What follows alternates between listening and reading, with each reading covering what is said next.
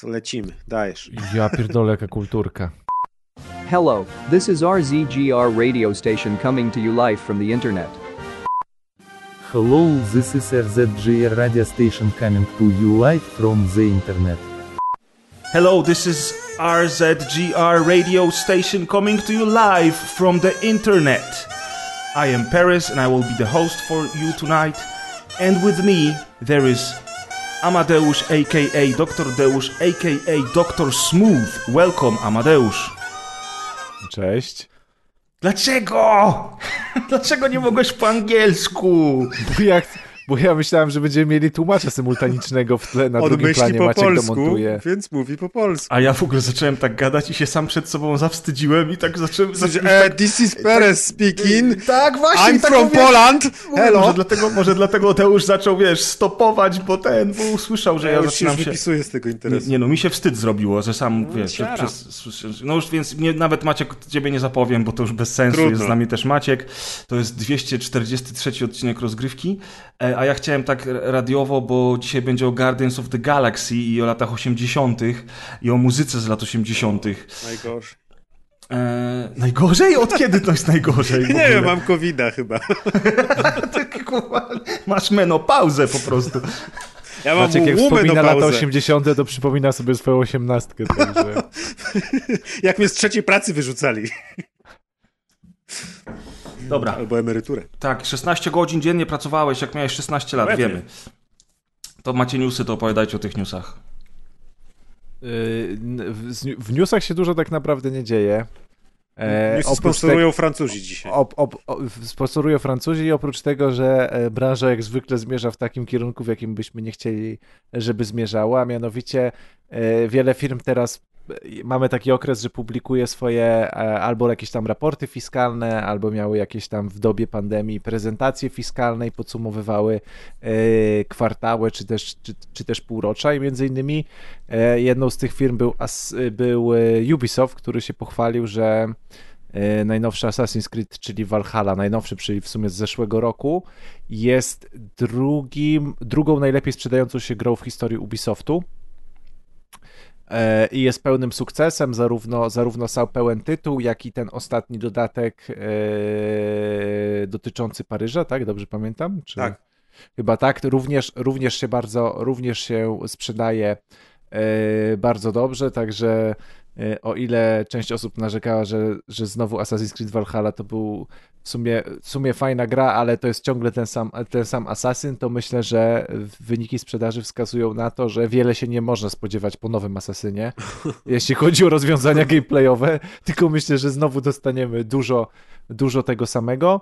Dodatkowo, jeśli chodzi o dużo tego samego, to również e, Far Cry 6, który po wielu perturbacjach i, i, i obsuwach ostatnio również wyszedł i w sumie zebrał takie, można powiedzieć, średnie tak naprawdę oceny, szczególnie średnie oceny, oceny wśród graczy, którzy narzekali, że znów to jest to, to, to, to samo co zawsze.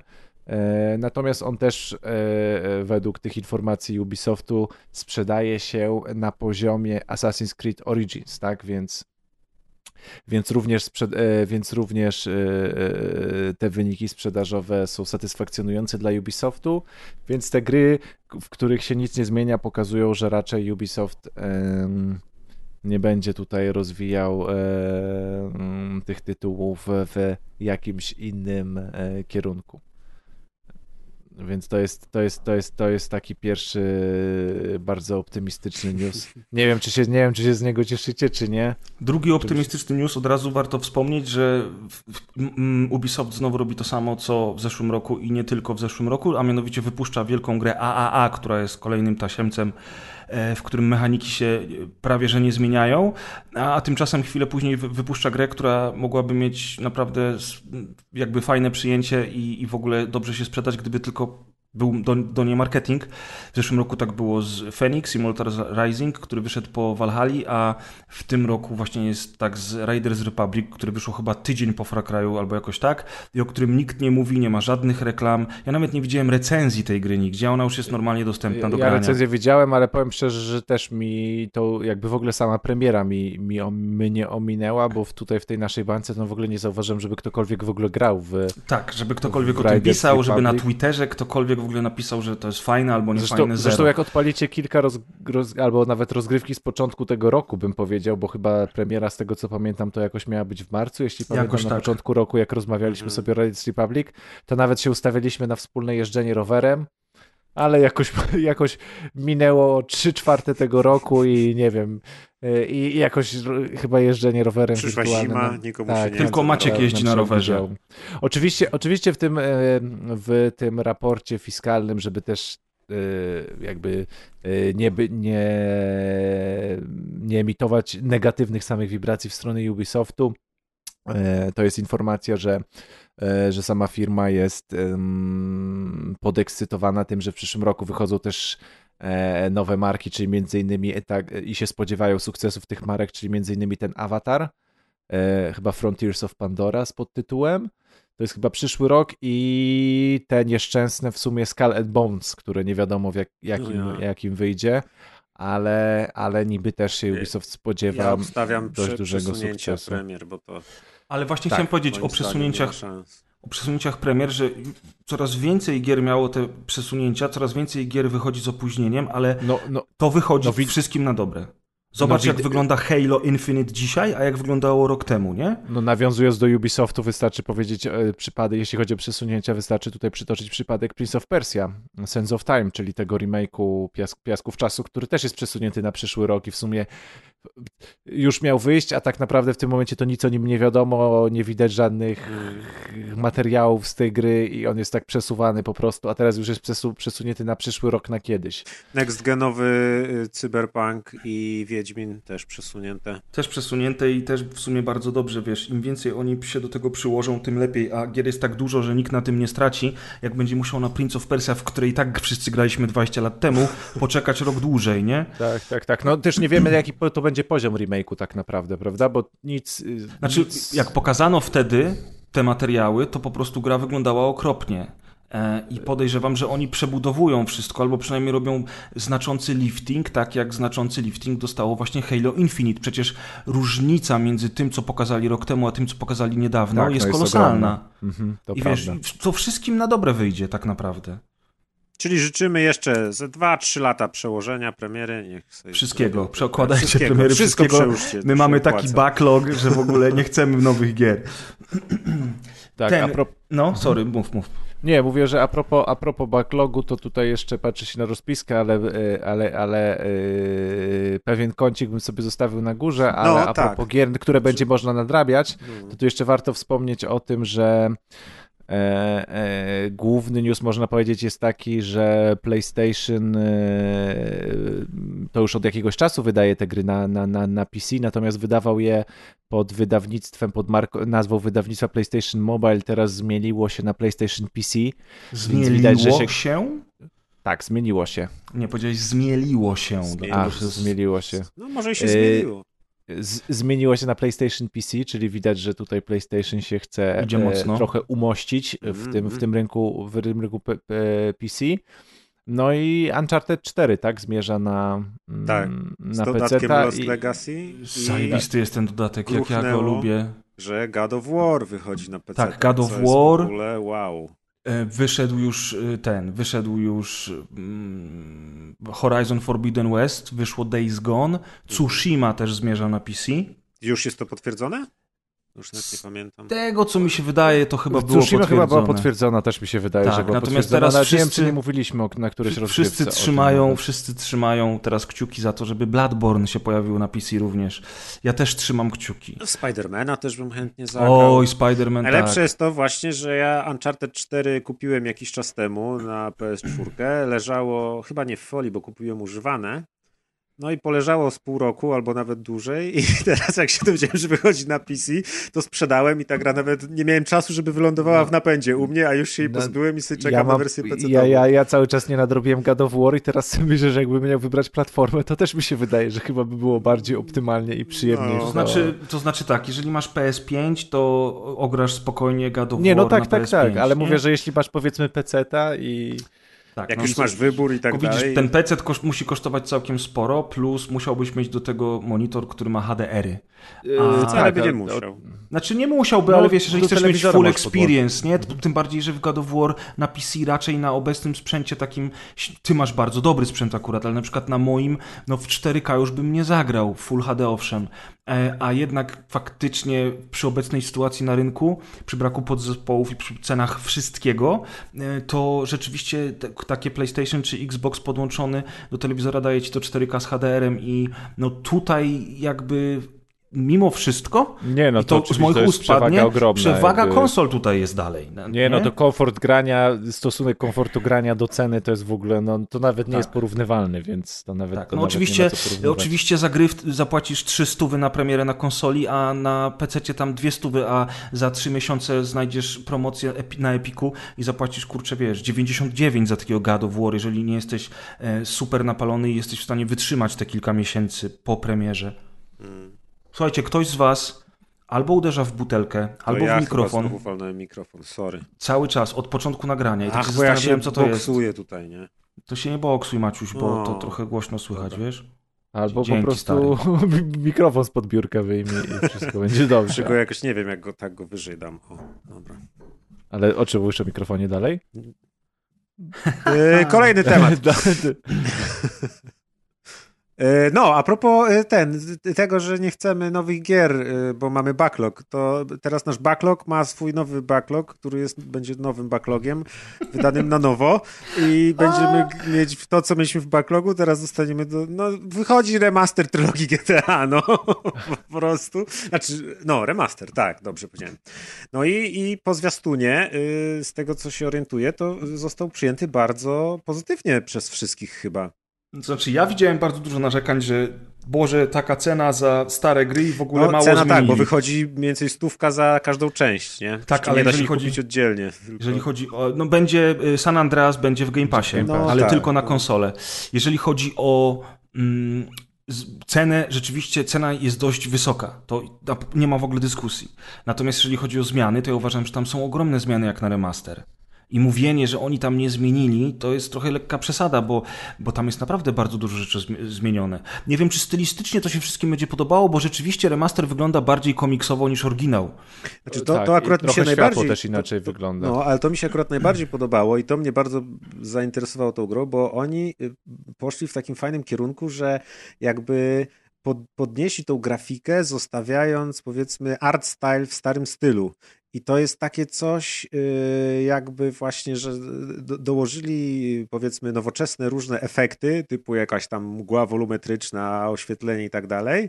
Troszkę podnieśli modele, ale wszystko to jest dalej utrzymane, jakby było robione w czasach ery PS2. T- Tak, ale tylko, że na lepszym sprzęcie. Tylko, że na przykład na lepszym sprzęcie. Dokładnie. To tak jakby na przykład się rozwój zatrzymał na etapie PlayStation 2, nie mielibyśmy już tam, wiesz, wie, więcej mode, tych trójkątów, poligonów w modelach czy Ale coś. rozdzielczość by Ale na przykład poszłaby i- rozdzielczość, jakieś efekty czy coś, animacja, więc mi się to super podoba, bo to rzeczywiście jest coś takiego trochę jak się mówi, że właśnie my tak tą grę pamiętamy. Nie pamiętamy jej tak, jak naprawdę wyglądała. to samo powiedzieć, tylko że jakbym trochę zobaczył lepiej. tą grę, to tak jakbym ją zapamiętał. Aha. Tak mi się I- wydaje, że ona I wyglądała. po prostu jak, jak ja to zobaczyłem, zobaczyłem te nowe modele, które właśnie z jednej strony mają więcej szczegółów, ale dalej są takie trochę plastelinowate i ten, myślę, wow, to jest po prostu świetne, jak te, te mapy też jak wyglądają. Z jednej strony dalej widzisz, że to jest z klocków i ubogie, ale jednak jest fajnie oświetlone, wyraziste, to, to jest... y, Bardzo sprytnie to zrobili, po prostu nie podejrzewałem ich, że tak, tak fajnie spróbują to zrobić, co jakby mnie bardzo do tego przyciągnęło, bo wizualnie to mi się teraz mega podoba, bo to jest ide,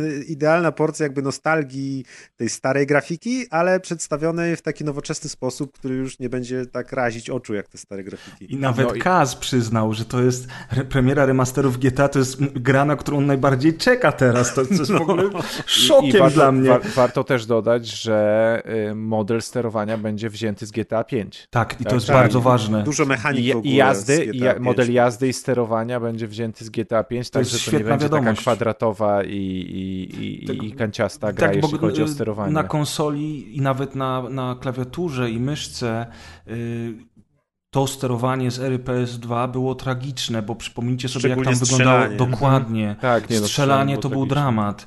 Więc to była jakby najważniejsza w sumie informacja, na którą ja czekałem. Jak oni potwierdzili, że zmienili system celowania i system prowadzenia pojazdów, to ja stwierdziłem, no może trzystówki, ale... No ja powiem wam, że ja od tygodnia, ja od tygodnia jest cie, jeszcze przed zmianą czasu, jak szedłem do pracy o 7 było ciemno, to wiecie, radiostacje z GTA na Spotify Uuu, weszło. i ja już się nastawiam, także No i przecież, przecież, przecież scena otwierająca Vice City, jak wychodzisz od adwokata, wsiadasz na ten skuter i leci Michael Jackson, a ty Tak, jedziesz tak, przez ulicę tak, Miami tak, w nocy i ta koszula hawajska ci faluje na wietrze. Przecież jest, wszyscy Ale jesteśmy, jesteśmy starzy! wszyscy jesteśmy dziwkami growych korporacji. Taka jest kurwa prawda. Jesteśmy stare boomery. Ale, ale i, a, i śmieszny news towarzyszący jest taki, że ta gra będzie miała DLSS. Więc nie mam pojęcia, czy ona będzie chodziła w 700 klatkach, nie wiem, na nowych komputerach, czy o co chodzi. Na Rivie TNT ją uruchomisz. Ale no zastanawiam, no nie wiem, nie, nie, mam, nie mam pojęcia, no ale no będzie ten DLSS. Tak, to już No, prędzej to by się ciekawe. przydał jakiś ray tracing taki, nie wiem, odbić albo coś niż sam DLSS, ale... Tak, także nie wiem, a, a propos, a, a, a, a jeszcze a propos, jeszcze kolejny news towarzyszący, to też dzisiaj Take-Two podało, że GTA 5 w, w poprzednim kwartale sprzedało się w kolejnych 5 milionach egzemplarzach i patrzyłem chyba na, y, na, y, na wyniki sprzedaży w Wielkiej Brytanii, to GTA 5 jest w tym momencie znów na siódmym miejscu, cały czas jest na siódmym miejscu w top 10 i w tym momencie te 5 milionów dobiło do poprzednich 150 i w tym momencie po 7 lat po premierze GTA 5 się sprzedało łącznie w 155 milionach egzemplarzy, co chyba daje 6 miliardów dolarów zysku tam na e, łącznie się przekłada, więc to jest jakieś w ogóle Czy absurdalne. ta gra już przebiła sprzedaż i zarobki World of Warcraft, czy jeszcze nie? Bo to jest dla mnie pytanie na- a to, zasadnicze. a to, to, to tego ci nie Zarobki powiem. to może natomiast, ciężej, bo tam jest abonament. nie, Natomiast połowie. gra, Ale która w- się wiesz, w kwartał sprzedaje w DLC-ki 5 w- milionach Maciek. egzemplarzy 7 lat po premierze, to jest w ogóle jakieś absurdalne. Nie, no to jest kosmos. Że to jeszcze teraz przez kwartał 5 baniek, nie? To jest liczba, o której marzy Tak. mnóstwo deweloperów. Wiesz, Maćku, tam są mikrotransakcje w online, wiesz? I ja podejrzewam, że oni Tak. na tym online Aha, zarabiają okej, krocie. no, nie bez powodu będzie wersja na nowe konsole GTA 5 online, wiesz? Że, I to ona chyba nawet będzie darmowa, o ile ja dobrze pamiętam. Więc Wszystko jakby, wiesz, fajnie, szkoda, że y, nie wiem, czy ja dożyję GTA 6 w takim razie. Y, Podobno y, pro, mocno potwierdzone przecieki mówią o tym, że jest w produkcji. No dobrze. Że, że jest w produkcji i. Ono może być w produkcji nawet 30 lat, nie? No, w sumie to masz rację. Przy takiej sprzedaży, jeśli dalej ludzie kupują y, GTA 5 dziewięcioletnią grę, czy tam ilo, na kolejną, kolejną nową generację, to No zresztą znowu będzie wiesz, chodziło na kolejną generację GTA 5, No także. właśnie. fajnie, fajnie być pa, No, panem wiem, Rockstar. Ja bym chciał tylko, ja bym chciał tylko ładnie prosić pana Rockstar, żeby mi wreszcie dał Red Dead Redemption 2 w wersji na nowe konsole, bo ja bym chciał zagrać to w 60 klatkach, a nie chce mi się kupować gry jeszcze raz na PC. Dziękuję. I, I też przecieki niby mówią o tym, że, jest, że, że, że to jest robione, także. I remaster jedynki też. Czy tam remake I, nawet. I jakieś dodatki do Red Dead Redemption Ale 2 tych też. przecieków, kurde, ścieknie wszystko zawsze. Zwróć uwagę Ostatnio na sobie, to. ostatnio sobie oglądałem, jak moderzy zrobili e, e, Undead Nightmare w Red Dead Redemption 2. O, E, to znaczy, może nie, nie jeden do jeden, ale jakby kampanię taką poboczną z, w klimatach zombie, także mhm. i sobie przypomniałem, jak super był No, mapa cała jest z pierwszego tak, Red Deada, jak nie? super był dodatkiem Undead Nightmare no kiedyś. fajny był. Zwróć uwagę na to, że ostatnio wszystkie te remastery, które się pojawiają, albo towarzyszą sequelom, albo zwiastują sequele, na przykład Diablo 2 albo Alan Wake. I w sumie takie GTA Remastered Trilogy, czy te inne rzeczy, które mają się pojawić, jak chociażby odświeżone Red Dead Redemption 1, jeżeli to jest prawda, to tak naprawdę zwiastują kolejne części. To jest, to jest dobra wiadomość, nie? Pytanie brzmi tylko, kiedy twórcy zorientują się, że dużo łatwiej i przyjemniej robić im remastery niż kolejne części, bo już teraz tych remasterów jest stosunkowo dużo. Chociaż oczywiście to, co ludziom mówią w internecie, że wychodzą same remastery jest absolutną bzdurą, bo wychodzą tysiące gier miesięcznie, no więc w skali procentowej to wiesz, to będzie, nie wiem, 2% może Dzisiaj mamy gier? w, w dziale gier 5 gier, które nie są remasterami, więc przynajmniej 5 gier poza remasterami wyszło. A, no tak, faktycznie, no. Kurczę, ty to jesteś mądry. Ja pierdziu.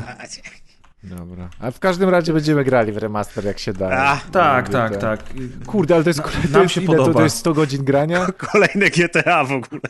Już wiadomo, że zagrasz po godzinę w każdą część i Ale wiesz, no w Vice City wystarczy, że wsiądę i sobie będę nad morzem jechał tutaj Tak. z powrotem, także nad No oceanem. tak, Boże, i te, samo, nie? i te samochody, i ta muzyka. Tylko Tak, pytanie i brzmi, wystarczy ci, nie? i pytanie brzmi, czy tam będzie lic- licencjonowana muzyka, która była w oryginałach, czy będą inne kawałki, bo licencje Nie, no się to chyba nie ma skończyły. w ogóle opcji, to inaczej No, to chyba spalą, nie spalą, pa- spalą, spali się siedziby Rockstar, Pa- polecimy no, sobie. Możliwe, ale pamiętasz jak było z GTA 4, że ono zniknęło ze sklepów, bo musieli usunąć część piosenek, bo się im licencja skończyła?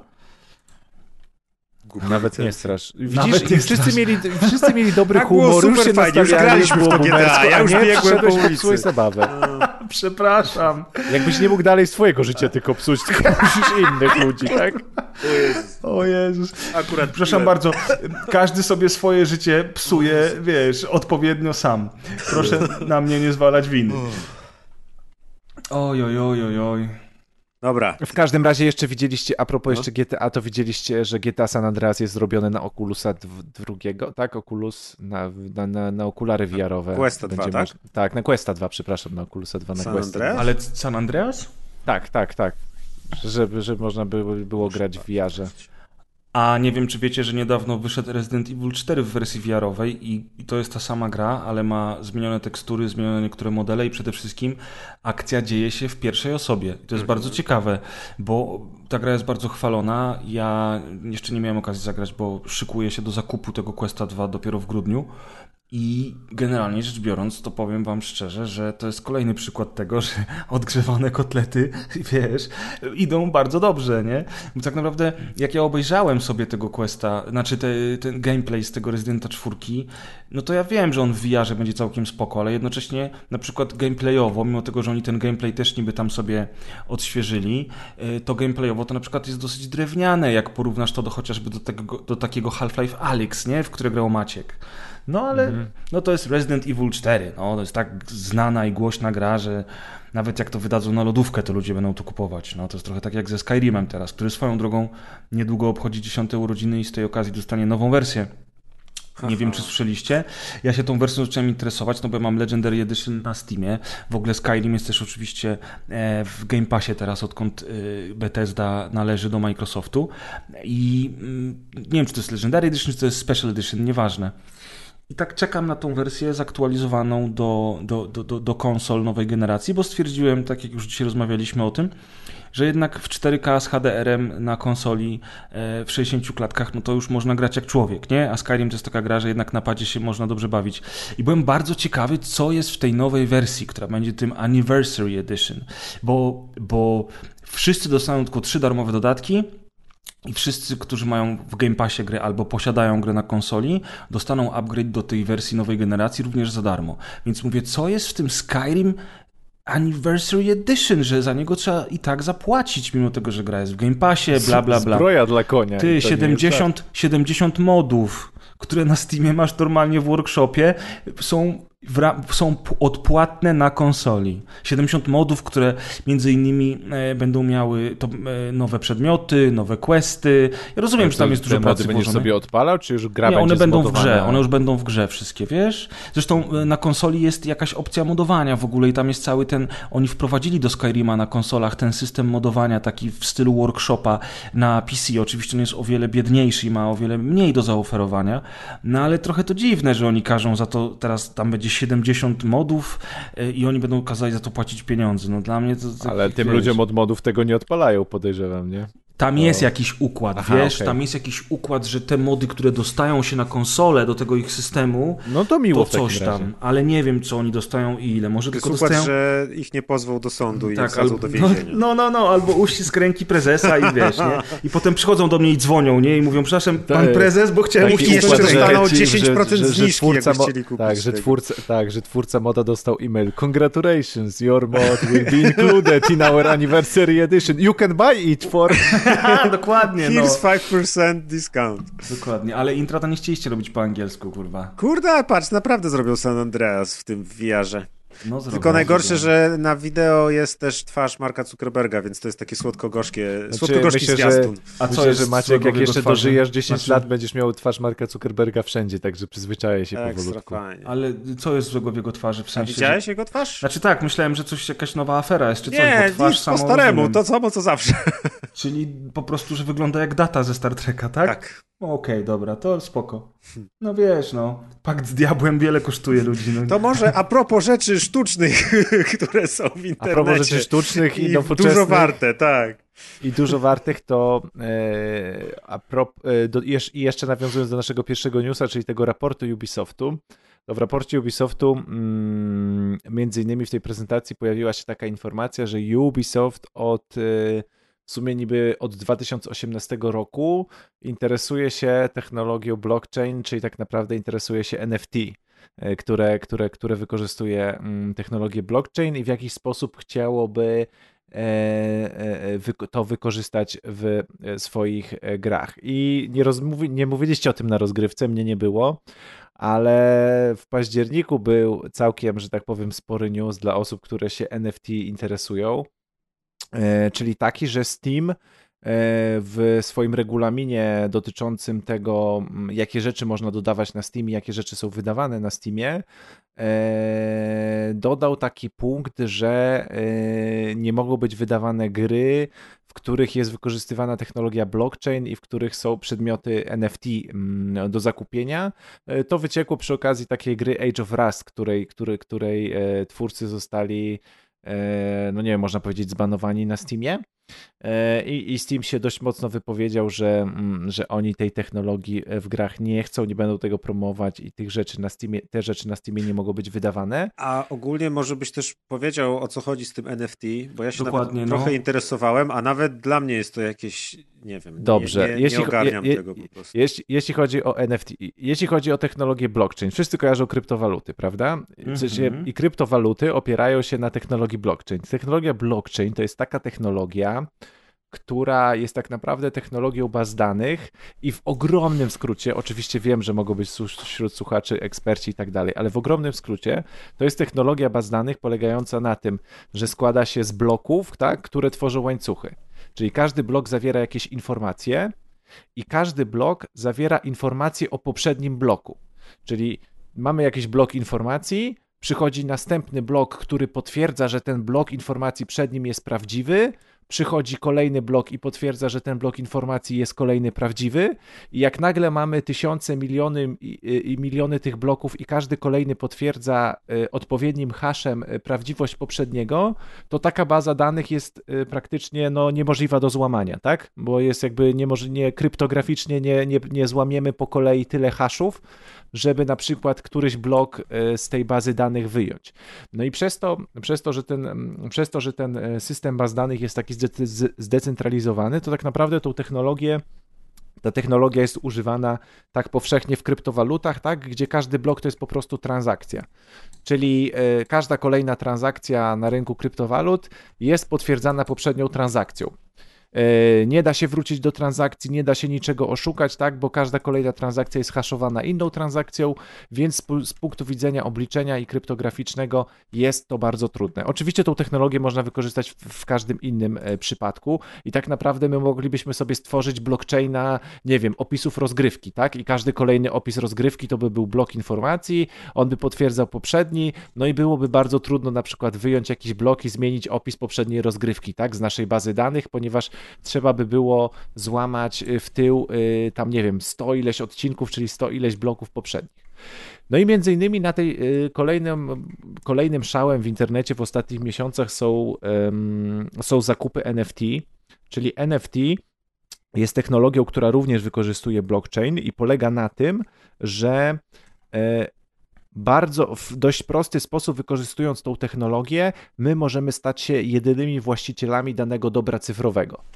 Czyli powiedzmy, e, ktoś sprzedaje nam, nie wiem, zdjęcie albo jakiś utwór w MP3 i zapisujemy, że tylko ja i wyłącznie jestem właścicielem. Ja mam kod yy, do tego, że ja jestem właścicielem i okej, okay, tą MP3 można powielić, można zmienić na inny format, na flaka, nie wiem, dane zdjęcie można wydrukować, można skopiować, zapisać jako JPEG, PNG i tak dalej, ale jednocześnie w tej technologii zawsze da się wrócić do tego, kto jest prawowitym właścicielem i tego właściciela już się nie będzie dało zmienić, bo każde kolejne jakby operacja każda kolejna operacja zahaszowała to i tak naprawdę ja jestem, da się wrócić i da się zawsze spojrzeć, kto jest prawowitym właścicielem danego dobra cyfrowego, czyli tak naprawdę można powiedzieć, że się kupuje certyfikat tego, y, kto jest rzeczywistym właścicielem mm, danego dobra. Trochę tak jak, nie wiem, muzea, tak?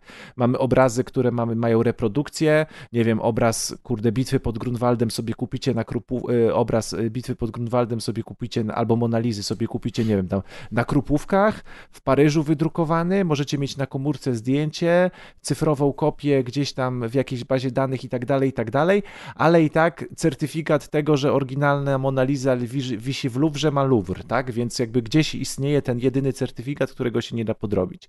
No i na tym polega właśnie NFT, że my możemy w bardzo prosty sposób kupować rzeczy cyfrowe, na własność i my będziemy jakby do końca, dopóki będzie istniała dana baza danych, to my jesteśmy właścicielem tego. I panie, panie i panowie, doktor Deusz, a.k.a. doktor Smooth.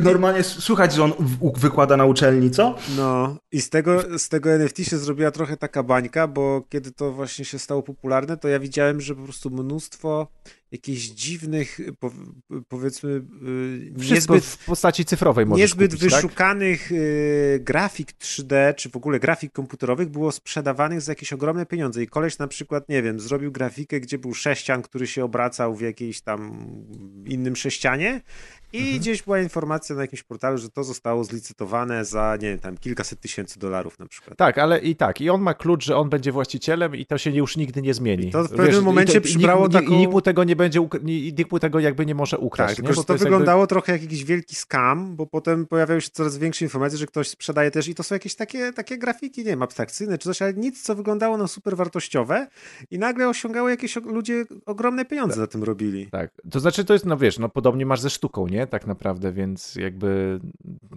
wiesz, zlicytowane były za, za, za miliony dolarów, zlicytowana była rzeźba, która nie istnieje ostatnio, także wiesz, także wow, jakby okay. ja nie, jakby nie chcę krytykować sztuki współczesnej, ale jakby nie krytykuję, jakby pomijając to, czy dane rzeczy są, mają wartość taką, czy nie, bo to już jest, to już jest zupełnie jakby inna dyskusja, chodzi o samą technologię, czyli jakby jest możliwość tego posiadania rzeczy cyfrowej, która jakby jest certyfikowana, że tylko ty ją masz i, mhm. i jakby i nie da się ci, ci, ci tego zabrać.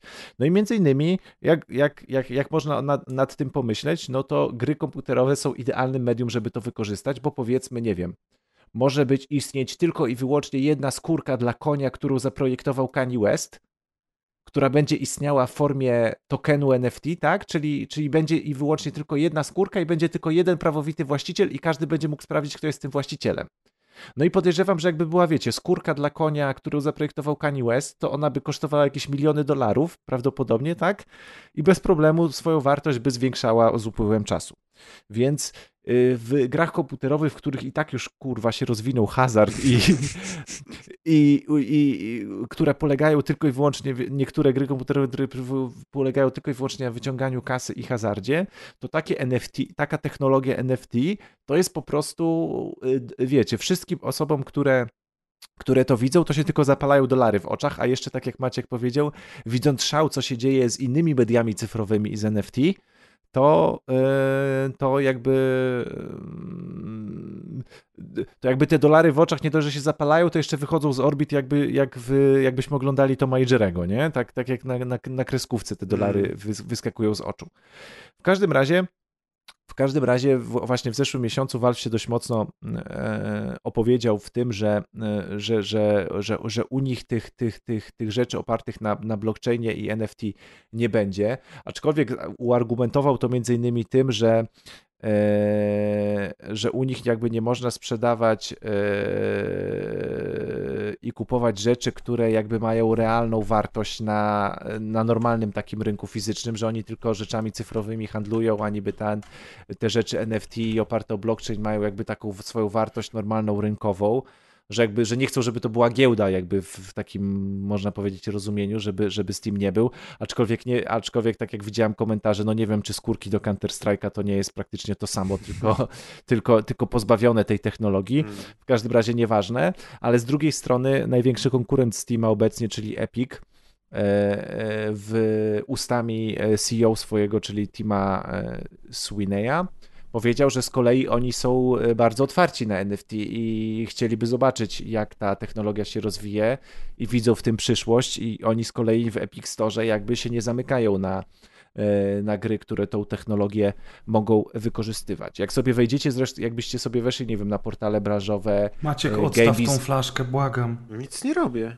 Co słychać? Nieważne, Uderza. chcę Nic nie ciszy. Uderza. na, ga- na, na GameBiz Info albo nie wiem, na jakieś tam Game Industry 24 i sobie zobaczyli, to tak naprawdę w tym momencie 70% newsów, które się pojawiają, to o jakichś, wiecie, chińskich firmach, które robią gry z NFT, o jakichś kolejnych deweloperach, którzy tworzą MMO z NFT, RPG z NFT i w ogóle jest to dość mocny temat, może nie w naszej, że tak powiem, bańce growej, ale w branży. Wydaje mi się, że że, że, że, na tą technologię część deweloperów e, się rzuciło. E, Tak jak wspominaliśmy, Ubisoft powiedział, że od, od, od tych dwóch, e, w sumie od trzech lat się, się, się, też, się też tą technologią interesuje. No i nasza ulubiona firma, czyli EA, czyli EA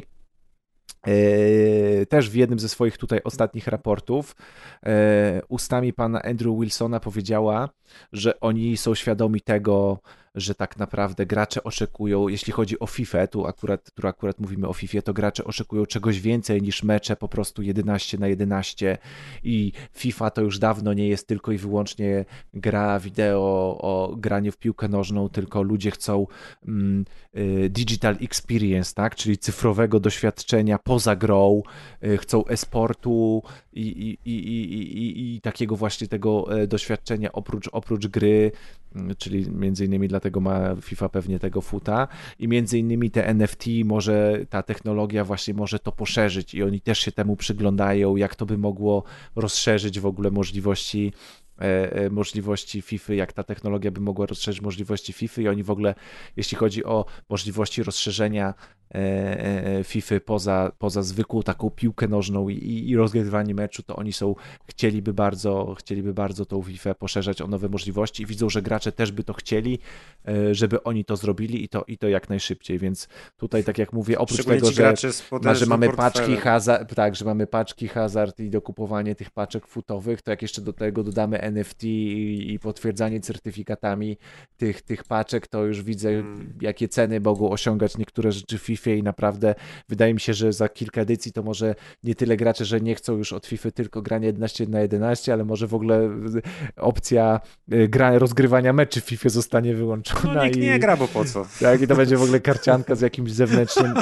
e, zewnętrznym rynkiem. Zresztą w tym samym raporcie finansowym było powiedziane, że w ogóle FIFA 22, gdzie recenzenci zwracają uwagę na to, ja akurat specjalistą nie jestem, gdzie recenzenci zwracają uwagę na to, że kolejna FIFA, gdzie dużo, zbyt dużo elementów się nie zmienia i to jest ciągle to samo, jest najlepiej, najlep, naj, jest FIFA, która ma najlepsze rynkowe otwarcie ze wszystkich FIF, tak? Czyli e, Czyli widać, że to jest kolejna gra, która jak nic nie zmienimy, to sprzeda się coraz lepiej.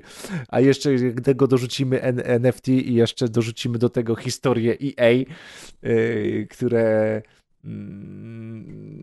które nie ma żadnych moralnych i rynkowych skrupułów, No jeśli tak. chodzi o e, sięganie do, do portfeli graczy i nie tylko graczy, ale również dzieci graczy na Ale przykład. czemu, czemu mówimy tylko o EA? Przecież wszyscy tak robią. W sensie, wiesz, jakby teraz przy tych dużych korporacjach to naprawdę ciągłe mówienie o tym, że jest zły pan EA jest trochę bez sensu, nie?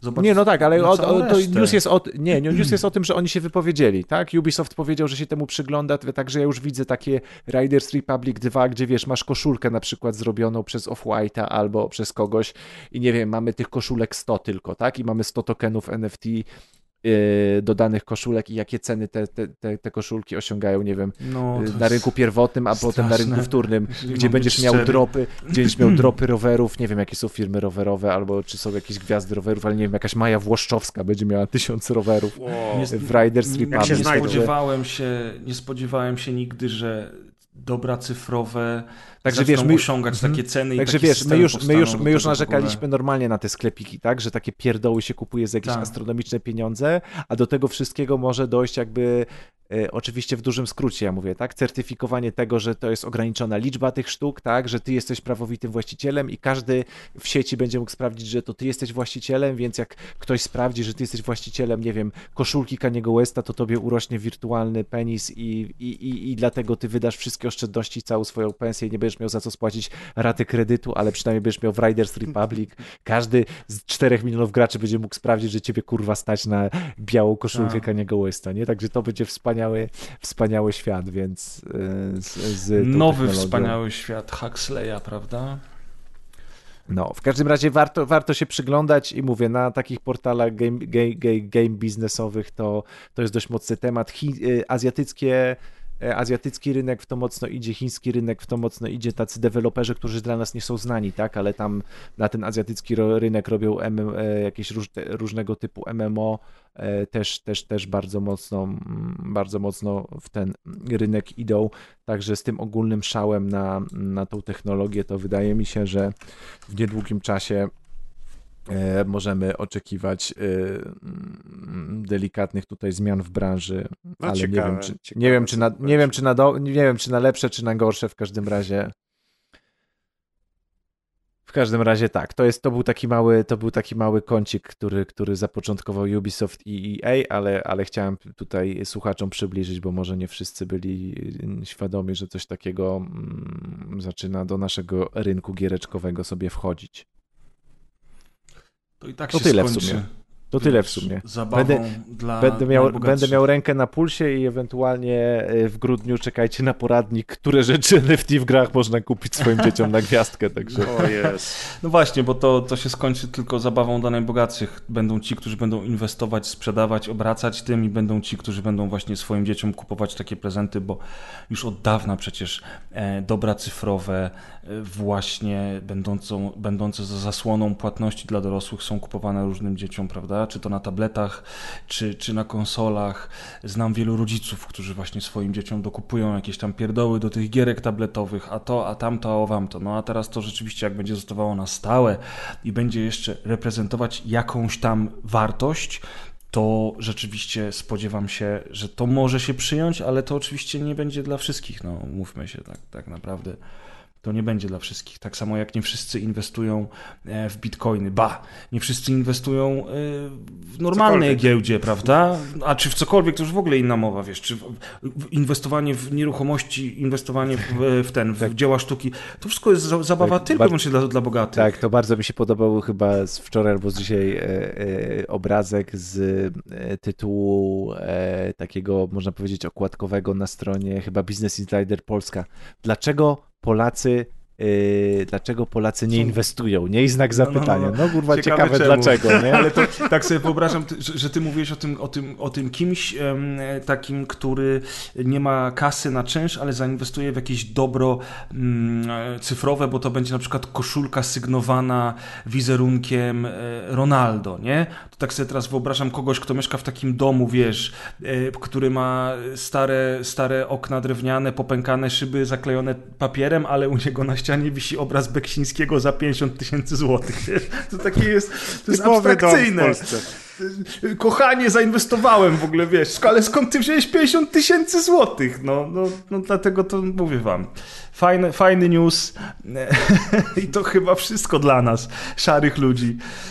Wracamy do biedy, tak? Dobra, wracając do biedy, słuchajcie, to teraz ja mam dwa newsy. Pierwszy news jest o, o tym, że e, Star Wars The Old Republic e, w ogóle nie ma biedy i po 10 latach funkcjonowania na rynku otrzyma na święta kolejne DLC, fabularne oczywiście, bo tam wszystko jest fabularne.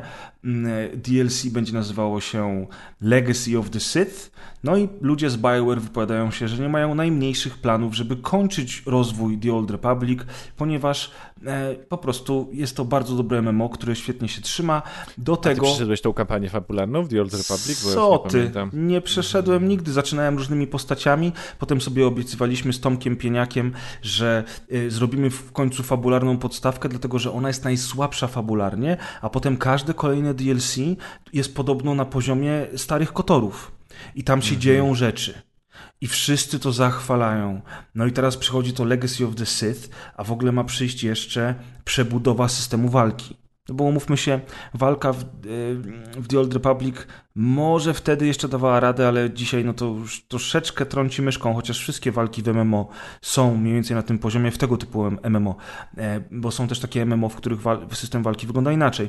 Natomiast system walki ma dostać przebudowę, więc ja sobie dalej obiecuję, że kiedyś przejdę podstawkę i zobaczę te wszystkie DLC, ale z okazji właśnie tych planów e, nowego dodatku i e, kolejnych lat, lat rozwoju The Old Republic pojawił się filmik, w którym jakby, który pokazuje, e, co się działo do tej pory e, w grze i ma e, wszystko mówiący tytuł The Story So Far. Ja tak sobie myślę, że może sobie ten filmik obejrzę i wiesz, przy tym nowym dodatku bardzo często w MMO jest tak, że możesz od razu podbić postać do levelu nowego dodatku nie? i zacząć przygodę od tego momentu. I tak się zastanawiam, czy może w ten sposób tego nie zrobię, ale... Tak, właśnie widzę, właśnie widzę ile zajmuje przejście podstawowego bez dodatków. Ile? Widziałeś? 100 godzin według How Long to Beat. Uuu, panie, co to dla nas, nie? A to, to, po tych, to, to po tych 100 godzinach, jak już przejdziesz trylogię GTA odświeżoną. No. Myślę, I Skyrim, i Skyrim jeszcze. No, a potem wtedy usiądziemy i będziemy świętować twoją pięćdziesiątkę, tak?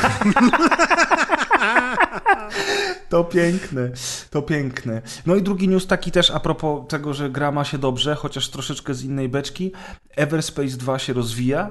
E, zapowiedziano wersję na konsolę, która pojawi się w przyszłym roku, 2022.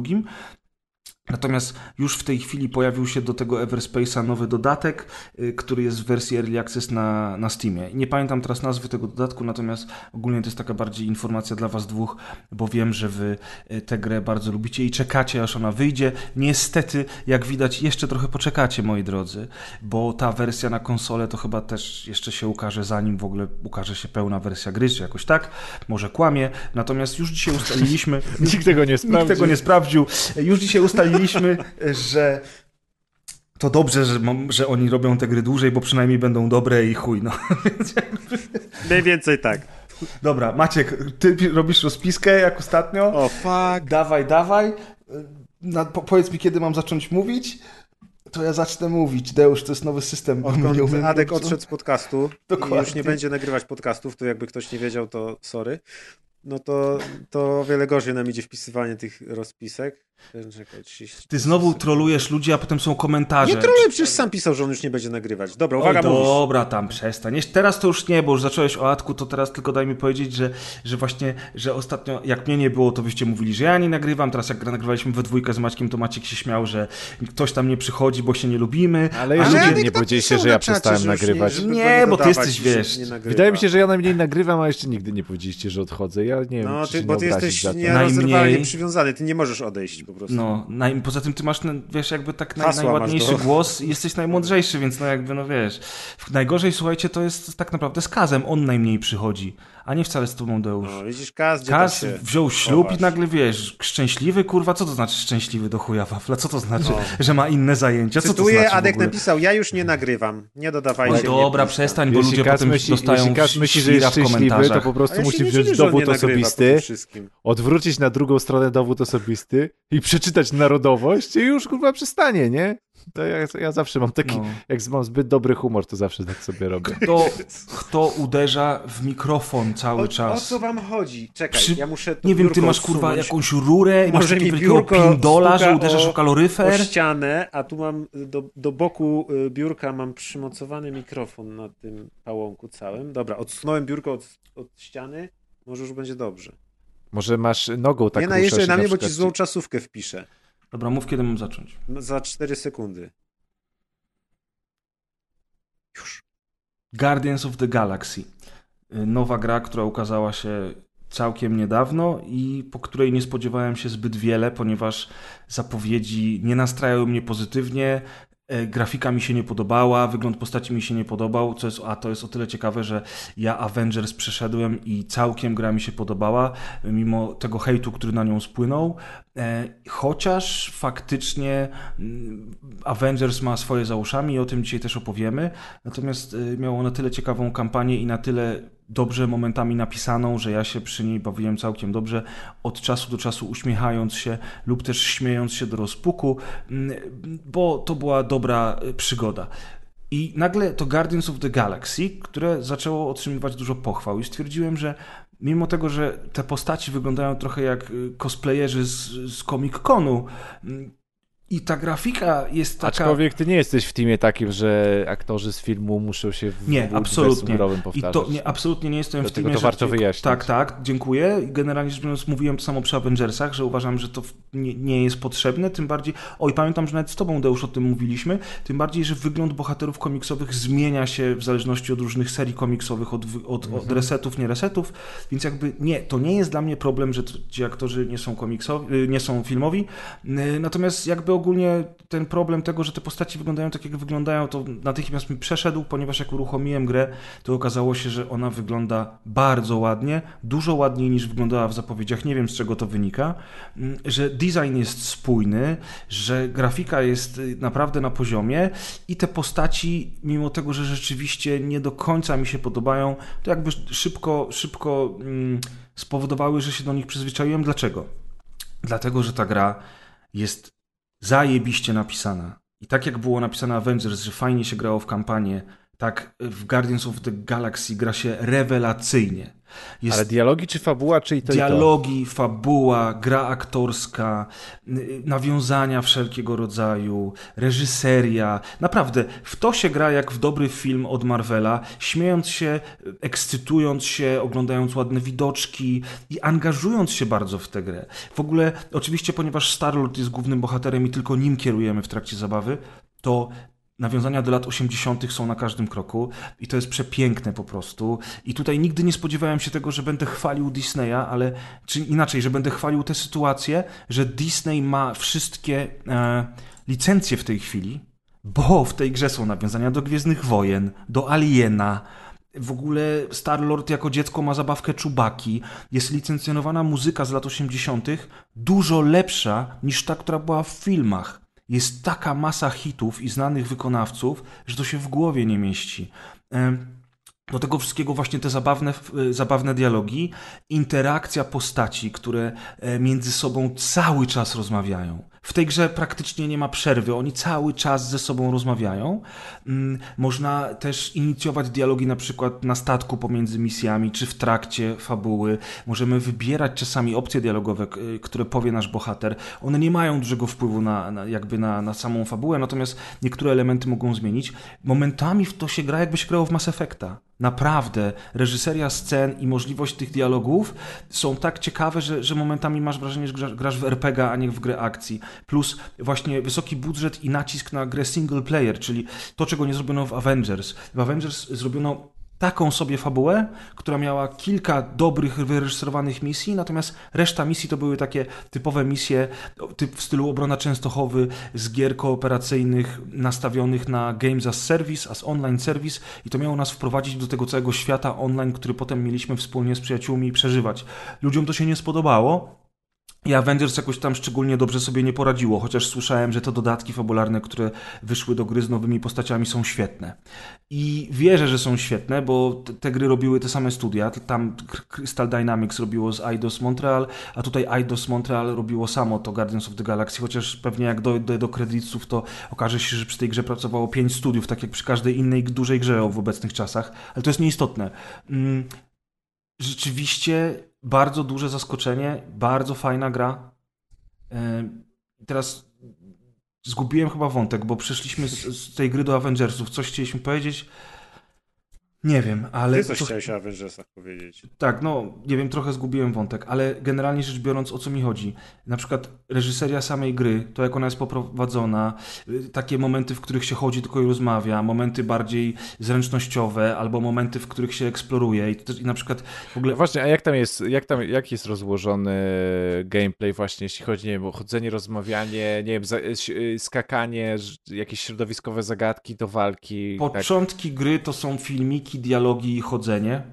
Walka zaczyna się dosyć późno i jest jej niewiele. E, A to i- chyba dobrze w sumie. tak. Bardzo dobrze, bardzo dobrze, bo walka jest najgorszym elementem całej gry. Walka jest po prostu kiepska. I nie boję się tego powiedzieć. A mimo to, że walka jest kiepska, to uważam, że gra jest rewelacyjna, bo ona tak wciąga wszystkim innym. I im dalej w las tej, wal tej walki jest niestety więcej. Natomiast ten początek jest tak niesamowicie angażujący, że, że po prostu mijają kolejne godziny i ty jesteś wkręcony, śmiejesz się do rozpuku i widać, że ludzie, którzy tę grę zrobili, to e, po prostu mają te komiksy w małym palcu, masa nawiązań, e, różnych informacji, smaczków. No coś pięknego, powiem wam, naprawdę coś pięknego. I nawet to, jak, jak ta gra jest wyreżyserowana, że na przykład jak idziesz z jakimś NPC-em i musicie się wydostać z, tam, z miejsca, do którego żeście spadli, a ponieważ w tej grze są znajdźki, ale te znajdźki mają sens, bo zbierasz surowce do rozbudowy, rozbudowy swoich perków, swoich różnych skilli, ale zbierasz też znajdźki. Znajdźki są o tyle fajne, że oczywiście nie tam y, te not, not, notatki do przeczytania, ale są stroje do podniesienia dla postaci różne alternatywne. I te stroje są też fajnie opisane, jest napisane, kiedy po raz pierwszy ten strój się pojawił, w jakim komiksie albo w filmie.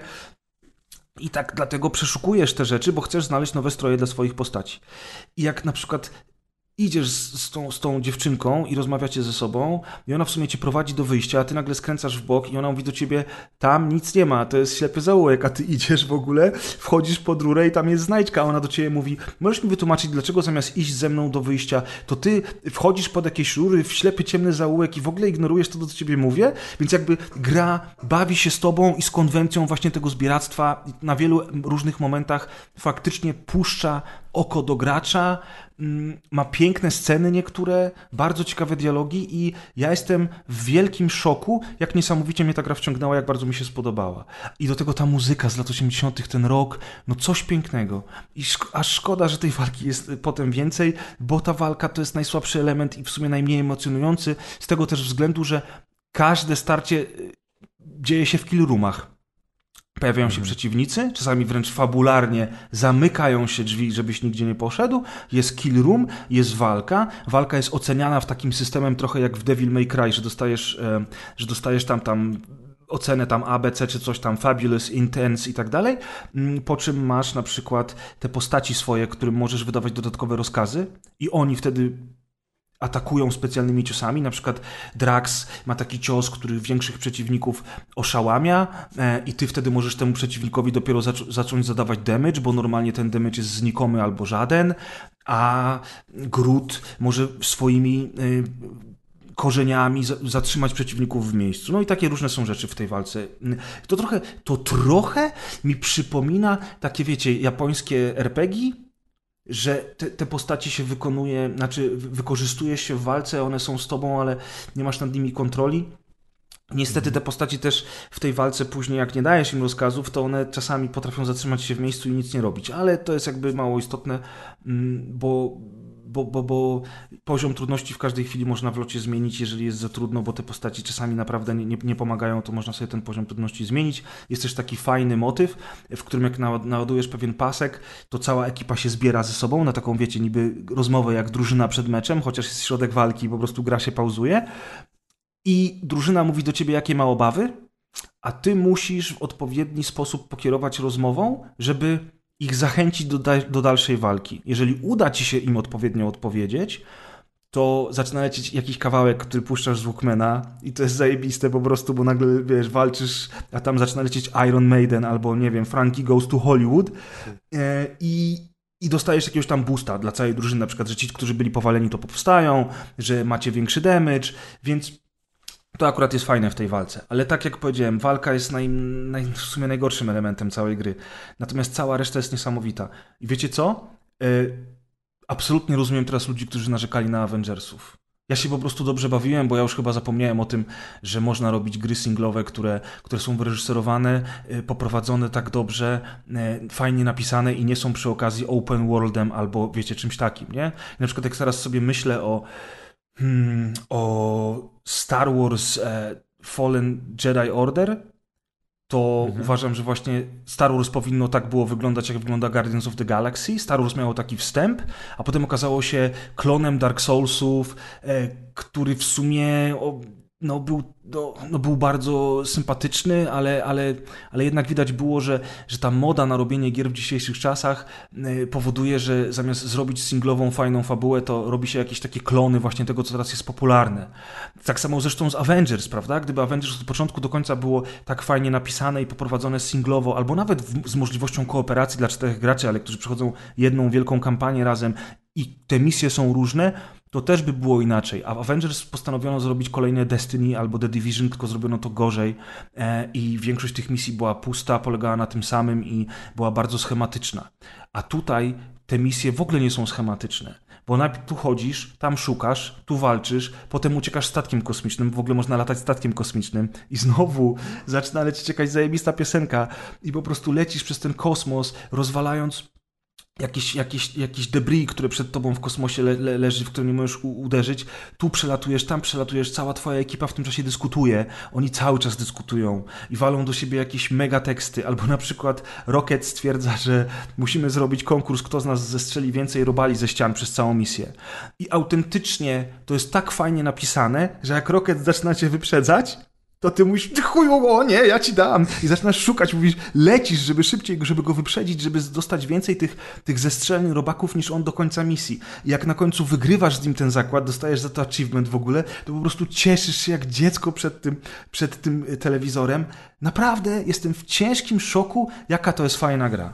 I jeżeli miałbym wam teraz polecić jakąś grę, na którą macie wydać pieniądze bez zastanowienia i się dobrze bawić, to będzie to właśnie Guardians of the Galaxy. Nawet mimo tego, że jutro wychodzi nowe Call of Duty.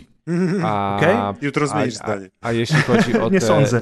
A jeśli chodzi o te lokacje, no bo w sensie w Guardians of the Galaxy przez to, że to jest kosmos i przeróżne planety, to te lokacje mogą być naprawdę zwariowane i, i przeróżne. Ja gameplay za bardzo nie oglądałem, e, natomiast tylko te pamiętam wczesne, wczesne, wczesne jakieś trailery, to w miarę te planety były powtarzalne. A czy to jest w trakcie gry tak, że trafiamy w zupełnie różne miejscówki, czy jednak ten kosmos cały czas wygląda podobnie?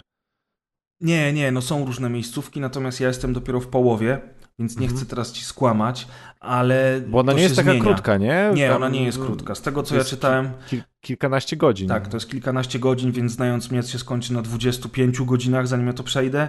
E, Będę chodził, rozmawiał czy coś. Y, Jestem teraz w połowie gry i. I te lokacje się całkiem zmieniają, z- i ten gameplay jest też tak zrobiony, że nie odczuwasz tej, tej monotonii, dlatego że po prostu dzieje się dużo różnych rzeczy, a większość tych rzeczy, które się dzieją, to jest przede wszystkim właśnie ta fabuła i te rozmowy i te interakcje.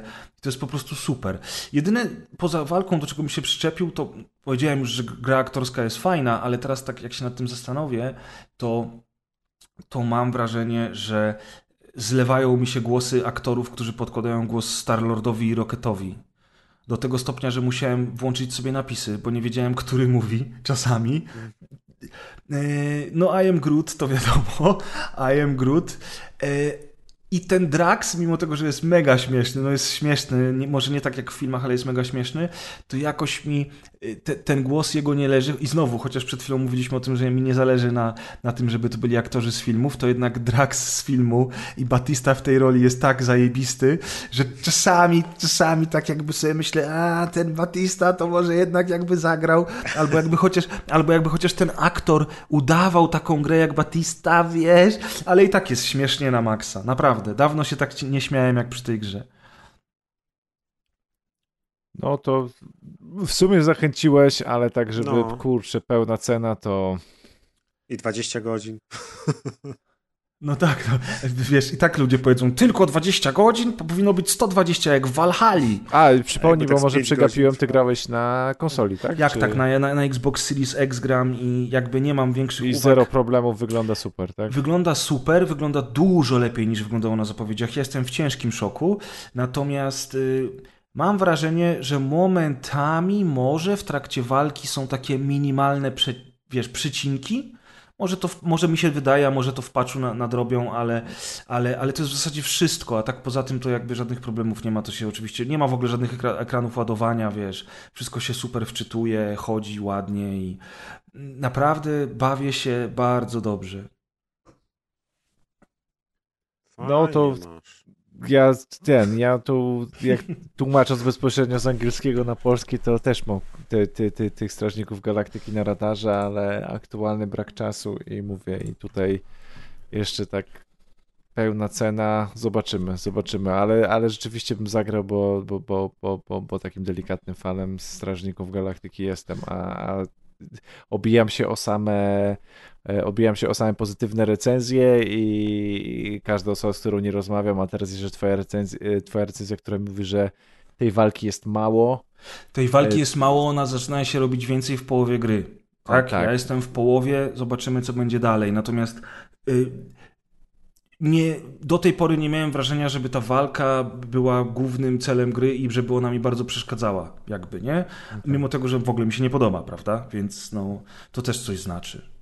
Tak, no w zeszłym roku, właśnie tak jak już zresztą wspomniałem, w zeszłym roku się tak naciąłem i kupiłem po prostu w pierwszy dzień e, Fallen Order i, i, i, i nie wyszedłem tam, nie wiem, z, pewnie z 15% gry, także tutaj już odpuściłem, ale widzę, że popełniłem rok temu błąd, a w tym roku raczej może mnie popełnił, więc jeszcze się zastanowię. Avengers po twojej recenzji. Avengers, tfu, nie Avengers, Guardians of the Galaxy e, jest prawie, że na poziomie takich niesamowicie dobrych tytułów jak Days Gone, God of War czy Red Dead Redemption 2. Prawie, że poza tym, że Days Gone, Red Dead Redemption i nawet God of War były otwartymi światami. Aż dziwne, bo się nikt tego nie spodziewał trochę tak i tak. No. Yy, mam wrażenie, że nikt nikomu nie. Ka każdy, kto w to grał, to, to, to, to, to ta osoba, która nie grała, to tak nie dowierza w te pozytywne recenzje, bo tak aż, aż dziwnie, bo aż tak super głośno o tym nie było. Te gameplaye z E3 to raczej były takie, że się wszyscy śmiali, bardziej się śmiali i, i widzieli w tym kolejnych Avengersów niż dobrą grę i tak i, i ta gra trochę tak no, ja, się, ja, się, boję, że ona się przez nie to dostała źle poklasku właśnie przez to. No ja się boję, że ona się przez to źle sprzeda, że oni bardzo źle zrobili wypuszczając najpierw Avengersów, a potem dopiero Guardians of the Galaxy, e, bo ktoś tam stwierdził, że wiesz, Avengersi są bardziej nośną marką Że to jest Square, a pamiętajmy, że Square jak nie sprzeda 74 miliardów to kopii, to jest niezadowolony ze sprzedaży, więc... No, to jest inna sprawa, więc... Już teraz ostatnio zresztą powiedzieli, że Avengersi to był zawód i w ogóle się nie sprzedało tak, jak się miało sprzedać i to wszystko nie tak miało być. żyjąca latami. Tak, jak wprawdzie nie... zwalili na COVID wszystko, że, że to przez COVID, ale, ale no zobaczymy. Myślałem, że zwalili na Kapitana Amerykę każdym razie chciałem powiedzieć, że y, jak nie, nie, nie macie teraz kasy albo wolicie kupić Dudi, to idźcie do pracy. To... zmień, zmień pracę, weź kredyt. Nie, y, to ten, to y, jeżeli macie ochotę na, na pelerynki, to mimo tego, że oczywiście Avengersi są dużo gorszą grą, to są teraz w Game Passie i chyba nawet z dodatkami, więc jeżeli macie ochotę na takie trochę singlowe mm, przygody superbohaterskie, to zajrzyjcie sobie do Game Passa. No i w koopie przede wszystkim Avengersi. Tak, i to jest właśnie w, w koopie. W, w, w, Guardians of the Galaxy nawet nie ma kooperacji. To jest czysto singlowa gra. To jest bardzo fajne. Ja bym chciał, żeby oni więcej takich gier robili. Mm, jak było Star Wars, tam Jedi, jak to się nazywało? Lost, nie, Fallen, Jedi Fallen Order. Fallen, Fallen Order. Jedi Fallen Order jak było. Widzisz, ta gra już mi tak wypada z pamięci, że już nawet nie pamiętam tytułu, a zazwyczaj pamiętam tytuły. Ja go chwaliłem oczywiście, ja się dobrze bawiłem, było wiele dobrych scen, ale teraz jak sobie o tym pomyślę, to mam wrażenie, że ja się dobrze bawiłem i go chwaliłem dlatego, że właśnie brakuje mi takich gier, że, że takie, takie arcydzieła jak Uncharted Lost Legacy e, wychodzą tak rzadko i głównie od Sony, że po prostu chciałbym, żeby tego typu singlowe produkcje wróciły na stałe i wróciły z rozmachem. Co chciałeś Ale powiedzieć? Nie wiem, nie wiem, czy nasza sekcja newsów i NFT to... Zapowiada. To zapowiada i sprzedaż Assassin's Creed Valhalla. No właśnie. To w sumie tak naprawdę to gameplayowe, tylko to są no bardziej no Valhalla jest z otwartymi światami. Prawda? Ale właśnie... I... Ja nie chcę tych otwartych światów, nie chcę tych 120 godzin w grze, ja chcę dobrej, konkretnej przygody takiej emocjonującej, z właśnie z, jak to się nazywa, z, no, z przerwnikami filmowymi, ale też z wyreżyserowanymi sekwencjami. Może by ktoś się też za rękę poprowadził. Tak jest. Dlatego jutro będę grał w Call of Duty Vanguard e, i też mam nadzieję, że kampania mnie nie zawiedzie, chociaż kampania w World War II też była robiona przez Sledgehammer i była średnia co najmniej przez rozwiązania gameplayowe, no ale zobaczymy tym razem. Natomiast póki co jest Guardians of the Galaxy i trzymajmy kciuki, żeby się sprzedało, żeby oni zrobili kolejne tego typu gry. Ja trzymam już teraz. Dobra, Maciek. Dlatego To... nic nie mogę wpisać, bo trzymam kciuki. Ja wpisuję. E, Maciek, ty z kolei świetnie się też bawiłeś z grą, prawda? Tak, co prawda krótko, bo mało grałem znowu, ale to jest gra, w którą można polecić nawet nie grając dużo. A jest to gra o tytule Rise przez R-A-Y-Z-E. I jest to, jak sami twórcy na to mówią, e, Aim Racer. e, Lub gdzieś tu jeszcze na końcu był jakiś e, Skill Runner. O. W każdym razie, jest to coś, co ja bym nazwał połączeniem y, Instagiba z Quake'a z trochę mechaniką z Hotline Miami. Jej. E, A e, polega to na tym, że jest to jakby mm, strzelanina powiedzmy z pierwszej osoby, dziejąca się w takich abstrakcyjnych poziomach, e, niczym jakieś takie super zagmatwane labirynty. E, I cała sztuka polega na tym, że sobie w tej grze strzelamy w takie świecące punkty w tych labiryntach i kiedy strzelimy w taki punkt, to zaczynamy przyspieszać w jego kierunku.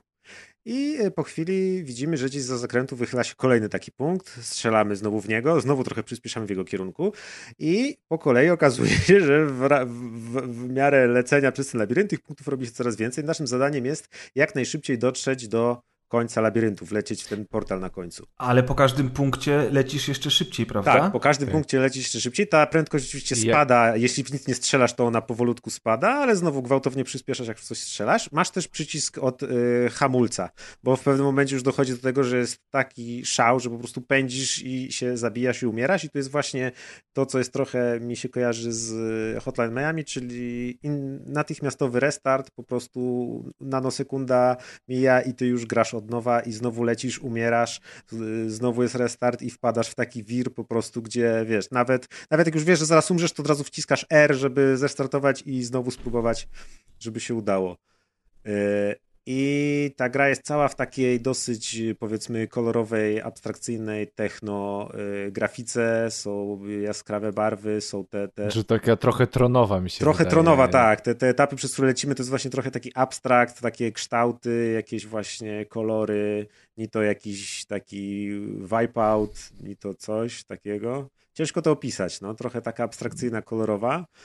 E, Te punkty, w które możemy strzelać, są takie żółte, charakterystyczne, więc je widać. Często jest ich wiele na, naraz na przykład i tylko od nas zależy, żeby odnaleźć najkrótszą ścieżkę, najkrótszą kombinację. Czyli na przykład czasami opłaca się lecieć wolniej, ale jakimś tam skrótem, a czasami lepiej kilka punktów naraz szybko jeden po drugim kliknąć, żeby się rozpędzić i jakąś tam inną ścieżkę obrać. Na końcu każdego etapu y, jest taki ekran ze statystykami, który jest całkiem śmieszny, bo on tam podaje nam maksymalną prędkość. Jest oczywiście ocena w stylu tym takim japońskim, czyli tam A, B, C, D, S, S+, i tak dalej.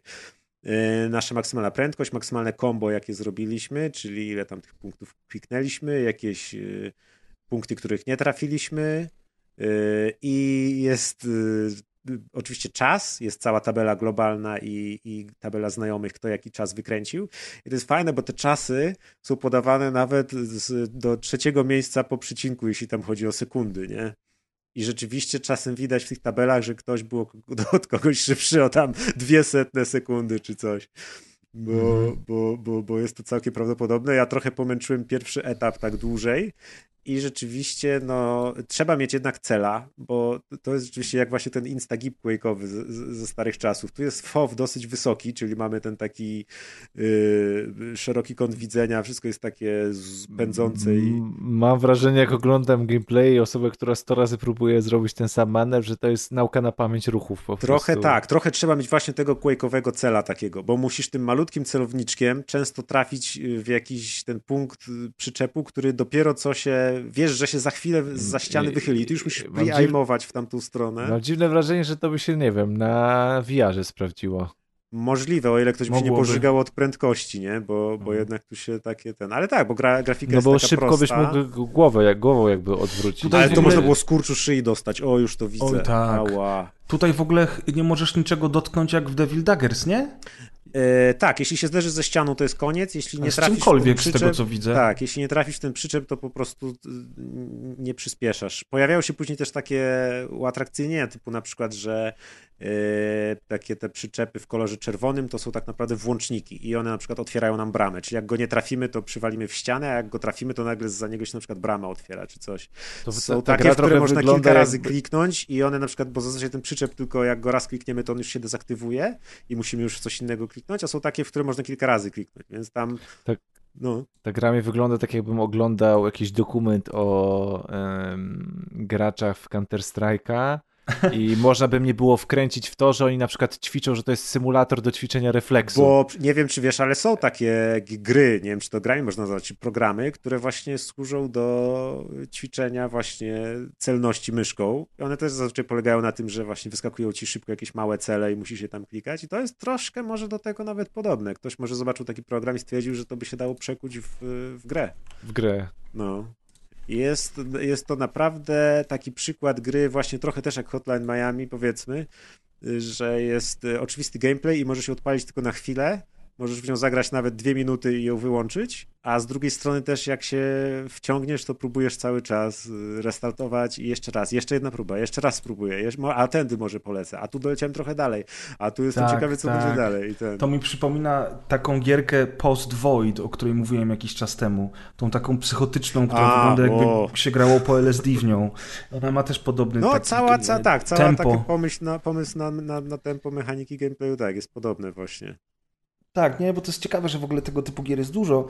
E, W sumie Devil się- Daggers tu przywołałeś, a Też, to też było bardzo podobny też. przykład właśnie. Do śmierci, która po kilku sekundach następuje i powtórka, i powtórka. Tak, tak, i że właśnie, że te gry mają, to jest ciekawe, że te gry mają na siebie różne pomysły, bo tak naprawdę Devil Daggers, Post Void i teraz e, ten Raze to są zupełnie inne gry z jednej strony, a z drugiej strony tak naprawdę Gatunki inne, no rzeczywiście. polegają na tym samym jakby, nie? Ten, Mhm. to, czy, czy ten taki gameplay loop, tempo, podejście do rozgrywki są tym samym, nie? Właśnie tak jak mówisz, że możesz zagrać dwa razy i odejść w ogóle, a możesz się wciągnąć i po prostu zaczynać bez końca, bez końca, bez końca, próbując naprawiać swoje błędy, ucząc się mapy, chociaż akurat w wypadku Post Void to nie było takie oczywiste, bo tam trochę było rogalikowego tego A no tego- tak, tego tu na szczęście klimatu, żadnych nie? rogalików nic nie ma, są etapy, można sobie wybierać, one są wszystkie takie same, y, w sensie, że się nie zmieniają, ale... Bo tutaj- No Bo tutaj musisz trafiać w te przedmioty świecące tak, żeby dolecieć dalej i koncentrujesz się tylko i wyłącznie na nich, natomiast w Post Void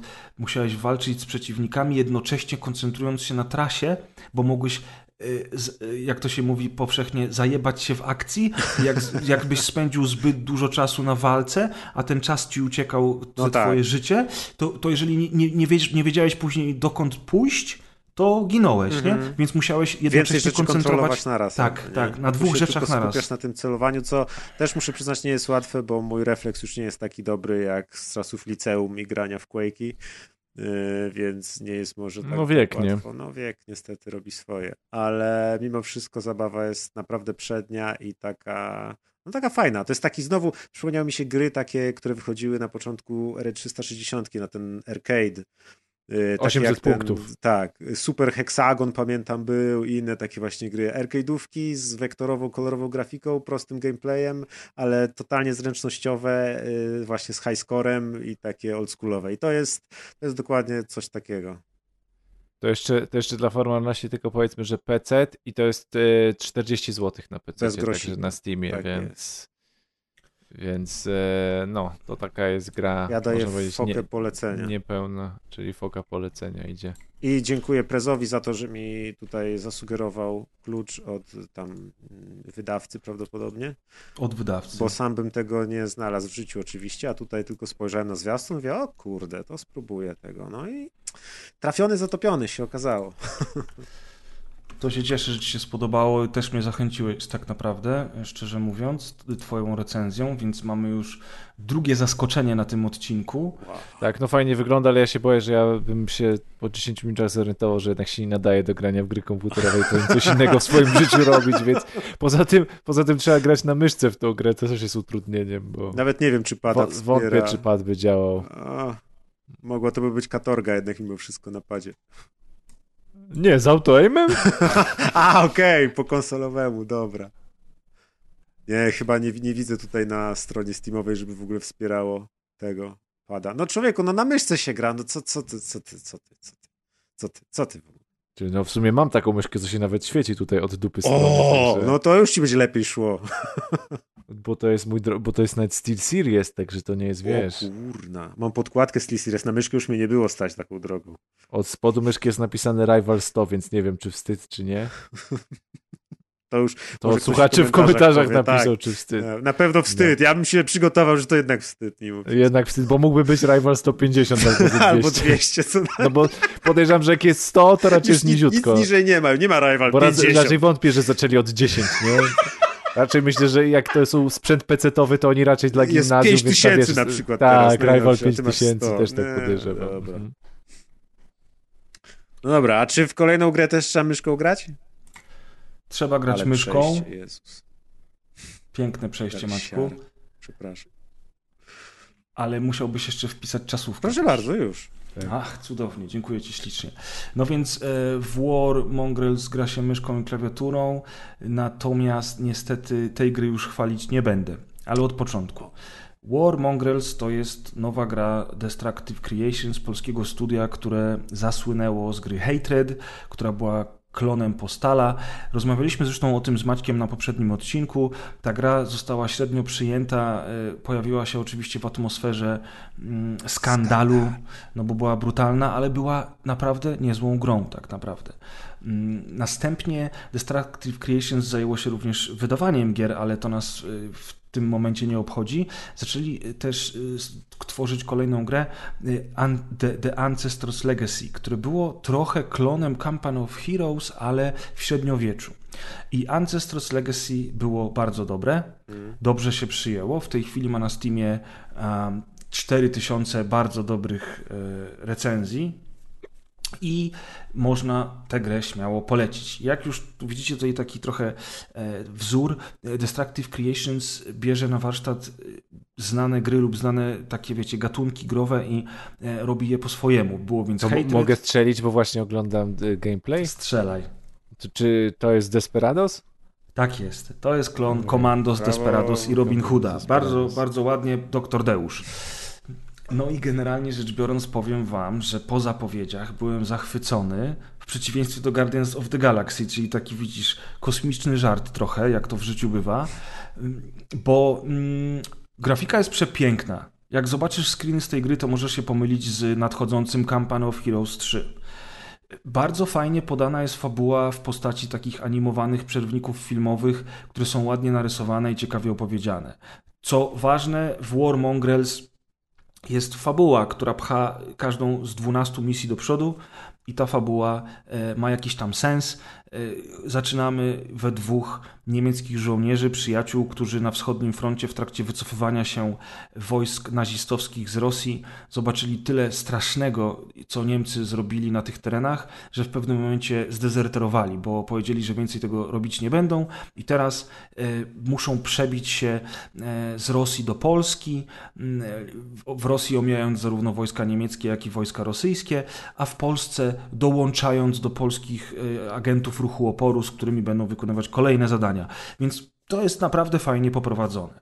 I w teorii wszystko w tej grze ma ręce i nogi, są to tacy komandosi, gdzie mamy dwóch, trzech y, komandosów y, na misję, przełączamy się między nimi, każdy z nich ma inne umiejętności. Niestety w praktyce e, wszystkie mechaniki gry połączone z, z, z błędami, w które w tej grze są, powodują, że ta gra e, jest tak niesamowicie frustrująca, że się odechciewa człow- człowiekowi w nią grać. Dlatego, że już z założenia gra musi być zajebiście trudna, tak jak Komandosi, Desperados i Robin Hood. To jest po prostu taki gatunek gry. I jeżeli twórcy zakładają, że przejście gry wymaga od nas jednej możliwej ścieżki, a bardzo często tak jest, że tylko jeden sposób pozwoli nam przejść dalej, co zresztą czyni z tych gier bardziej gry logiczne niż gry taktyczne czy strategiczne. Nie wiem, czy się nad tym kiedyś zastanawialiście, że tacy komandosi to jest gra logiczna.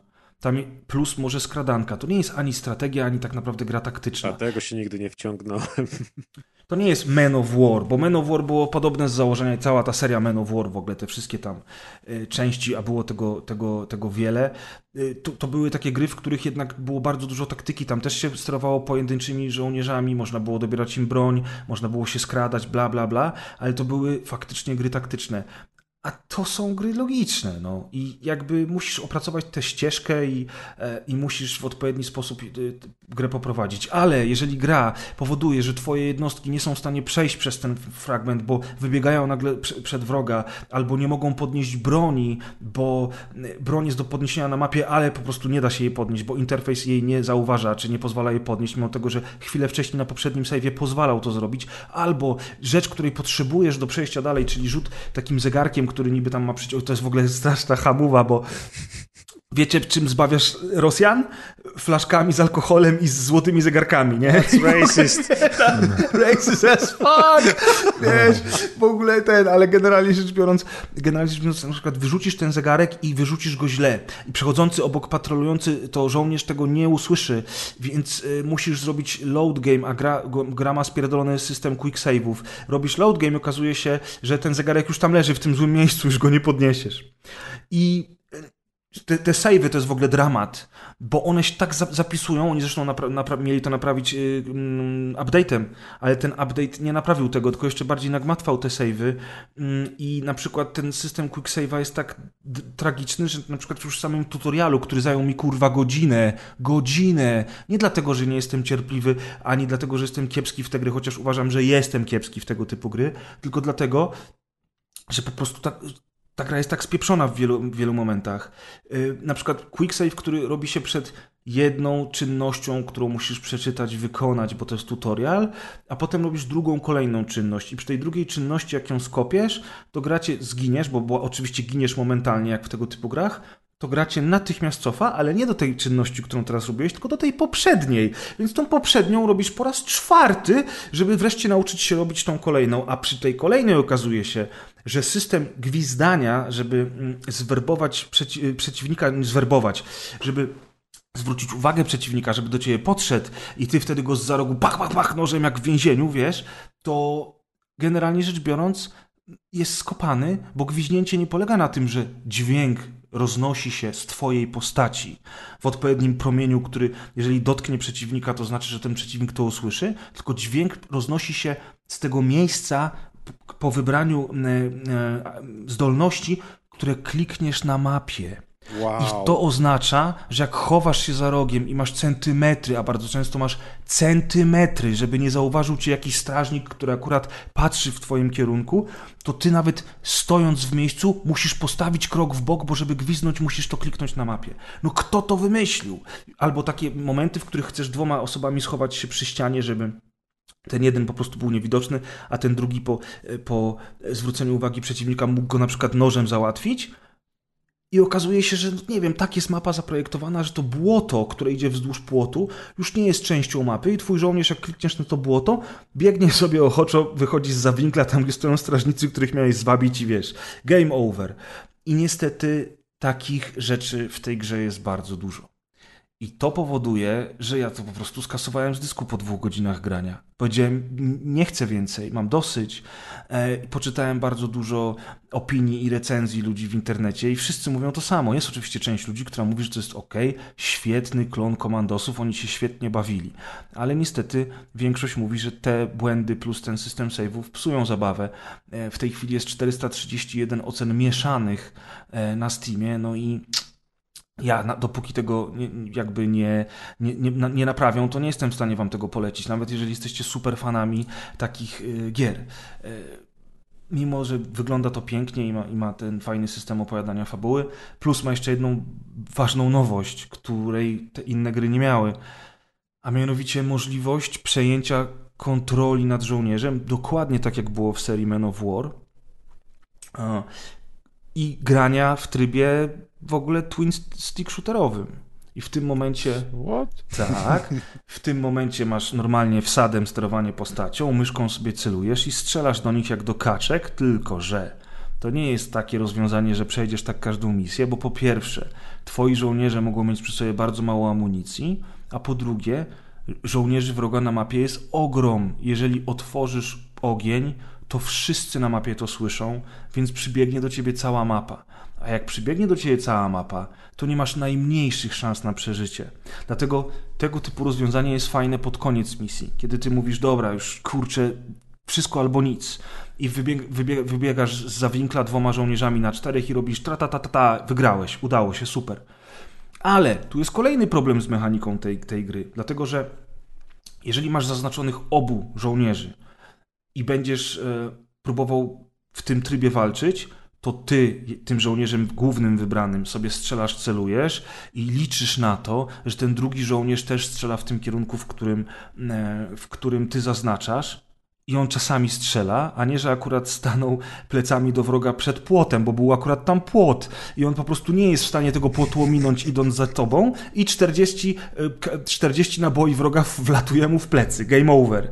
A tak jest bardzo często, jak jesteś w tym trybie. Więc co robisz? Zostawiasz tego drugiego, drugiego żołnierza i nie kontrolujesz go, kiedy wchodzisz w ten tryb e, twin stick shooterowy, prawda? I co robi wtedy ten twój drugi żołnierz? Nic kurwa nie robi. Stoi, więc zabijają go Niemcy i jest game over. Więc jakby ten system jest, musisz go schować w krzakach, ale ten system jest generalnie no, bardzo, bardzo obiecujący, ale w ogóle nie działa. I tutaj chciałbym bardzo kiedyś tę grę sprawdzić, bo ona ma kooperację i podejrzewam, że w kooperacji na dwie osoby, nie dość, że każdy sterując swoją postacią może robić swoje rzeczy, to jeszcze w tym trybie twin stick shooterowym w dwie osoby może to już mieć sens. Natomiast no, nie miałem okazji zagrać w tę grę w kooperacji.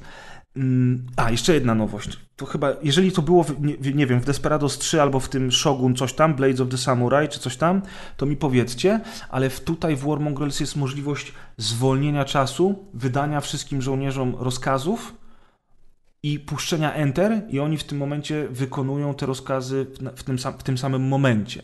Co na przykład się sprawdza, jeżeli musisz zaatakować przeciwnika od przodu, wyjść za rogu i go zaatakować, bo masz wtedy pewność, że on zacznie do ciebie strzelać albo od razu cię zauważy, więc wybierasz jednego żołnierza, że ma wybiec za rogu, zaatakować z pięściami, a drugi natychmiast w tym samym czasie ma wybiec z nożem. I ten z pięściami zaczyna się szarpać z tym przeciwnikiem, więc walczą o ten karabin przeciwnika. Przeciwnik, jeżeli będziesz jeden na jednego, to zawsze cię odepnie i zacznie do ciebie strzelać. Natomiast jeżeli ten drugi kolega podbiega z nożem, to ty się szarpiesz ze strażnikiem, a ten kolega z nożem w tym momencie go zabija. I to jest fajna mechanika. Jak działa? Bo z nią są też różne problemy. Więc na papierze ta gra wygląda, kurwa, jak idealny klon komandosów, albo nawet lepszy klon komandosów przez te nowe mechaniki. Do tego kooperacja, panie, złoto. Niestety w praktyce tam jest tak dużo elementów, które nie działają albo są popsute, że naprawdę ta gra okazała się męczarnią, a miała być przyjemnością. Zupełna odwrotność Guardians of the Galaxy. Hmm.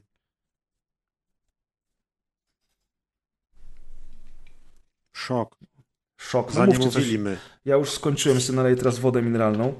O kurde, to dużo się napij, bo teraz znowu będziesz dużo mówić. Jak nie to? wiem, czy ja przy wpływie jak jest dzisiaj. tyle gier, to, to, to, to, to, to nie wiem, co by musiało się stać, żebym się takim Warmongers zainteresował. Znaczy, jeżeli jesteś fanem gatunku, to się zainteresujesz. Nie, no tak, no ale akurat, ale akurat nie jestem. W sensie, powiem, ja, jakby wyszedł remake Robin Hooda, to bym się zainteresował, mimo że fanem gatunku nie jestem, ale jakoś Warmongrels to zupełnie...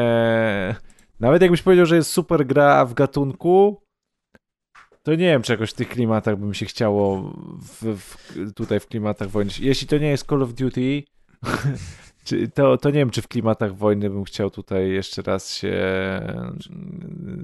w, że tak powiem, w obecnym czasie na jesień, e, jesienią zagłębiać jeszcze wieczorem w, A, no takie, no tak. w takie klimaty wojenne. Jakoś tak... Przede wszystkim byś nie chciał, bo te gry są zajebiście trudne, a ty nie lubisz trudnych gier. Czy zależy z jakiej perspektywy trudne? Ja się nie śmieję teraz z, z każdej no, perspektywy. Nie pamiętasz, jak się męczyłeś właśnie z Jedi Fallen Order? No ale ona była zręcznościowo trudna. Aha, czyli myślisz, że jak to jest takie logiczne, no to on tak, jest mózgowcem, on wszystko Doktor Deusz, no. Doktor Smooth. Wiesz, ja przygodóweczki lubię i tak dalej bez solucji, więc e, tego No tak, gry, możliwe, że faktycznie, że tak, bo tylko jakby z tą, bo, bo, to nie jest kwestia, to nie jest kwestia tego, że mm, to nie jest kwestia tego, że wiesz, że ja siedzę przed, przed, przed, przed tymi grami jak taka małpa i mówię, strzelaj, nie? Tylko po prostu, tylko po prostu wiesz... y, Nie tam- psuj swojego wizerunku wśród słuchaczy. Tylko tam po prostu jakby, jak już rozkminisz te ścieżki, zobaczysz, to, to, przede wszystkim tam trzeba mieć mnóstwo cierpliwości. W to się trochę gra jak w Hitmana, wiesz. Musisz e, rozkminić to, zobaczyć, a potem metodą prób i błędów powtarzać to kilkukrotnie, aż ci się uda. I jeżeli gra jest dobrze zrobiona, to tobie się to uda za pierwszym razem. A jeżeli gra jest zrobiona z błędami, tak jak War Mongrels, to będziesz się wkurwiał, bo przy szóstej i siódmej próbie dalej coś nie będzie działać, ale za każdym razem to nie będzie działać, to będzie, nie będzie działać w inny sposób, wiesz o co chodzi. Tak, okej, już, już, już wiem, jaki miał, można powiedzieć, zarzut, albo może nawet nie zarzut, ale taką opinię, że w momencie, kiedy mamy tyle gier, to żebym się zainteresował taką grą jak War Mongrels, to ona musiałaby mieć jakiś, jakąś taką cechę, która ją wyróżnia na tle innych. Jakiś taki z angielska można powiedzieć gimmick, tak?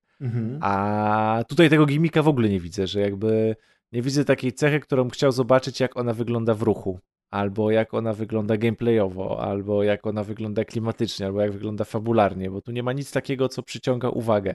Przynajmniej z tego, co ty mówiłeś, tak? Z tego, co, co widzę na, na, na, ekranie komputera, jak widzę gameplay, z tego, co, jak ty mówisz, jak, jak to się gra, to ona nie ma czegoś takiego, co pośród wszystkich innych gier przyciągałoby uwagę. Znaczy pośród wszystkich innych gier może tak, ale pośród tego gatunku, no to ma ten system twin stick shooterowy, nie? No, To jest- to pytanie, jest tylko- nowość. No, tylko mówię, że on jest taki średniawy, więc Jest, no jest średniawy, bo średnio działa. nie? maksymalnie mówię, w sensie najbardziej optymistycznie mówiąc, że jest średniawy. Aha. Dobra. Wydaje mi się, że chyba e, że chyba można zakończyć wstępnie temat War Mongrels. Dobrze, Chyba, że, to- chyba, że natrafimy na jakiegoś słuchacza, który jest fanem gatunku, ale mam delikatne wrażenie, że możemy, że mogłeś komuś na, na, No, na odcisk. nadepnąć na stopę. To mam nadzieję, że się będą przypierdziać do ciebie w A komentarzach. kiedy ja komuś nie, nie, nie, nie nade- nadepnąłem na odcisk, wiesz, nawet nieświadomie. Fuck that. Maciek, powiedz mi przyjacielu, trochę w paru słowach o Game Deck.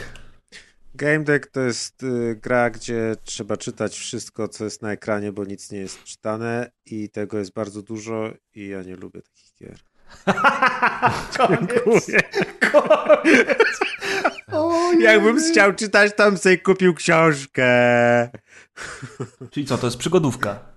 No tak wyszło, miał być roleplay niby RPG cyberpunkowy, ale wyszła z tego przygodówka, gdzie Znaczy, po prostu... miał być, miał być roleplay, nie, miał być roleplay cyberpunkowy, a wszyscy gracze jak słyszą roleplay cyberpunkowy, to raczej widzą grę RPG. Czy, czy, czy źle mówię, czy... No ja tak widzę. Bo Tak, RPG czy- to skrót od role playing game. No, tak, no ale tak, w ale chodzi mi, że też jest RP roleplaying. Tak, tylko że Ale chodzi mi, że nie czytaną książkę z wyborami kierowcy. na tej zasadzie roleplay, tylko że tam jest więcej jest. gameplayu, tak? Do, Amadeusz ma rację, o, o że- takiego roleplaya mi chodziło, że tak? to jest taki roleplay fabularny. Tak samo jak przecież y, Disco Elysium, nie? Czyli taka przygodówka niby, ale tak naprawdę to był roleplay. I z tego, co ja grałem w Game Deck rok temu w wersję testową, to też był dla mnie roleplay, tylko że ja wiem, o co Maćkowi chodzi, nie? Maciek, to nie był Shadowrun, prawda?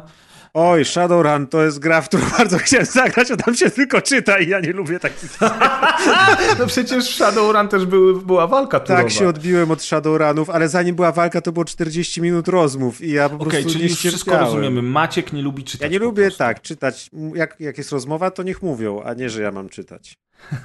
Czyli japońskie gry nie są dla ciebie. Nie, słowem. nie. Y, ale, no, ale opowiedz nam cokolwiek o tej grze, no, skoro Game Deck to jest gra oparta na e, książce albo książkach polskiego Tak, pisarza fantazy. I Game Deck to jest nazwa zawodu takiego detektywa growego, ponieważ e, jest to y, y, y, całe to uniwersum to jest przyszłość, gdzie są takie wirtualne gry, gdzie ludzie jak w jakimś tam, nie wiem, filmie science fiction, teraz nie przypomnę tytułów oczywiście, no, że się siada w fotelu i zakładasz gogle na głowę i jesteś przenoszony do wirtualnego jakiegoś świata, który się tam też fajnie nazywa, jakoś tam wirtualium czy coś. Tak, to 20 lat temu angielskiego tak uczyli niby. A, no, przez Były Sita takie jakieś okulary, op- tak, tak, tak. To, jest, to, to jest coś takiego, tylko druga Też generacja. właśnie coś takiego. No, tak. e, I ten detektyw e, Game, Game Deck zajmuje się no, rozwiązywaniem detektywistycznych spraw właśnie powiązanych z tymi wirtualnymi światami, i które ludzie różni odwiedzają. No i tutaj y, y, zostajemy takim Game Deckiem, no i się zaczyna wielka, ciekawa przygoda pełna dialogów do przeczytania. To ja wam Ale- powiem, że gra została sfundow- sfundowana, widzę pięk, pięknie, została sfinansowana na Kickstarterze i tam były takie założenia, że im więcej się uda progów przebić, tym więcej światów będzie. Tym więcej dialogów. I dialogów też, dialogów też. progów. E, I generalnie rzecz biorąc, faktycznie, e, jeżeli ktoś lubi te książki albo lubi takie przygodówko, roleplaye, mówiono, czytane w stylu chociażby Disco Elysium, to Game Deck e, jest dla niego. Yy, Ja liznąłem Game Deck i mogę się nie zgodzić delikatnie, Okej, proszę bo cię ja, bardzo. bo ja dużo nie grałem, ale, ale, ale Game Deck liznąłem i, i uważam, nie czytałem książek, więc yy, nie wiem jak to jest, jak można to, ten poziom pisarstwa odnieść do książek, ale mi się wydaje, że po prostu ten Game Deck i te dialogi, przez które Maciek nie lubi czytać, to te dialogi się po prostu średnio czyta. Okej. się, to się ich jest bardzo, ich jest dużo i y, y, ty- ty- tych dialogów jest dużo i wydaje mi się, że może- że można było te same informacje zmieścić ciekawiej w mniejszej objętości tekstu, No i to jest E, ciekawe że- spostrzeżenie. że, że, że, że tej objętości tekstu mogłoby być dużo więcej i że mm, jeśli by wziąć osobę, która dobrze lub bardzo dobrze pisze i wzięłaby i te dialogi, może nawet nie, nie może fa fabułę to nie, ale powiedzmy to przedstawianie informacji i wzięła i spróbowała to przepisać, ale by jej się powiedziało, że ma zrobić o 20% mniej tego wszystkiego tekstu, tak, albo 25, nie zmieniając istoty y, przekazywanych treści, to to by się dało zrobić.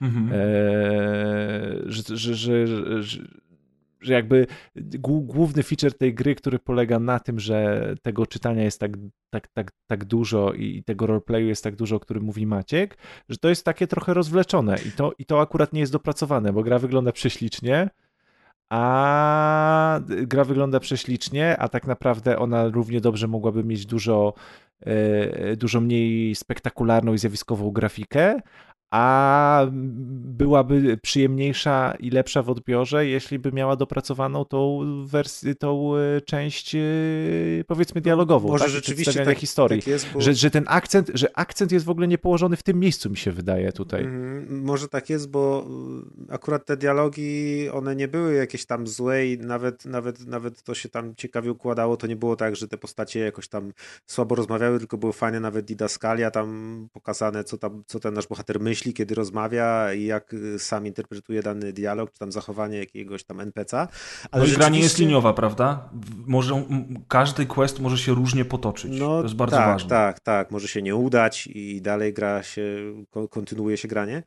E, Ale rzeczywiście, teraz jak Tadeusz powiedział, to rzeczywiście mam wrażenie, że to jest tak, że po prostu masz na dole to takie kółeczko z dialogami, gdzie wybierasz z niego, e, co chcesz teraz powiedzieć. Potem wchodzisz jeszcze w jeden poziom, na przykład zapytaj o komputer, zapytaj, co się stało z komputerem, e, zapytaj o jakąś tam coś tam jeszcze.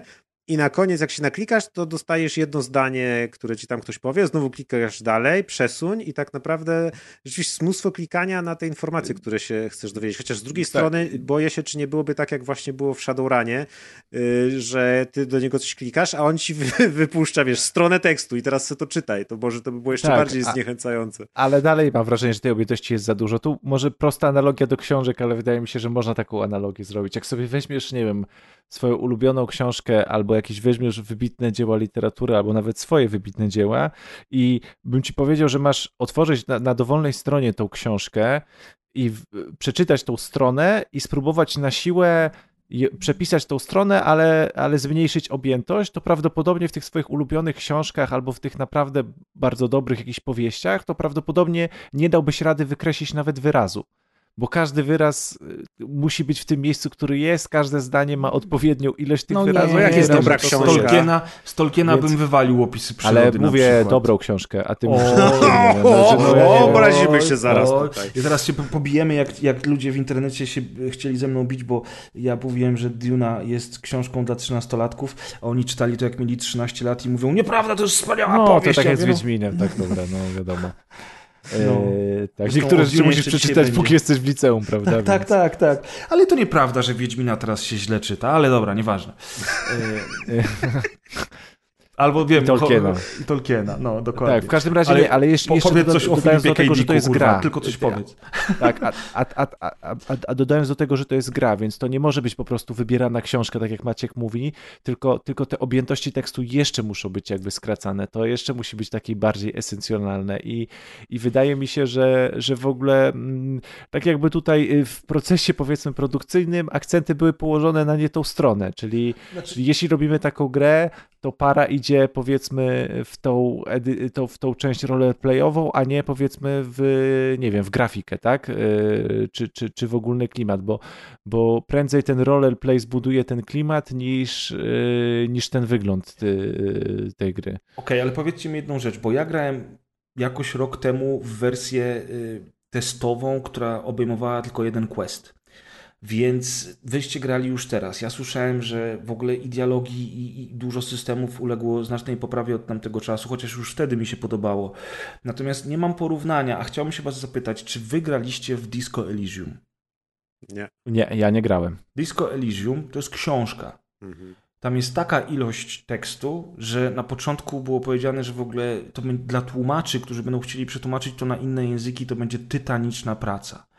Tam są tak długie opisy, dialogi i didaskalia, bo też, tak jak Maciek wspomniał w Game Decku, w Disco Elysium są didaskalia, chociażby mówiące o tym, co, co nasz bohater myśli, plus ten cały system rozwoju jego psychologii i różne systemy, które mogą nam się pojawić w trakcie. I widzisz, to też nie jest RPG taki z walką i tam z, z rozwojem, znaczy tam jest rozwój postaci, ale to nadal jest roleplay, dlatego że ta postać się rozwija, może tam zostać taka sraka albo owaka i te jakby nasze decyzje wpływają na to, co się dzieje w fabule. Natomiast, tak jak powiedziałem na początku, tytaniczne ilości tekstu. Jestem ciekaw, czy gdybyście zagrali w Disco Elysium, czy też byście powiedzieli, że te teksty dałoby się skrócić, czy jednak one tam mają sens. Przynajmniej w Definitive Edition zrobili czytane te teksty. Tak, właśnie chciałem powiedzieć, że wyszło, wyszła nowa wersja, ona też się pojawiła na konsolach yy, i ta nowa wersja ma wszystkie teksty czytane, co jest cudowne, bo ta gra jest przecudowna, a na pewno jest jeszcze lepsza z tak, lektorem. Tak, ona jest też długa i tak. to jest, ja od Disco Elysium mam na swojej liście i bardzo bym chciał zagrać, ale yy, to jeszcze muszę poczekać, aż moje życie trochę inaczej będzie wyglądać i wtedy może wrócę. I z chęcią, i wtedy mogę, i wtedy możesz mi przypomnieć, że, że, że mam porównać, ale, okay. ale zdecydowanie bym chciał sprawdzić, tylko, tylko z tego co pamiętam, to, to, to chyba Disco Elysium to jest około 40 godzin, prawda? Jeśli tam jakoś tak, jak, jakoś tak kojarzę, że kiedyś sprawdzałem, że to jest naprawdę kilkanaście, o ile nie kilkadziesiąt godzin, żeby je przejść. Więc... Tak, ale ja bym traktował Disco Elysium mimo wszystko jak dobrą książkę e, i na przykład, nie wiem, czytał sobie godzinkę dziennie i spokojnie te 40 godzin zrobisz, zapamiętasz, co się dzieje, bo fabuła jest na tyle intensywna i na tyle e, wyjątkowa, że zapamiętasz, co się dzieje nawet grając godzinkę dziennie, tylko faktycznie wtedy musisz grać codziennie, co 2-3 dni, a nie co tydzień, co miesiąc, bo wtedy no tak, to, to tak. nie ma sensu.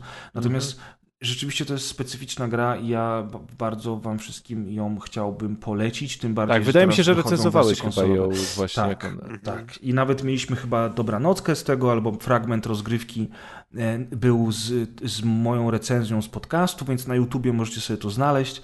Zobaczycie przy okazji, jak wygląda sama gra. A ja wam naprawdę polecam, tym bardziej, że wychodzi teraz ta konsolowa wersja w pudełkach. I zresztą na Switcha też wyszła I wersja, na Switcha. tylko podobno fatalnie działa z tego, co widziałem. Podobno więc... tak, podobno tak. Czy, czy, właśnie, może te wszystkie wyszły. A Game Decka, no, słyszeliście chłopaków, ja nie będę się wypowiadał, bo grałem tylko rok temu w ten jeden quest testowy dla recenzentów, czy tam dla prasy. E, My za dużo i... też nie powiedzieliśmy tak naprawdę, jakie tam są mechaniki. No tak, tylko żeby, żeby, tylko żeby, tylko żeby przejść tego game decka, to już to wydaje mi się, że to jest yy... kurczę, no nie chcę powiedzieć, że to jest męczarnia, bo to nie o to chodzi, tylko że yy... ani ja bym się dobrze bawił, a możliwe, że odpowiadając o tym, że ja się źle bawię, to może bym to skrzywdził, bo komuś ten, ten sposób rozgrywki by odpowiadał. Wydaje mi się, że to jest w ogóle nietrafiony tytuł do sposobu tego, jak yy, Maciek to już w ogóle słyszę, że nie lubi czytać, ale do tego, jak ja spędzam wolny czas, jakby, tak, przy albo albo jaką przyjemność czerpię ze spędzania wolnego czasu przy grach i, i, i w ogóle coś z tym game deckiem e, coś z tym game deckiem w ogóle w ogóle mi nie klika, mimo że klimat jakby cyberpunkowy jest, jest mi bardzo bliski. Ja w ogóle mam wrażenie, tak jak właśnie grałem w to War Mongrels, że ja już chyba w ogóle nie mam cierpliwości do powolnych i skomplikowanych gier. To znaczy, Disco Elysium mnie wciągnęło, bo to się fajnie czytało. Ja jeszcze czytałem, wtedy nie było jeszcze głosów nagranych. Mm, ale właśnie czy to War Mongrels, czy miałbym grać w jakąś skomplikowaną, rozbudowaną strategię w stylu Total War'a dzisiaj, to ja już chyba, wiecie co, nie mam w ogóle na to ochoty ani cierpliwości. Chyba tyle rzeczy procesuje mój mózg na co dzień i tyl, o tylu rzeczy muszę pamiętać, myśleć, rozwiązywać, jakieś emocjonalne sprawy zawodowe i cała reszta, że jednak jak siadam do gier ostatnio, to ja wolę właśnie sobie pograć w Call of Duty, albo może odpalić Force, albo na przykład właśnie zagrać w taką relaksującą, przyjemną grę, jaką jest Guardians of the Galaxy. A na myślenie i męczenie się z grą w ogóle nie. A wy jak? Y, zależy. Zależy, bardzo mocno zależy od gry, bo e, y, tak naprawdę, tak jak mówisz, od klimatu, bo powiedzmy w Call of Duty lubię zagrać jak jest noc i e, i nie wiem, i mam godzinę czy pół godziny na zagranie, ale jeśli jest tytuł, przy którym trzeba myśleć i nie wiem, powiedzmy, nie wiem, czy to jest jakaś przygodówka, czy E, nawet jakiś city builder, przy których też często trzeba, e, które tutaj akurat z Kuldanem zawsze sobie gdzieś tam gadaliśmy i, i, i, i jeszcze za tamtych czasów, że tak powiem, bardziej siedziałem, mocniej siedziałem w tych city builderach, to, to i tak lubię, bo to jest zależy, e, zależy od, od tego, jak, jaki aktualnie jest klimat, jak, na co mam ochotę, ile mam czasu i też naprawdę taka, jaka to jest gra. Bo też mi się wydaje, że każda dobra gra się, y, każda dobra, bardzo dobra gra się, się obroni, bo ma to coś, co, co, co, co cię przyciąga. Chyba, że już naprawdę wybitnie musisz nie lubić danego gatunku, tak? A ty Maciej? No ja to już w ogóle. Maciek w ogóle nie lubi czytać. Ja to już naprawdę tyle się w życiu nagrałem, że już jak o ile gra nie, nie zaoferuje mi czegoś naprawdę oryginalnego, na co spojrzę i stwierdzę, że o, czegoś takiego nie widziałem albo coś, to to już nawet te takie mm, rzeczy, które są może i dobre, ale nie rewolucyjne, to też mnie jakoś nie interesują, bo mój umysł mi mówi, ty już grałeś w coś takiego 100 razy. Chcesz o wiesz, w Assassina też grałeś 100 razy ostatnio po Paryżu, tam biegałeś pewnie w Walhali, no także... No tak, ale to było też trochę po odwyku jednak asasynowym. Z tymi asasynami to już tak też. Kiedyś grałem w każdą część, a potem już zacząłem pomijać. ale w remastery GTA pograsz. No na pewno za, chciałbym zagrać, ale też, żeby to wszystko całe od nowa przychodzić, to nie ma szans, nie? Nie, no, zależy jak, jak się wciągniesz, nie? Może się okaże, że mówisz, wow, Tommy Versetti, we meet again, brother. Tak. Ale to jest, to jest też tak, nie wiem, nie, już nie zaczniemy tej dyskusji, ale to jest trochę tak jak y, pograć, w, y, że, że, że, po, że pogram w te remastery GTA, tak, ale nie przejdę. No ale to jakby na tym chyba polega spędzanie wolnego czasu i rozrywka. To, że zaczynasz książkę, to nie musisz jej skończyć. Jak ci się w połowie nie podoba, to przecież możesz odłożyć i zacząć no, kolejną. Tak, no, to akurat ja nie mam problemu z nieprzechodzeniem tak, gier do końca. Tak, albo nie dooglądujesz filmu do końca. No jakby to jest twój czas i ty sobie decydujesz. To nie jest tak, że za co się chwycisz, jeśli chodzi o dzieło popkultury, to musisz to kończyć albo Oczywiście wiem, to jest bardzo słuszne więc, podejście. Więc y, to, jest, y, to jest ta rzecz, która masę osób jakby powstrzymuje od czytania. Jeśli wiesz, książka zajmuje ci 8, 10, 12, 20 godzin, no to ktoś sobie pomyśli, że nie masz czasu, ale możesz przeczytać sobie dwie, a może się wciągniesz, a jak nie, to możesz wyrzucić, powiesz, wyrzucić, to znaczy możesz odłożyć książkę po dwóch godzinach i nie musisz jej kończyć tak naprawdę. Możesz sobie mm. zacząć zobaczyć, czy już wciągniesz. Możesz 10 książek po dwie godziny przeczytać i może jak, któraś No tak, końcu, tylko książka kosztuje ile tam? 40 zł, y, więc y, jakby jest to takie ryzyko mniejsze finansowe. Y, no Film tak. trwa półtorej, dwie godziny, więc to jest mniejsze ryzyko straty no już czasu. Teraz, już teraz z książkami to masz jak ze Spotify'em, bo, legi, tak, bo, legi, bo abonamenty książkowe kosztują 40-50 no, zł i tak. masz nie A jeszcze te audiobooki tak samo, tak. nie? Więc jakby. No tak, no, wszystko zależy od tego, jaka, jak, jak, ale... co musisz najpierw włożyć, żeby, żeby potem ewentualnie łatwo zrezygnować. Tak, ale nie, nie patrząc przechodzenia, ja przykład... to i tak chodzi o to, chodzi mi o to, że poświęcisz czas, spędzisz określony czas z GTA, tak? Może nie przejdziesz, ale masz ochotę mhm. spędzić sobie powiedzmy wieczór, no dwa, tak, trzy, no. pięć, dziesięć, więc... czy mówisz, nie zaczynajmy tej dyskusji, ale to jest ciekawa dyskusja, czemu nie? Tylko faktycznie GTA e, Remastered Trilogy będzie kosztowało 300 zł. No, jeżeli zamierzasz spędzić z nią 3 godziny i z każdą częścią po godzince, żeby sobie przypomnieć, jak to było i pojechać tym Ferrari wzdłuż A nie, no to jasne. wody, To, mhm. to wiesz, ale z drugiej strony, jeżeli na przykład Wiesz, z drugiej strony, jeżeli masz na to ochotę i cię stać na to, albo na przykład będzie już taniej i wtedy sobie kupisz, to czemu nie? Jeżeli masz ochotę tylko polatać sobie samolotem nad San Andreas, to sobie to zrób, e, tak? Ale tak Co samo. Boga właśnie- zabroni. Wiesz, to tak samo, tak samo jest właśnie z, z książką czy z filmem, tak jak mówicie. Ja też uważam, że jeżeli coś mi się nie podoba, to nie będę się męczył, żeby to oglądać dalej, bo jest nadprodukcja dóbr popkultury.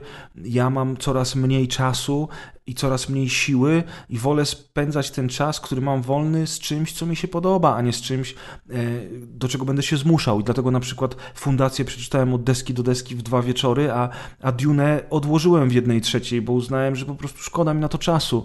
I tak to jest naprawdę dobre podejście, tylko faktycznie ten problem finansowy, ale z drugiej strony, tak jak mówi Deusz, mamy te wszystkie, y, mamy te wszystkie abonamenty. Y, mamy dostęp do takiej ilości filmów i seriali, że nie jesteśmy w stanie tego przemielić. Nie Tak, jesteśmy sumie w stanie. Game Pass jest idealnym przykładem, gdzie ludzie mogą sobie odpalić jakąś grę i po godzinie stwierdzić, Tak. ale chłam i odpalić inną, Tak. nie? I bez Game Passa by tak nie robili, nie kupowaliby gier w ciemno, nie próbowaliby, no może wersje demo jakby istniały. A jak by chcesz grać, Nikt by nie usłyszał połowy tych indyków z tego no roku, powiedzmy. tak, tak, to też. a jeśli chcesz grać na premierę w Call of Duty albo w GTA Remastered, to musisz po prostu liczyć się z tym, że nawet jeżeli zamierzasz w to pograć tylko 4 godziny i odłożyć, to musisz wydać na to pieniądze. Ale nie musisz tych gier kupować, bo masz masę substytutów, chociażby w takim Game Passie, gdzie zaraz będzie Forza Horizon 5. Nie wiem, czy wiecie, że w ogóle mega, mega wysokie oceny zbiera. E, To zaraz będzie Halo Infinite i jeszcze wiele innych hitów, które wychodzi co miesiąc od różnych wydawców i które ląduje w Game Passie, więc no to jest kwestia wyboru chyba faktycznie. Myślę, że nie ma co dyskutować o tym, czy, czy finansowo to się opłaca bardziej gry, czy książki, czy muzyka, czy nie, bo to tak naprawdę wiecie. No. Jest, swoją tego drogą jest mnóstwo. Zdarzyło się wam w życiu, że y, rzeczywiście nie, nie obejrzeliście filmu jakiegoś do końca? Oczywiście. Bo mi się chyba tak nigdy nie zdarzyło. Dziesią- Zastanawiam się, czy to jest przez to, że jakby świadomie, razy. świadomie wybieram te filmy, które chcę obejrzeć, albo nie wiem, ale autentycznie było naprawdę mało filmów, które były słabe, a i takie do końca obejrzałem. Mi się zdarzyło y, obe- nie obejrzeć wielu słabych filmów, ale one były, one mus- musiały być naprawdę tak słabe albo tak żenujące. A to nie że wiedziałeś, że, chwili- są takie, czy mimo wszystko... Nie, nie wiedziałem, zaczynałem Aha. je oglądać na przykład w, w połowie stwierdzałem, że absolutnie nie mam ochoty tego oglądać i to wyłączałem. Tak, ale jakbyś ja się mnie miałem dzisiaj, tak no, dziesiątki razy. ale jakbyś się mnie spytał dzisiaj, co to były za filmy, to ani jednego ci nie przypomnę, bo one były tak słabe, rozumiesz, że ja po prostu je kompletnie olewałem. E, także nie, no faktycznie mi też się zdarzało. Tak, co więcej, a dobra, a, a jeszcze, a f, jeszcze mam tak, że filmy, które znam, potrafię obejrzeć tylko pół. Na przykład zacząć od No któregoś to- momentu. ale to jak się zna, no jak to już znasz, to wiadomo. No tak, tak, ale nie, zdarzało mi się. Tak, zdarzało mi się. No, tak jak mówię, gdzieś, myślę, że 10 razy mi się zdarzyło filmów nie, obej- nie Mhm. obejrzeć do końca. Ja ostatnio Blade Runnera 2049 wkładam płytkę do, do Xboxa i oglądam sobie różne fragmenty po prostu, a ten se obejrzę, a tamten, a początek, a koniec i wrzucam z powrotem do pudełka i robię coś innego albo idę spać. No ale mm, to już jest tak jak mówisz, to już jest coś, co ja znam doskonale i widziałem parę razy, więc mogę sobie w, zacząć od środka, jak będę chciał i jechać do przodu, nie? Albo do tyłu na przewijaniu. No, no, no, no, no, dokładnie, nie? Także tak. Ale jedyne, czego nie lubię robić, to na przykład zaczynać e, seriali, których nie znam, na przykład od któregoś odcinka albo od któregoś sezonu gdzieś tak w trakcie to w ogóle trwania. nie można przecież, jak tak można? Jest masa ludzi, ludzi która Tak tak robi. książkę zaczął od 40 strony czytać, bo Moja tak. mama zaczyna książkę zawsze czytać od ostatniego rozdziału i dopiero jak, słuchaj, i dopiero jak go przeczyta, to stwierdza, czy ta książka jest warta uwagi, czy tak jakby przyszedł na obiad, początku, wypił nie. kompot i poszedł. No nie, bo jak ci kompot smakował, to zjesz nie, jakby zaczął, jakby zaczął od lodów albo od ciasta obiad. No ja No. zawsze od lodów zaczynam. Mój, mój brat, mój brat tak samo jak... loda. Mój brat, tak samo jak moja mama na przykład, y, też potrafi przeczytać ostatni rozdział, żeby sprawdzić, czy w ogóle ma ochotę to czytać. Jak Na można być przykład. takim człowiekiem w ogóle? To jest I wiesz, nieludzkie. I dlatego jest dużo ludzi, którzy zaczynają serial od środka, albo wiesz, ja nawet się czasami złapałem na tym, że jeszcze jak miałem telewizję, albo na przykład byłem gdzieś w hotelu, jak jeszcze były normalne czasy i sobie jeździłem po Polsce do was, czy gdzieś tam, to, to po prostu odpalałem sobie w hotelu na przykład jakiś film, no i to leciało w telewizji, a tam miałem wolną godzinkę, albo szedłem spać, no to obejrzałem ten film od środka, albo obejrzałem ten odcinek serialu, o którym potem zapomniałem i w ogóle nigdy do niego nie wróciłem, No to był dobra, ale to są wiesz- takie rzeczy na pałę, w które w ogóle nie jesteś zainwestowany i wiesz, losowo po prostu randomowo rzućcie mi coś, nie? I nawet nie wiadomo, czy to jest fajne, czy nie, jaki to Tak, jest no są gatunek, proceduralne takie seriale, że i tak się zamykają w pewnym A, to takie to już w nie? ogóle, to okej, to, to rozumiem, ale coś, co cię aktywnie zainteresowało, coś, co ci wpadło w twoje gusta i tak dalej, no to dlatego ja właśnie wydaje mi się, że jakoś mało takich filmów oglądam, o których nic nie wiem, że coś leci, a zobaczę, co to za film, nawet nie wiem, co to za tytuł, tylko jednak jak już coś oglądam, to jest coś, co widziałem zwiastun, co, co, gdzie zwiastun mi się spodobał, gdzie coś mnie zainteresowało i dlatego właśnie możliwe, że wszystko, co oglądam, to jednak na tyle jestem zainwestowany, że do końca obejrzę. I zazwyczaj mi się podoba, albo jest średnie. No tak, a jeśli chodzi o seriale, to myślę, że więcej seriali nie obejrzałem niż obejrzałem z tych, które zacząłem oglądać. Że- tak że skończyłeś, Z ostatnich no, no, no. 10 lat to myślę, że więcej seriali nie skończyłem niż skończyłem.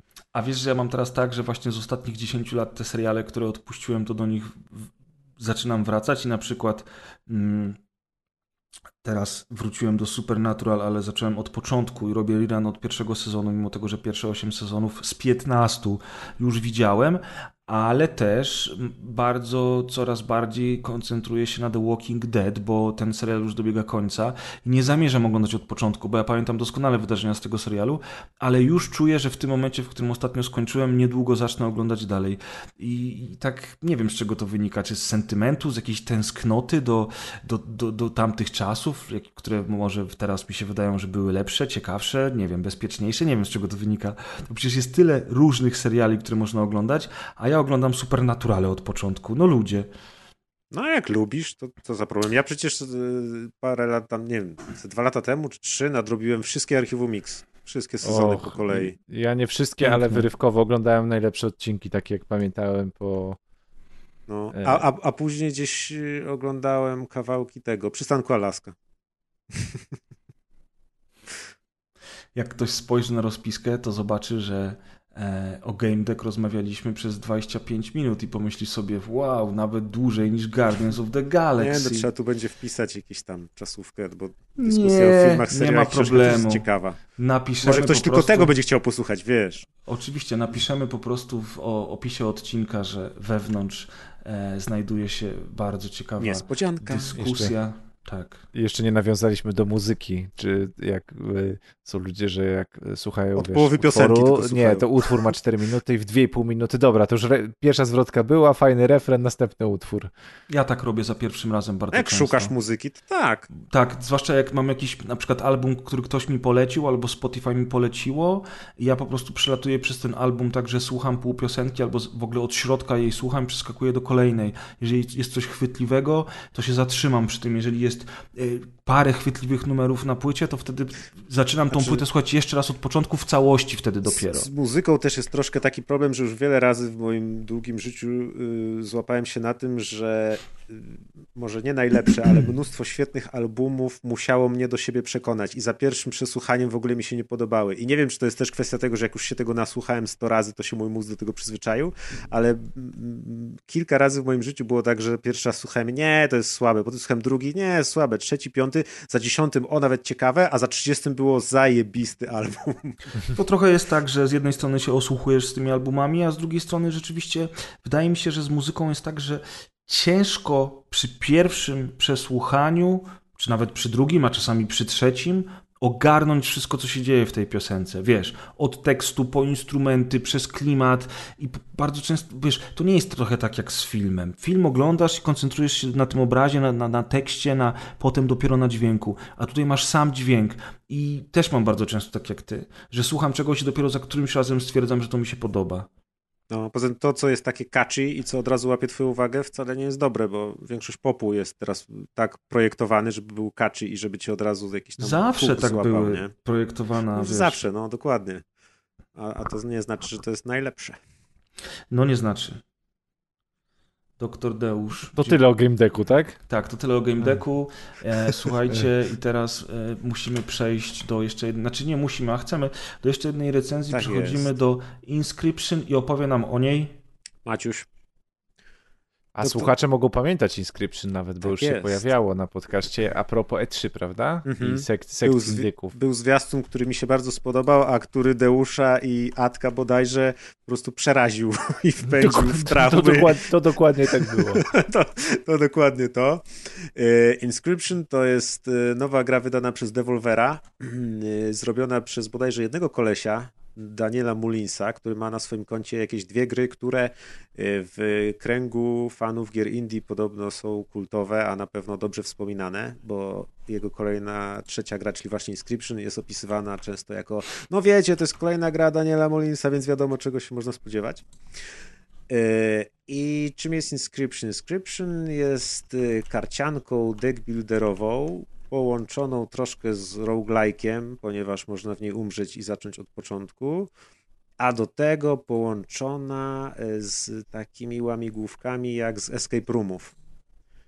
I jest to bardzo dziwny miks, który w dodatku jest bardzo fajnie fabularyzowany. To znaczy, y, nawet y, menu początkowe gry jest już zrobione w tym stylu takiego wykładania kart, gdzie jeśli chcemy wejść do opcji, to bierzemy kartę opcji, ją umieszczamy w odpowiednim slocie, a jeżeli chcemy zacząć grę, to musimy wziąć mm, kartę, no nawet nie początku gry, bo tam chyba nie da się zacząć gry, można tylko kontynuować, co też jest swoją drogą y, fabularnie fajnie wytłumaczone, bo to jest chyba coś takiego, ile dobrze pamiętam, że znajdujemy na początku dyskietkę i ją niby wkładamy do komputera, są takie fajne stare dźwięki komputera i się uruchamia ta gra, więc to wszystko jest takie trochę meta. Yy, I yy, yy, okazuje się, że w grze siedzimy w jakiejś takiej ciemnej chatce. Yy, Naprzeciwko nas tylko świecą się oczy jakiejś postaci złowrogiej, yy, która tu nam oznajmia, że teraz będziemy grać w karty i w pewnym momencie się, się okazuje, że no, gramy o własne życie, że to jest wszystko tutaj po, poważna sprawa, jesteśmy tam chyba uwięzieni albo coś.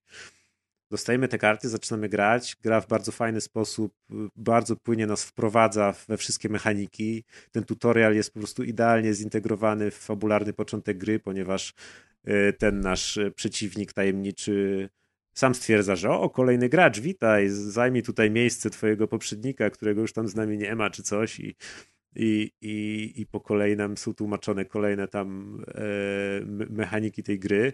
Jest fajne też to, że y, na początku jak ciągniemy karty, to wyciągamy jedną kartę z takim tam zwierzaczkiem powiedzmy, który też do nas gada z tej karty i na tej karcie wyświetlają się dialogi i on tam do nas mówi i trochę nas te, te, też prowadzi przez tą grę, więc to jest takie fajne, no takie, takie dziwadło trochę z tej gry jest. Yy, wszystko to jest w, w, w, takiej grafice właśnie niesamowitej, bo to jest, nie wiem nawet jak to opisać, to wszystko jest bardzo kontrastowe, skąpane w czerni. Yy, tutaj nawet Jednocześnie jest trochę pikselowe. tak, takie- troszkę jest takie pikselowe, ale nie za bardzo, ale tak to wygląda trochę jak, nie wiem, jakieś takie właśnie skompresowane tekstury, że one są takie ziarniste a, albo coś, a te karty są namalowane niczym takim grubym tuszem, też tu nawet w opisie Steamowym jest napisane, że to jest skąpana w czarnym tuszu Odyseja. Yy, więc grafika jest na pewno mega charakterystyczna. Yy, Sama, sama mechanika karcianki jest dosyć prosta, bo mamy, jakby już tak się skupić yy, tylko i wyłącznie na, na tej mechanice, to mamy yy, przed sobą taki rząd, gdzie możemy wyłożyć, gdzie są cztery miejsca na karty, które możemy wykładać. Przeciwnik ma tak samo. Yy, I widzimy, jakie karty zagra w najbliższej turze przeciwnik, czyli możemy podejrzeć jego ruchy. Yy, My zagrywamy karty na takiej zasadzie, że możemy na początku rundy wziąć sobie kartę ze swojej talii lub wziąć kartę wiewiórki z takiej talii obok. Yy, wiewi- Wiewiórki jakby nie mogą wykonywać żadnych ataków, ale możemy je poświęcać, ponieważ tutaj, żeby wyłożyć karty, trzeba poświęcić któreś karty, które już mamy na stole. Yy, Niektóre tanie karty kosztują tam na przykład jedno życie, inne kosztują trzy czy cztery. Wtedy trzeba niestety tam sobie wybierać i na początku na przykład wyłożyć jakieś tańsze karty, żeby potem je poświęcić, złożyć w ofierze i wyłożyć jakąś mocniejszą kartę.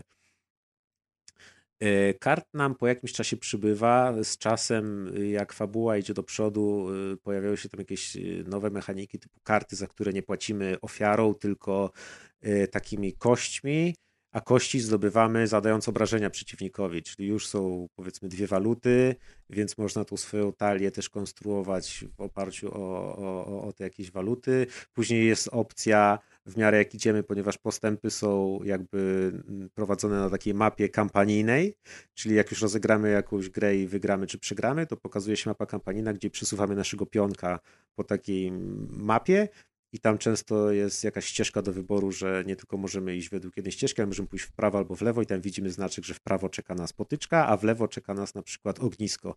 A jak wejdziemy na ognisko, to tam się okazuje, że możemy e, którąś z naszych kart w jakiś tam sposób e, ulepszyć, czy jej zwiększyć tam punkty życia, czy, czy obrażenia i tak dalej.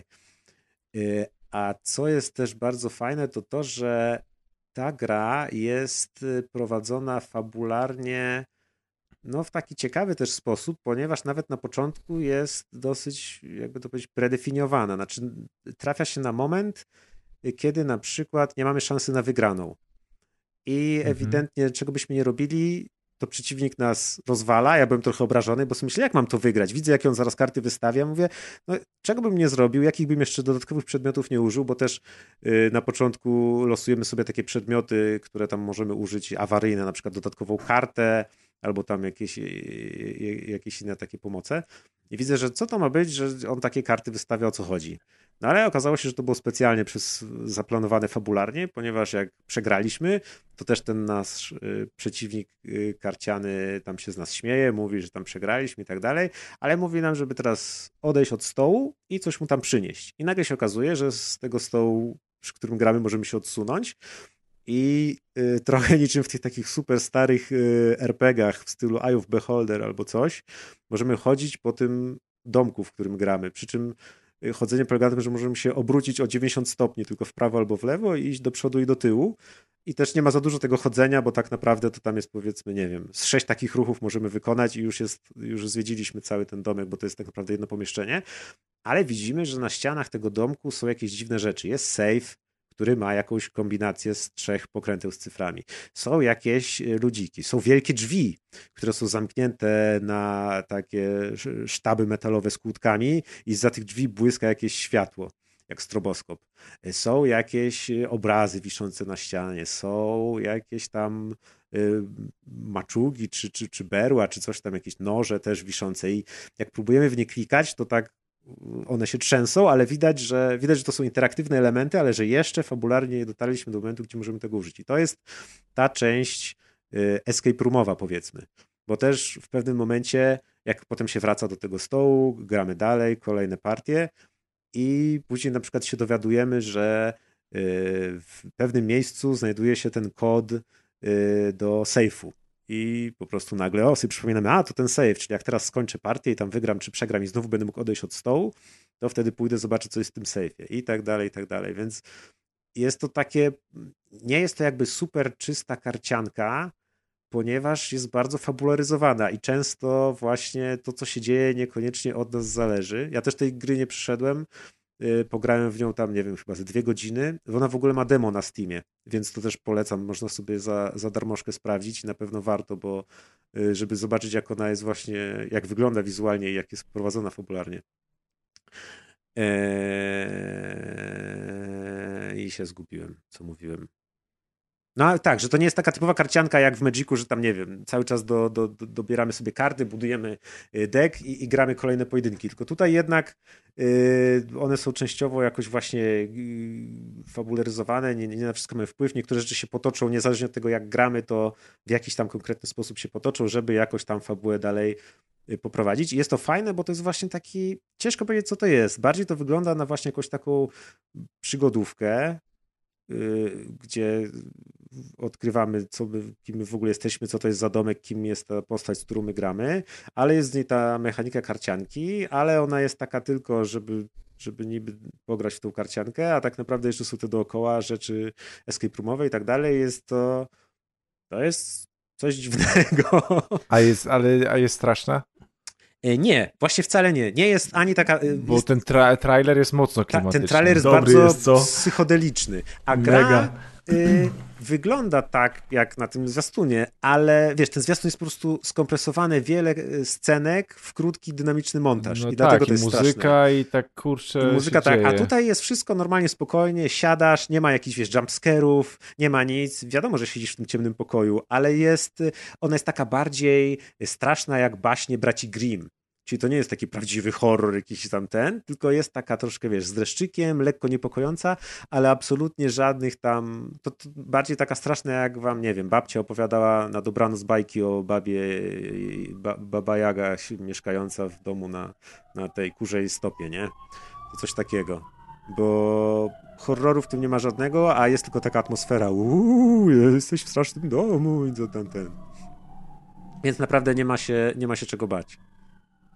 Ten Kurde, zwiastun to- było wiele straszniejszy. To ja bym sobie sprawdził dla samego tego gameplayu, bo, yy, bo nie mogę sobie wy, tak jakby wyobrazić, jak to się w to gra i, i, i te kolejne rany się No, gra i bym tak. so- sobie dla tego samego No. gameplayu sprawdził, bo Gra jest wygląda- super taka responsywna, ma wszystkie te takie dźwięki wykładania kart, y, czy tam, ja akurat grałem na myszce, nawet nie wiem, czy ona ma też, chyba też tu nie widzę, żeby był wsparcie kontrolera, ale na przykład na myszce jest bardzo fajnie zrobiona, bo kółkiem regulujesz jakby to, jak głęboko w stół zaglądasz. Czyli na Mhm. przykład jak dasz kółko do... Najpierw masz widok swoich kart w ręku, potem masz swoich kart na stole, potem masz karty przeciwnika, a na przykład jak w ogóle się wycofasz, to wstajesz od tego stołu, nie? I wtedy tam strzałkami chodzisz. I to wszystko jest bardzo fajnie, responsywnie zrobione. y, Jakby te karty są czytelne, bardzo wszystko się fajnie animuje, bo to tak trochę pływa. Y, Jest, jest, jest fajnie udźwiękowiona, jest ten klimat, naprawdę jest taki unikalny klimat, właśnie taki, nie wiem, y, czy to jest taki amerykański gotyk, czy, czy coś, jaki to jest taki rodzaj horroru, trochę właśnie taki ala Baba Yaga, y, trochę magiczny, ten, ten, ten, ten, wszystko jest tak fajnie animowane, takie właśnie trochę bajkowe, niby przerażające, ale takie w takim dzie- dziecięcym znaczeniu przerażającego. Więc Mhm. tu na pewno, no też wydaje mi się, że mogę powiedzieć, chociaż jest to gra dziwna, bo to właśnie nie jest y, e, typowy przedstawiciel żadnego z gatunków, z których ona się składa, nie? Taki ale też- indyk jak ma być indyk. Ale nie? Coś- dokładnie, coś- ale też dlatego jest fajna, bo wygląda właśnie na taki kompletny eksperyment, gdzie ktoś miał jakiś pomysł i, i się okazuje, że to działa. Połączenie tego wszystkiego działa, przy czym nie można właśnie tej gry zakwalifikować, że to jest konkretnie karcianka albo konkretnie tam jakaś łamigłówka czy coś, tylko takie fajne, dziwne połączenie wszystkiego. No ja też jestem przekonany do tego demka i chętnie je sprawdzę po twoim omówieniu. No, polecam. Tak, I każdy, kto słucha, też musi sprawdzić. Musi, koniecznie, Jak tak nie macie powiedział pan peceta, no Maciek. to kupcie peceta, co to za problem. Jak pan Maciek powiedział? Tak pan Maciek powiedział. Dokładnie. Sprawa jest prosta, nie widzę problemu, naprawdę. Tak pan Maciek powiedział. No to wychodzi na to, że z pięciu gier, y, o których dzisiaj rozmawialiśmy, aż trzy są warte polecenia i to nawet bardzo. Mm. A dwie pozostałe, jednej nie polecamy wcale, no a ta ostatnia jest dyskusyjna powiedzmy. To, to tylko jeszcze słuchacze lubią, jak mówimy o cenach, bo nie muszą sprawdzać, czyli Inscription, czyli PC yy, na Gogu lub na Steamie 80 zł. Devolver wydaje. I tak jak yy, widzę teraz w komentarzu na Steamie, użytkownik, użytkownik prekursor Lucek, i to nie jest mój pies, To napisał, jego prekursor. tak, to jest prekursor mojego psa, napisał 23 października ocena pozytywna, poleca i komentarz brzmi Cox Giera polecam. Cox Giera polecam. No Inscription ma 16 tysięcy przytłaczająco pozytywnych recenzji. Dobra, ale mnie nam. No i teraz mnie kurde, dobra. No nie, no to jest to. Dobra, to przed snem se- jeszcze se demko trzeba odpalić Nie, no koniecznie. sobie, sobie, sobie kliknę. Maciuś, czy wszystkie filmy z dzisiejszej twojej rozpiski w kulturce są science fiction? Nie, nie, nie. A który nie jest? Yy, No, Copshop nie jest. Yy, Cholera.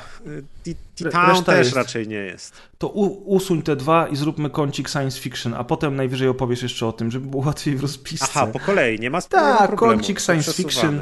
Ustawimy sobie, że To kącik science fiction tu. się zaczyna, ja zacznę pisać rozpiskę, ty przes, przesuń rozpiskę. tu. 02. To już jest taki spoiler, że mamy więcej niż, wiesz, jedną rzecz. Tak, tak jest. 0216 i powiedz kiedy, znaczy inaczej. Kiedy? To nie wiem. Kiedy? Co? Mm, to, to ci powiem. Już.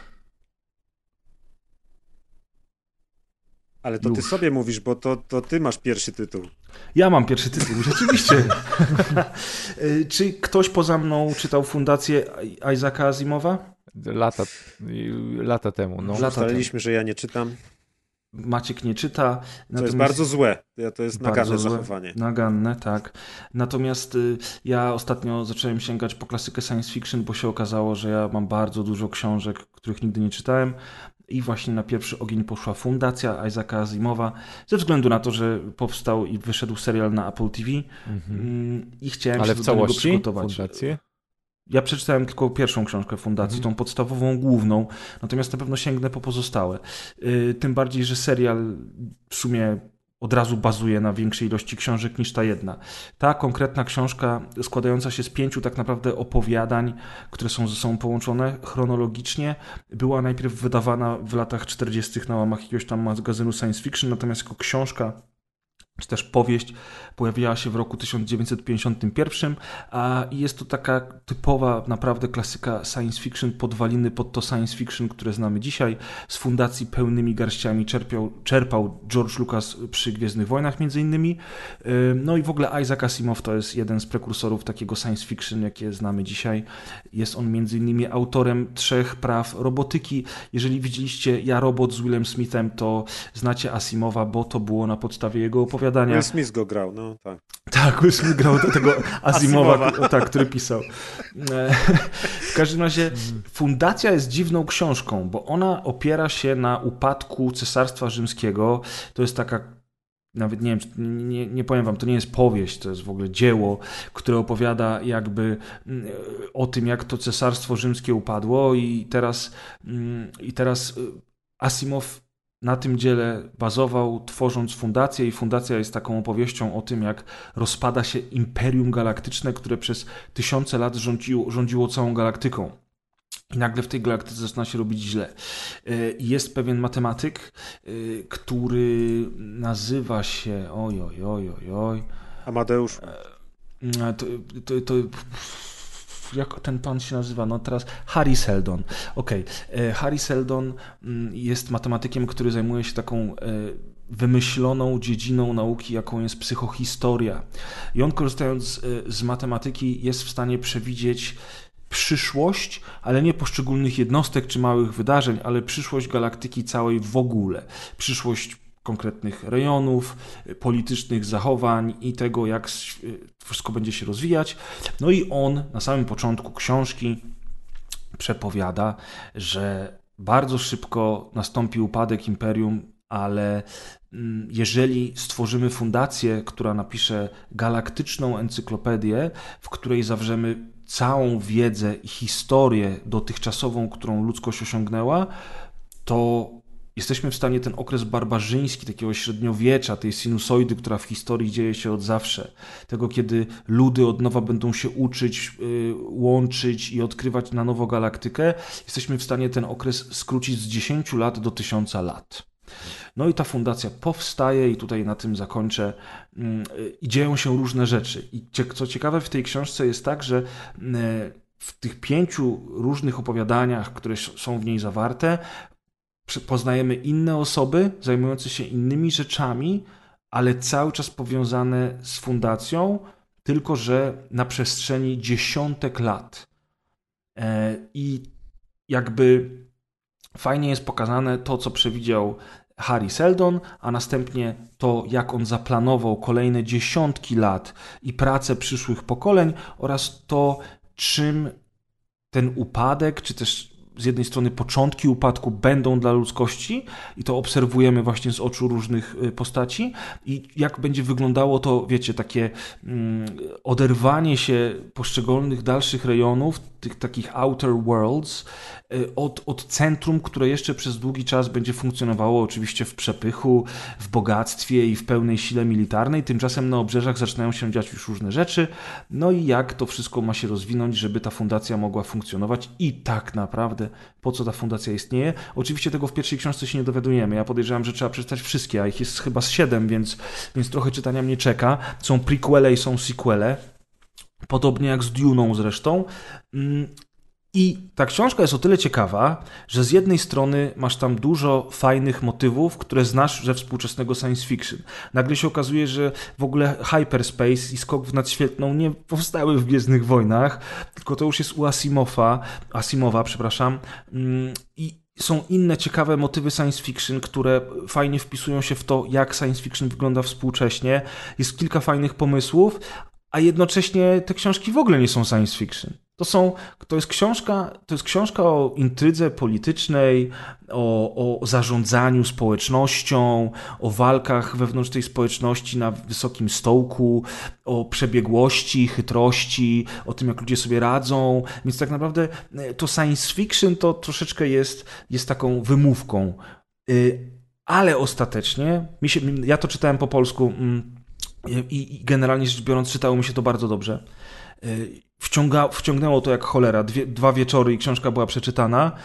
Natomiast patrząc tylko na tą jedną książkę, na podstawową pierwszą fundację, która została wydana w 1951 roku, to ja w sumie nie wiem, po co ta książka jest i dla kogo ona jest. Już ty mówisz, że czytałeś bardzo dawno temu, więc pewnie nie pamiętasz. Mm, nie, zupełnie nie, ale nie, musiałbym sobie odświeżyć, bo nawet, nawet jak te rzeczy mówisz, to powiem ci, że mi tak świtają, tak jakbyś mi to kompletnie odświeżał, nie?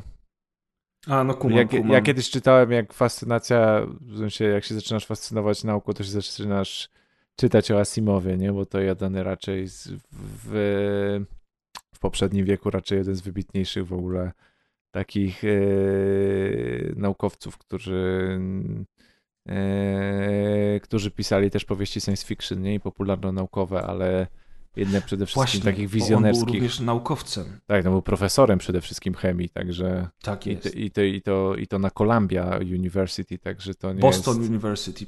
Boston University. Boston? A, tak. dobra.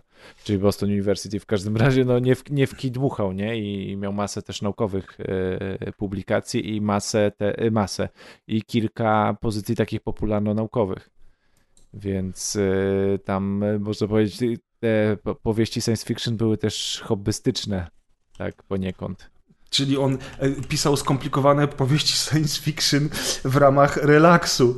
To, to piękne, to mi się podoba, bo, no bo to, one są dosyć skomplikowane tak naprawdę. Ta, ta jedna książka, którą ja czytałem, jakby, okej, okay, ja rozumiem, że ona się opiera o ten Fall of the Western Roman Empire, tak się nazywała tam, tam, tam, ta, tam ta rzecz e, historyczna, czyli upadek zachodniego cesarstwa rzymskiego, mm, czy tam Imperium Rzymskiego też, jak zwał, tak zwał. Natomiast faktycznie, żeby coś takiego napisać, to też trzeba mieć łeb, łeb jak sklep. No i, i, i, i to tym bardziej, jak on był profesorem i zajmował się rzeczywiście nauką, a nie tylko wymyślał historyjki, no to wiele nam tłumaczy, prawda? Serialu nie oglądaliście.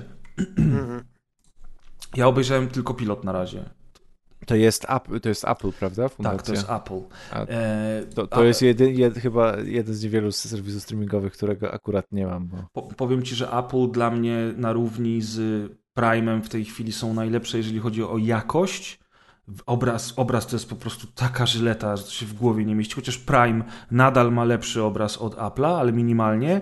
Natomiast to też jest jakby, jeżeli chodzi o budżet produkcji, e, to też jest naprawdę wysoka półka. Oni mieli e, fajny serial For All Mankind o tej alternatywnej historii lądowania na Księżycu i tego, jak rozwinęły się, rozwinął się kosmiczny wyścig między USA a Rosją. Polecam wam ten serial. W drugim sezonie nawet gra papież Piotr Adamczyk. Taka ciekawostka. No i teraz jest, e, jest, e, jest właśnie ta fundacja, a jeszcze mają Inwazję, która niedługo będzie. To też jest serial science fiction i parę innych seriali, które są z, oczywiście z innych gatunków. Bardzo chwalony Ted Lasso, e, czy też Morning Show. To są wszystko naprawdę dobre seriale. No i ja obejrzałem jak dotąd tylko pilot fundacji, dlatego że nie miałem więcej czasu. On mi się bardzo podobał przede wszystkim wizualnie, bo jak się ogląda ten serial, to się ma wrażenie, że ogląda się jakiś wysoko, wysokobudżetowy film science fiction, który normalnie poszedłby do kin. I wizualnie jest przepiękny. Scenografia, miejscówki naprawdę dają radę. No a o reszcie ciężko mi mówić, no bo to był tylko, to był tylko yy, pilot. Jest ciekawie zagrany na pewno w ciekawy sposób podchodzi do, do, do, książek, bo pokazuje początki fundacji, ale pokazuje równocześnie to, co się dzieje później. E, I podejrzewam, że w kolejnych odcinkach będzie to się jeszcze bardziej rozwidlało, bo mamy też jeszcze to, co się działo zanim Harry Seldon założył fundację, więc już w ogóle może być miszmasz, ale jest to podane na tyle w przystępny sposób, że wydaje mi się, że ludzie, którzy książek nie czytali, e, poradzą sobie z tym. Więc, więc no, ja bym chciał polecić, ale najpierw bym jednak sugerował zacząć od tej jednej chociaż książki, bo to jest raz, że to jest kamień milowy w science fiction, a dwa, że ją się po prostu dobrze czyta. Dziękuję, rozgrywko. Proszę bardzo. U nas każdy, nawet ci, co książki czytają, to, może. To jest dział kącik ten, ko, literatury. W przyszłym, w przyszłym odcinku będziemy polecali Mistrza i Małgorzatę, także. I wiersze wybrane. O, mam wiersze Poego i Lovecrafta, mogę wam poczytać Oj, kiedyś do nie. mikrofonu. To był głupi pomysł z kącikiem wierszy. Dobra, słuchajcie, kto czytał Dune? No nie wierzę. Naprawdę? Tacy kurwa znawcy, specjaliści. Dobrze, to ja zacznę wypowiedź o filmie potem, czy tam też Maciek powie o filmie, bo Deusz nie miał czasu na pewno iść do kina. Ja moją jedyną wizytę do kina ograniczyłem do innego science fiction, mojego ukochanego, czyli do Jamesa Bonda nowego, także... O, to fajnie, to możesz nam potem opowiedzieć, jak chcesz, jak skończymy kącik science fiction. Za trzy no więc, godziny.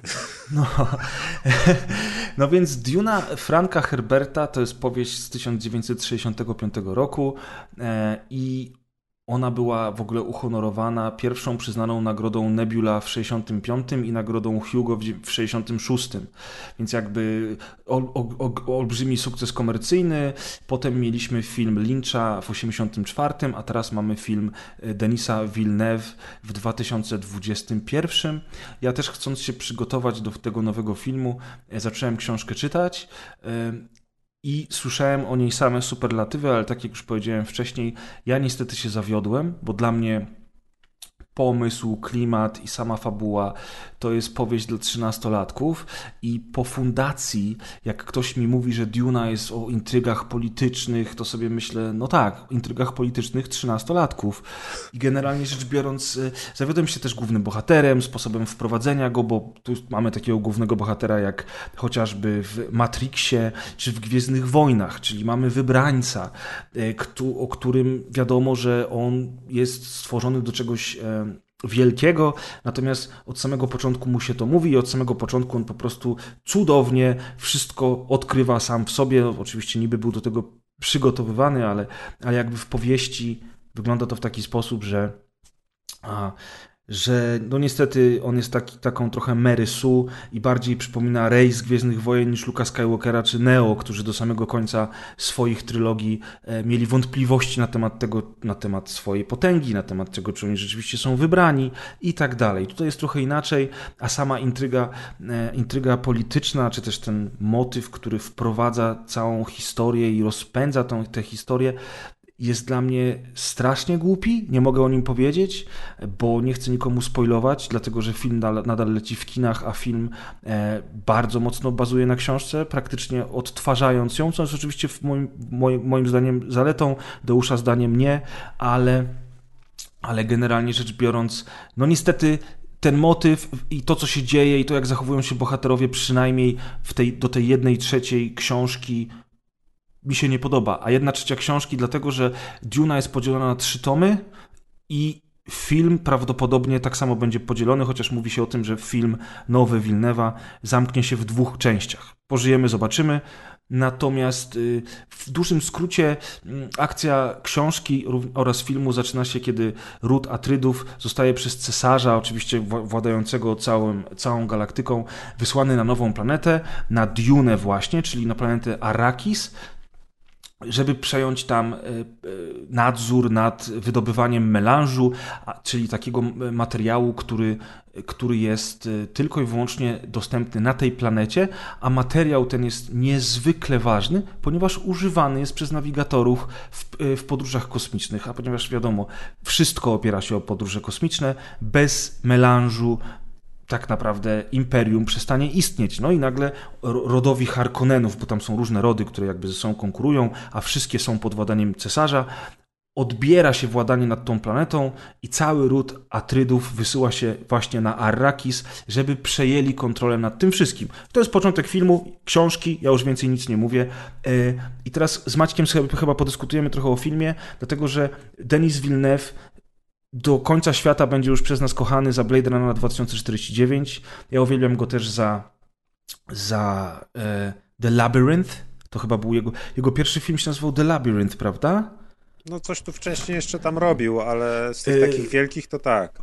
Znaczy, to... to... był tytuł oryginalny Prisoners, a po polsku to było Labirynt. Oho, tak, tak było. Prisoners i polska, polska wersja Labirynt, czyli, czyli taki kryminał z, z Hugh Jackmanem i z Jake'iem Gyllenhaalem. Bardzo, bardzo dobry. Robił też Sicario, też bardzo dobre. Zresztą rozmawialiśmy o tym z Maćkiem Właśnie ostatnio. niedawno się zachwycaliśmy, że czego się Villeneuve nie tak. dotknie, to jest dobre. Chociaż ja jestem średnim fanem e, tego filmu Arrival, e, chociaż wizualnie jest bardzo dobry, bo u niego jego wszystkie filmy wizualnie zawsze są bardzo dobre, ale fabularnie to już mam tam swoje, swoje zastrzeżenia, nieistotne. Faktycznie pan zrobił trochę więcej filmów przed Labiryntem również. Natomiast ten Blade Runner to 2049 to był film, y, który y, rozkochał nas w sobie i uwielbiamy go. Więc nie tylko my zresztą. Więc bardzo dużo ludzi czekało na Dune. Tym bardziej, że trailery zapowiadały epicką przygodę, a wizualnie i scenografia i ujęcia no, sugerowały że będzie to coś niesamowitego. I Maćku, jak tobie się oglądało? Jak ty widzisz ten świat, te wizualia, scenografię? Ja dzisiaj jestem świeżo po Dune, bo oglądałem ją jakieś 6 godzin temu. I muszę przyznać, że jestem trochę zawiedziony. Yy, nawet w sumie nie wiem czemu, ale jakby no, nie da się porównywać tych dwóch filmów oczywiście, czyli Dune i Blade Runnera ale też po Wilnewie, trochę po Arrival y, spodziewałem się, no i tu po zwiastunie tej Duny, jednak właśnie takiej, takiej epickości, tej niesamowitej skali, tych y, głośnych dźwięków z głośników. I niby to wszystko w tej Dunie było, ale tak naprawdę dla mnie ona była strasznie rozciągnięta y, i jakby... I były napisy, trzeba było czytać. To też, to jest koszmar. Ale jakby w żadnym, może tak powiem właśnie, że w żadnym momencie ona mnie nie chwyciła za serce, w żadnym momencie mi nie stanęły włosy dęba na karku, w żadnym momencie się nie przejąłem żadną postacią. Jakby nie, kompletnie mnie to nie chwyciło i jakby może właśnie dlatego tak się zawiodłem, że niby w tym filmie była ta epickość, były te, te świetne wizualia, czy y, stroje, przywiązanie do detalu, spójność taka wizualna, spójność tego świata, to wszystko było bardzo wiarygodne. E, I do, do, nawet do, do aktorów nie mogę się przyczepić y, i tak dalej, a jednak nie, nie, nie porwało mnie to zupełnie. W żadnym momencie nie miałem tak, jak chociażby właśnie w Blade Runnerze, gdzie w Blade Runnerze wiele razy poczułem po prostu szpilę w serducho i zachwycałem się, czy to jakimiś momentami tam w, w filmie fabularnymi, czy nawet ujęciami.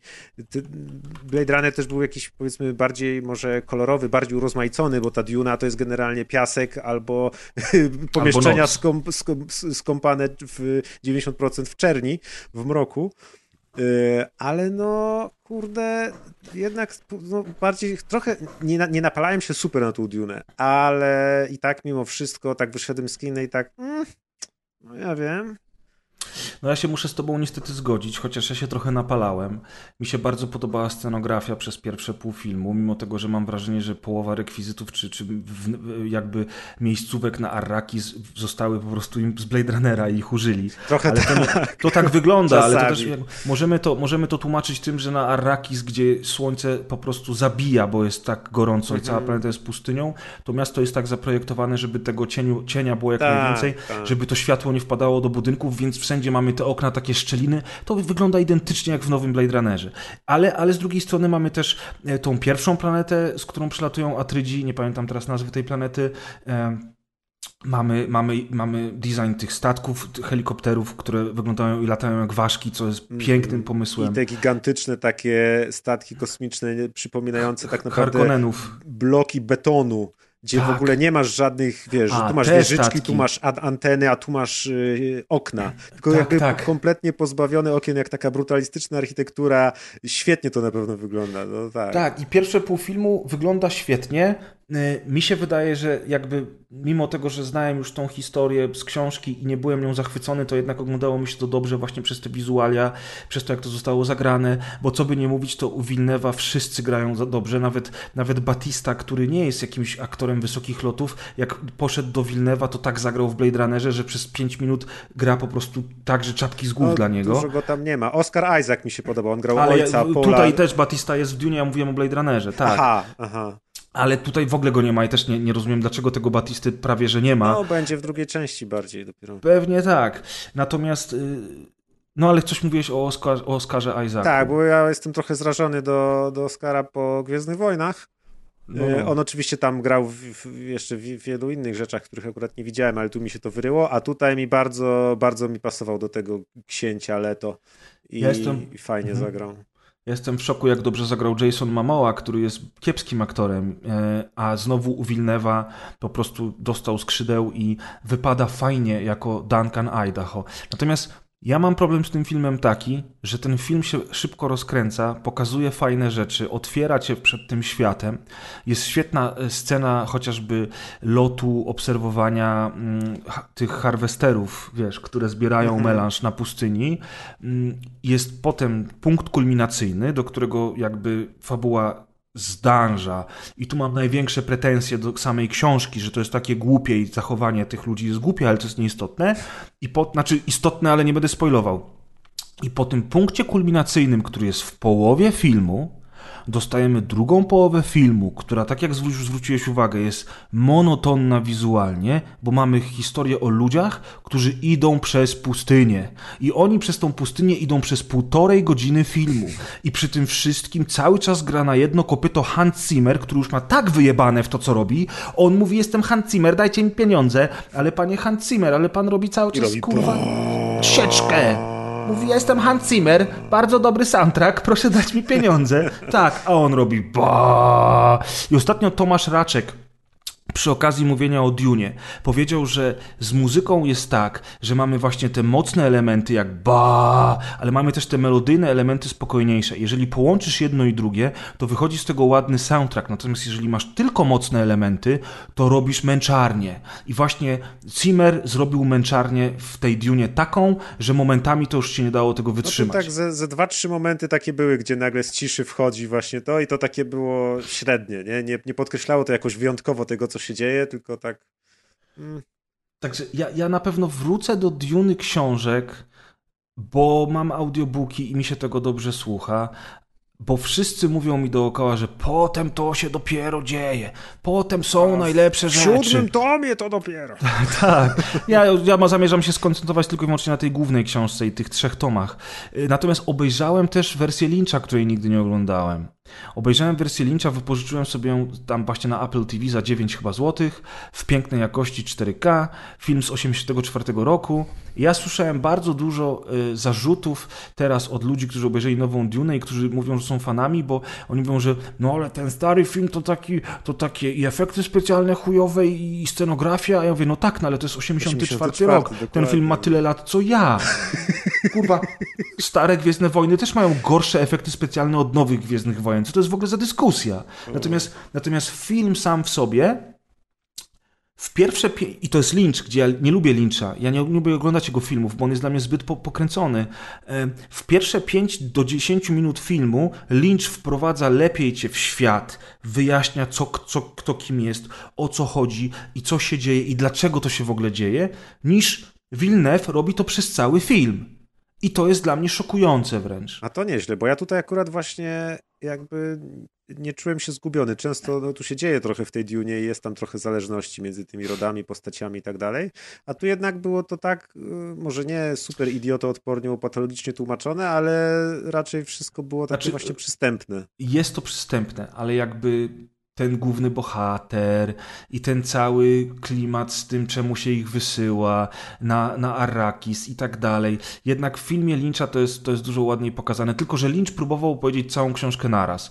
Nie do końca mu to wyszło, A Villeneuve zamierza, tak jak wiemy, zrobić przynajmniej dwie części, jeśli nie trzy. I podejrzewam, że te rzeczy, których dowiadujemy się u Lyncha na samym początku, mogą się później w książkach, w filmach Villeneuve'a kolejnych pojawić, e, ale nie muszą. No, zobaczymy, teraz już nie ma co spekulować. Natomiast faktycznie, tak samo jak ty, jestem nieco zawiedziony e, nową Duną, a wręcz te, nawet znudzony jej drugą połową. I naprawdę nie rozumiem, jak można było tak napisać ten film, żeby punkt kulminacyjny był w jego środku. Bo to, co się dzieje przez drugie pół filmu, można było spokojnie pokazać w pół godziny, no, zamiast w półtorej tak, godziny. Trochę coś nie? w tym jest, no.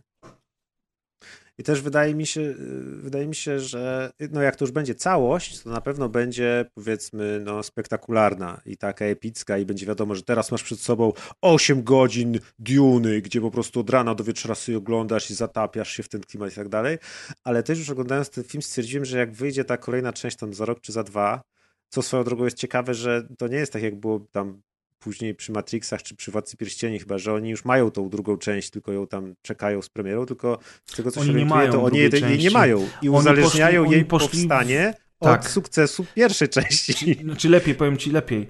E, oni teraz na dniach y, podpisali już kontrakt na drugą część, tylko że to było wszystko ściemą. Oni ani w trailerach, ani na plakatach nie powiedzieli najważniejszego, co pojawia się w pierwszym ekranie że filmu. To jest part one. Duna part one. I teraz sobie myślisz, aha, no dobra, pierwsza część spoko, ale będą kolejne. A potem wychodzisz z kina i się okazuje, że oni nie wiedzą, czy będą kolejne, bo oni stwierdzili, że jak ten się dobrze sprzeda, to oni zaczną robić kolejny. I teraz ogłosili, że kolejny będzie w 2023 roku. Więc zakładam, że część rzeczy już mają. Natomiast jak oni, jak oni to połączą z kontraktami tych aktorów? Przecież w tym filmie gra masa znanych nazwisk, która na pewno jest zapracowana i ma kontrakty. Może próbowali jakieś z nimi podpisać wcześniej jakieś pre-umowy, czy chuj wie co, nie wiem, nie znam się na tym. Natomiast sam zabieg pod tytułem Ej, tak naprawdę to chcemy zrobić trylogię albo coś, ale wam o tym nie powiemy, nazwijmy ten film Duna i potem zobaczymy, co będzie dalej, jest trochę słabym rozwiązaniem. To trochę takim Kickstarterem jakimś zalatuje, albo takimi właśnie praktykami, że... Tak. Dobrze chociaż, że mają te książki, że będą lecieli po jednej fabule, a nie, że jak będzie w Gwiezdnych Wojnach nowych, nie? Że kurwa robili wszystko ad hoc i wiesz, dobra, spontan, ludzie, to, to tylko Kto teraz Gwiezdne może zagrać? Wojny. Ty? To chodź. Dokładnie. Amcio, zasnąłeś już tam? Nie. To dobrze, bo teraz Maciek nam opowie o czym. Jeszcze, Słucha, a, słucham was, ale ten. pewnie obejrzę Dune jak w y, HBO Max trafi do no, Polski. Bo właśnie także... też to chciałem powiedzieć a propos drugiej części, że kiedy już się kończyła ta pierwsza część, ja sobie myślałem, jeśli ja mam za tam za rok czy za dwa lata najwyraźniej oglądać dwójkę, to będę musiał sobie przypomnieć jedynkę. I wtedy mnie tak uderzyło, że to będzie strasznie ciężkie przypominanie sobie tego filmu, właśnie przez to, że on jest taki powolny. I żeby się przemęczyć przez to wszystko, żeby sobie przypomnieć, co się działo, to będzie trudne, bo ja lubię niektóre powolne filmy i na przykład dla mnie Drive był takim pierwszym filmem, który był z jednej strony strasznie powolny, a z drugiej strony ja uwielbiam po prostu te jego sceny i oglądać, gdzie tam oni tylko jadą samochodem albo tylko na siebie patrzą w mieszkaniu i nie rozmawiają czy coś. I to są, można zrobić powolny film, który się z fascynacją ogląda, a tu mam wrażenie, że ta Duna jest powolna, i za pierwszym razem, no to wiesz, oglądasz za pierwszym razem, więc nie wiesz, ale jakbym miał oglądać drugi raz, to ja bym mnóstwo przewijał w tym filmie po prostu. Ja myślę, że jak będę oglądał to drugi raz, a chętnie zobaczę w domu na VOD, dlatego że też mam wrażenie, że to będzie po prostu lepiej wyglądało na VOD, na dużym telewizorze z HDR-em i w 4K, niż to wyglądało w kinie, gdzie myśmy jeszcze byli na Sansie, który był trochę, no ciemny był. Nie wiem, czy coś było, wiesz, od dwóch lat kina nie bardzo mają pieniądze, ani możliwości na to, żeby udoskonalać ten sprzęt. I na przykład jak poleciał trailer Matrix Matrixa czwartego przed filmem, to wyglądał nie dość, że dużo lepiej niż wszystkie trailery przed nim, to wyglądał też lepiej niż ten film, który po nim puścili. I miałem takie, kurde, no trochę bym chciał jednak lepszą jakość. I na pewno chętnie obejrzę ten film jeszcze raz na VOD, ale tylko pierwszego pół. Drugiej połowy nie zamierzam w ogóle oglądać, bo druga połowa naprawdę jest mega kiepska i strasznie nudna. Hmm tak, nie, za, nie, nie, tego się spodziewaliśmy chyba. Ale z drugiej no, strony, niestety. znaczy z trzeciej albo z piątej nawet strony, zastanawiam się, czy to, czy to też nie jest przez to, że jakby wiemy o czym jest Duna. Nawet Pirazy oko, każdy, no może nie każdy, ale no, ludzie kojarzą, nie, o co chodzi. Arrakis, przyprawa, biją się, coś tam. I że przez to, że to jest historia, którą znasz trochę jak jakiś remaster, nie? To też oglądasz to tak, że o, zobaczymy jaki wizualia, bo wiem o czym jest film. Nie zaskoczy mnie, że teraz będzie, wiesz, wsać rękę do pudełka, a tutaj No, no. nagle są robaki w ziemi, bo to wiadomo, nie? Dune. Robaki w ziemi. No właśnie, każdy wie, co jest Maciek Dune, poszedł na ryby. Robaki w ziemi. Ja nie wiem, czy ja byłem na dobrym filmie. No ale to samo mógłbyś powiedzieć, wiesz, o tym jak wychodzi, nie wiem, jakiś nowy Robin Hood kolejny raz, albo... No, ale Robin Hooda można opowiedzieć inaczej. Chyba, że ktoś jest wierny na przykład, ale też, no nie wiem, Robin Hood y, tego, y, Ridleya Ale Scotta. nie poszedłeś, ja to też nie lubię. wiedziałeś, jak będzie Duna opowiedziana. Czy nie? Czy wiedziałeś? No, nie wiem, no. No nie No, wiedziałeś. kurde, nie wiem, no ale jakoś tak nic mnie nie zaskoczyło, nie? Nie wiem. N- No, A z drugiej strony wszystko by zmienił, to by ludzie krzyczeli, co to ma być? Ingerencja w ten materiał pierwotny, nie? Fajnie, że, znaczy, fajnie, że on poszedł, y, poszedł tak jak książka i że trzymał się tego oryginału w miarę możliwości, mimo tego, że część rzeczy usunął, część rzeczy nie pokazał, bo na przykład nie pokazał kilku ważnych rzeczy bardziej, które można było na początku pokazać, a potem skupił się na tej wędrówce przez pustynię, która trwała, trwała i trwała, a tam w ogóle tego nie trzeba było pokazywać. I naprawdę nie rozumiem tej decyzji, naprawdę. No ale zobaczymy. Po- Podpisali, zarobili kupę kasy, bo oni chyba zarobili 300 milionów dolarów, co y, w dzisiejszych czasach jest pięknym wynikiem, tak? Kiedy, kiedy te kina są co chwilę zamykane i mniej ludzi chodzi niż kiedyś, chociaż akurat jak ja byłem na Dunie w kinie, to byłem przerażony, bo była cała pełna sala ludzi. Nikt poza naszym rzędem nie miał masek, a na dole, y, jak chciałeś iść po kole, to się po prostu nie dało, bo przez trzy godziny filmu były takie kolejki do popcornu i coli, gdzie oczywiście też sprzedają teraz bilety, y, że nie Nikt było filmu nie oglądał. Nie, nie, nie, nie, wiesz, ludzie wchodzili na kolejne sanse, rozumiesz? Aha. I przychodzili w- i stali w tych kolejkach, żeby kupić bilet, żeby kupić ki, ki, ki, kole, żeby kupić popcorn. I uwierzcie mi, że przez trzy godziny filmu wyszedłem z sansu trzykrotnie, no bo był taki nudny, zwłaszcza w tej drugiej połowie. I trzykrotnie zobaczyłem kolejkę, która zaczynała się przy wejściu, a kończyła się dopiero przy kasach i stwierdziłem, że w ogóle wow, nie? Pandemii już nie ma, kurwa, masek nie trzeba nosić, wszystko jest w porządku. E, Wszyscy na siebie jakby- kichają, a, w ogóle liżą wiesz, teraz, klamki. a, a dzisiaj 15 tysięcy cyk, kurwa, ciekawe czemu. Ale ten. kurwa, jak to się kurwa stało, nie? Wiesz. No, ale, ale faktycznie teraz dopiero te, te kina przyspieszyły, teraz dopiero ludzie chodzą do tych kin, wcześniej nie chodzili, więc jakby faktycznie ten wynik Duny jest dosyć imponujący i dlatego oni dostali zielone światło na drugą część. No i tyle. W sumie dobrze, głupio by było, jakby tylko jedną zrobił. To by chyba No. było gorzej nawet. Mielibyśmy jeden nudny film. A tak, będziemy mieli dwa, może albo i trzy. nawet trzy. I nie będzie nowego Blade Runnera, chociaż on mówi, że on chciałby zrobić trzeciego Blade Runnera i pod, podobno jest bardzo zainteresowany w ogóle tym, żeby go zrobić, ale raczej będzie robił Dune, bo nie wiem, czy pamiętacie, że nowy Blade Runner, tak samo jak stary Blade Runner, okazał się kompletną klapą finansową Tak do tego stopnia, że Villeneuve mówił teraz niedawno w wywiadach, że on myślał, że po tym Blade Runnerze on już, jego kariera w Hollywood Mhm. jest skończona, co jest smutne i przerażające zdeczka, no ale cóż. No, na Dune się odbije. Jop. Dobra, ale cieszę się, że tak dużo rzeczy obejrzeliśmy, bo trzy godziny przekroczymy. A to my nagrywamy-. To my nagrywamy ten podcast, żeby był jak najdłuższy, czy jak Tak. najciekawszy, bo Nie, tylko długość się liczy. Może być O. nieciekawy, byle byłby długi.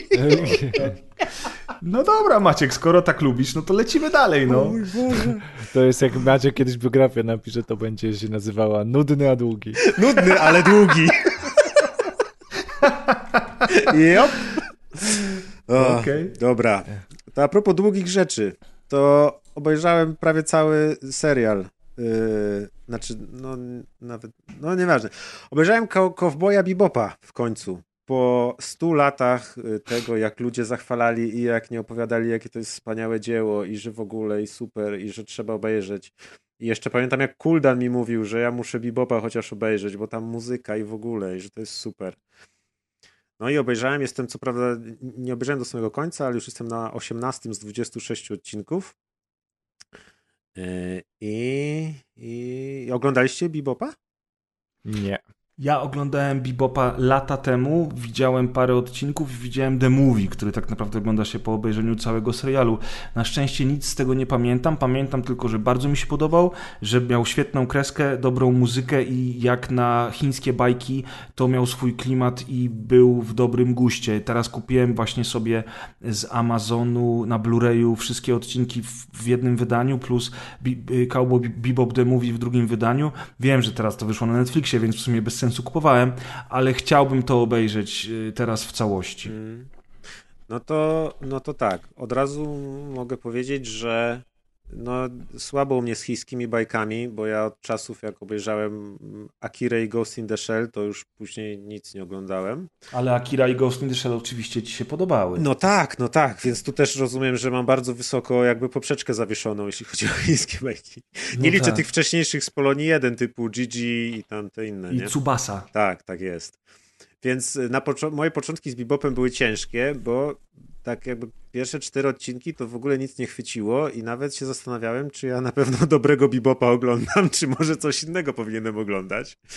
Yy, ale na szczęście yy, przecierpiałem te cztery odcinki, później się trochę zaczęło lepiej i wydaje mi się, że to nie są moje wyobrażenia, tylko rzeczywiście mm, oni z czasem może zyskali trochę budżetu albo coś, bo wydaje mi się, że i nagle jakby te ujęcia zaczęły być takie ciekawsze i jakaś tam akcja bardziej dynamiczna się pojawiła i te wizualia trochę się poprawiły. No ale gdzieś tak koło ósmego odcinka wydaje mi się, że już załapałem o co z tym całym bebopem chodzi i podłapałem ten klimat unikalny, bo klimat rzeczywiście jest całkiem niezły. Mm, tutaj ta kreska to jest serial z 98 roku bodajże, więc to jest jeszcze ta taka oldschoolowa, fajna kreska animowana, nie komputerowo te tła są fajnie ręcznie malowane, jakieś tam akwarelki czy coś, więc to się też przyjemnie ogląda. E, no i ta muzyka jest rzeczywiście bardzo dziwna, bo to jest, jest tam mnóstwo takiego jazzu, trochę jakiegoś takiego funku czy, czy coś. Bardzo to jest dziwne, kompletnie jakby nie pasujące do takiego science fiction, które opowiada generalnie historię kosmicznych łowców y, nagród, którzy w swoim statku latająco pływającym odwiedzają różne tam planety, systemy i, i, i gonią za y, tymi bountiesami.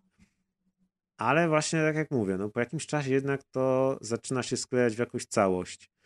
Y, troszkę nie byłem pewien, jaka będzie cała formuła tego serialu, bo myślałem jednak, że to jest taki serial, mm, który opowiada jakąś jedną długą historię na przestrzeni tych wszystkich odcinków, a okazuje się, że to jest y, taki właśnie też w starym stylu, jak te wszystkie MacGyvery czy drużyny A, że każdy odcinek opowiada oddzielną historię. Y, I co ciekawe, te odcinki trwają tylko 25 minut, ale byłem pod wrażeniem, już później jak się wciągnąłem, w jaki sposób oni w te 25 minut potrafią wcisnąć y, tyle jakby tej historii, na tyle mnie zainteresować i wciągnąć i bardzo szybko zbudować y, jakieś tam tło fabularne i bardzo szybko opisać postacie i mnie zaangażować w to, że tak naprawdę teraz kojarzę, że te odcinki, każdy jest jakąś charakterystyczną historią, bardzo często nawet z jakimś tam takim y, ala mrugnięcie okiem y, jakimś tym, jak to powiedzieć, y, no, że na, naukę ci zostawia na życie, albo opisuje jakiś przykład taki. Jeden jest szalony odcinek, który, którego na końcu wnioskiem jest to, żeby nie zostawiać starego jedzenia w lodówce, bo może z tego, mogą z tego ogromne problemy wyniknąć. Y, więc tutaj rzeczywiście jakby robota tych y, scenarzystów, osób piszących dialogi, to jest naprawdę y, porządna robota, dobrze zrobiona, bo y, właśnie tak i teraz jak sobie przypomnę, ile jakby postaci, ile jakichś konfliktów, problemów, czy, czy, czy, czy jakichś właśnie uczuć związanego, związanych z tym, jakie są były spięcia między postaciami, czy jakie relacje są między postaciami, jak to wszystko może być upchane w takie krótkie odcinki, a też jednocześnie nie masz wrażenia, że, że właśnie to jest szybko, szybko tutaj ilość danych musisz yy, bardzo szybko przyswoić, tu się dzieje to, tu tamto, tu tamto i że się gubisz. Tylko to jest w jakiś taki naturalny sposób. Każdy odcinek nagle jak odpalasz, to już po dwóch minutach Y, jesteś w tej przygodzie wciągnięty i wiesz, że oni teraz lecą coś tam załatwić, a tu jest jakaś postać, a już wiesz, że ona jest związana z czymś tam, coś tam, jest to mm, naprawdę tyle wciągające, że no łykałem je po prostu jeden po drugim te odcinki. Y, trochę mi się to skojarzyło z Mandalorianem, y, bo on też dużo, wielu osobom się to nie podobało, w jaką właśnie formułę miał ten serial, a mi się to bardzo podobało, że on był właśnie w takim starym stylu i że ten Mando też, y, tam co prawda odcinki były dwa razy dłuższe, prawie godzinne, ale on też w każdym odcinku był w jakiejś, jakaś kompletnie inna przygoda, zupełnie w innych klimatach niż, niż w poprzednim była. To, to, to akurat mi się podoba, to jest bardzo fajne. To jest coś, do czego na pewno będzie łatwiej właśnie wracać, żeby sobie wyrywkowo obejrzeć losowo którykolwiek odcinek i, i nie ma problemu z tym, że wiesz, nie wiesz jaka jest tam ciągłość, bo w tej ciągłości tak naprawdę jest tylko to, że dochodzą tam dwie, trzy nowe postacie do naszej powiedzmy drużyny, yy, i, i, I, tyle. I, I, jest tam jeszcze jakiś tam motyw, powiedzmy, jakiegoś głównego złego, czy jednej ze złych postaci, która się tam przywija, ale to jest yy, na tyle mniej ważne, że, że właśnie nie, nie, nie przeszkadza to w jakimś tam wyrywkowym oglądaniu tego. Y, I ten klimat też jest rzeczywiście ciekawy, dosyć niespotykany właśnie takiego science fiction jazzowego. Troszkę mimo wszystko ta muzyka jazzowa, mi oczywiście jazz i science fiction to wiadomo, że się właśnie kojarzy z Blade Runnerem. I tutaj czasami miałem podobne wrażenia, szczególnie kiedy były na przykład sceny w nocy, przy bardzo wolno pruszącym śniegu, kiedy te płatki tak powoli lecą, jest długie ujęcie na jakiegoś bohatera, na jego twarz i leci ten jazz i wtedy ja myślę, no Blade Runner, wiem, oglądałem. Ale tak naprawdę ten świat jest kompletnie nie Blade Runnerowy, jest właśnie to, to nie jest ten high-tech low life i dystopia i deszcz i ten, tylko tu jest i słońce i morze i statki wycieczkowe, jakieś tam inne rzeczy i miasteczka i kolonie jakieś i ten, jest y, jest rzeczywiście unikalny. To jest coś, co, co, co się rzadko spotyka, więc ja nawet nie, mia nie, nie miałem do czego odnieść tego Cowboya Bebopa i a propos tego, że teraz powstaje, chyba nawet już w tym miesiącu ma wyjść ta Netflixowa adaptacja, taka aktorska, tak. To oglądając tego Bebopa, to było też pierwsze anime, czy nawet w ogóle jakikolwiek animowany film, który widziałem od, pff, nie wiem, 10-15 lat. Y, Poza hentajcami, co? No, wiadomo, nie? Y, to zdałem sobie sprawę, że jest to taka forma sztuki absolutnie nieprzekładalna jakby na aktorskie kino, bo to, co jest zupełnie akceptowalne w takim anime i jest tu nawet taka jedna postać, która jest y, ala taką powiedzmy y, comic relief, y, mała, krzykliwa japońska dziewczynka, która cały czas robi głupie miny i no wiecie, zachowuje się kompletnie nie, nie, nierealistycznie to tutaj była wyjątkowo nieirytująca, na szczęście, jak już zobaczyłem, że, że on będzie taka postać, myślałem, o Jezus, to będzie straszne, ale okazało się, że wcale nie, bo jest w dosyć krótkich dawkach i nawet jest jakoś tak, nie wiem, sprytnie może zrobiona, żeby właśnie nie była irytująca, ale takie motywy są kompletnie nieprzekładalne na y, filmowe rzeczy. Myślę, że najbliżej czemuś takiemu zbliżył się Scott Pilgrim, który był filmem z aktorami, ale był mega komiksowy w takiej właśnie formie, czy, czy zachowania postaci, czy nagłych zmian kadrów, jakichś takich niesamowitych przejść i tak dalej. Ale tutaj oglądając Cowboya Bebopa, jak już właśnie się wciągnąłem i spodobała mi się cała ta stylistyka i, i, i powiedziałem, ok, kupuję to, rozumiem o co chodzi z tym bebopem całym, to teraz zupełnie nie widzę tego przełożenia, możliwości przełożenia tego na wersję aktorską. I obejrzałem sobie nawet dzisiaj przed podcastem zwiastun ten Netflixowy i to jest jakby to ciężko coś porównać, nie? To trochę tak, jakby ci ktoś kazał namalować muzykę, nie? To jest nie, nie, nie, nieprzekładalne. Będzie to trochę podobne i wiesz, że zobaczysz to tych aktorów i okej, okay, ten ma udawać tego, ten ma udawać tego, udawać tego, ale to jest zupełnie nie ten klimat. Więc tutaj mm, akurat nawet nie wiem, czy po tym jak sobie dokończę już to anime, to czy będę sięgać po takiego, na tą Netflixową wersję, bo dla mnie ona jest jakby czymś zupełnie innym, nie, nie tym samym. No. no, a widzisz, a dużo ludzi chwaliło, chociażby za to, że muzyka jest idealnie odwzorowana względem tego, co no jest No tak, to jest, bo to można przełożyć jeden do jednego, nie? Ale wiesz, ale że te kadry, takie przejścia, że w tych trailerach, że, że, że scenografia i ich ubiór i No ale to, to wszystko masz w anime, nie? To jakby... No tak, Znowu... no więc jakby... A, a przez to, że to jest aktorskie, to tak naprawdę jest gorsze, bo nie wiem, no trochę mniej twoja wyobraźnia działa, a też widzisz, że oni są tak samo ubrani, ale na przykład nie, nie, ruszają się w taki kretyński sposób, w jaki się ruszali w anime i w jakich ich pamiętasz, że ten jest, ktoś tam jest pokrzywiony, a ktoś tam jest jakiś taki ten, no to jest, no nie wiem, ciężka sprawa, ja akurat tego nie ten, No kumam. Nie, nie widzę. No, f- fani, z tego co widziałem, to fani są, e, y, że tak powiem, zadowoleni, nie? Mhm. A, no i właśnie też trochę na początku się zawiodłem, bo tak jest wszędzie wyfrany ten Cowboy Bebop i wydaje mi się, że to jednak głównie przez osoby, które go kiedyś chyba oglądały. Bo No, tak no. ogólnie jak na to popatrzę, to nie jest to jakaś taka, wiesz, rewelacja ala właśnie nadejście Chrystusa i jak Akira, przed którym się na kolana pada i że o, to jest kult i coś tam. Bo to mi się podobało, ale nie widzę w tym nic rewolucyjnego, nie? Więc możliwe po prostu, że to Mhm. jest to, że ja to oglądam w 2021, a nie w 99 na przykład. No, no, to też może być z tego względu faktycznie. No ale doceniłeś wiele rzeczy w tym serialu, więc jakby... No nie, tak, spodobał mi się. To jednak mus- musiał mnie, o widzisz, to jest ten przykład tego, gdzie musiał mnie do siebie przekonać, bo przez te pierwsze odcinki ja już byłem prawie w stanie to rzucić, ale też właśnie przez to, że nie, nie, nie przerywam w połowie, myślę, dobra, idę dalej, zobaczymy, to nie jest źle, 25 minut na odcinek, jakoś tam będzie to szło. No i się opłaciło. Pamiętaj, tylko, że po obejrzeniu serialu jest jeszcze Cowboy Bebop The Movie. Nie wiem, czy on jest na Netflixie, natomiast y, y, no ja go mam akurat na płytce, myślę, że mogę ci go To pożyczyć. czy przyjadę i obejrzę, nie? Albo otwórz zasłonki w salonie, rozchyl, ja sobie obejrzę stąd. Z chłopakami w parku. No, albo Wszyscy, cała. Polska sobie obejrzy razem z No. W każdym razie, w każdym razie, no ja właśnie do niego chcę wrócić, bo pamiętam go właśnie sprzed lat jako jeden z niewielu y, anime, które, czy tam, przepraszam, anime, dobrze mówię, jako jeden z niewielu seriali anime, które mnie zainteresowały.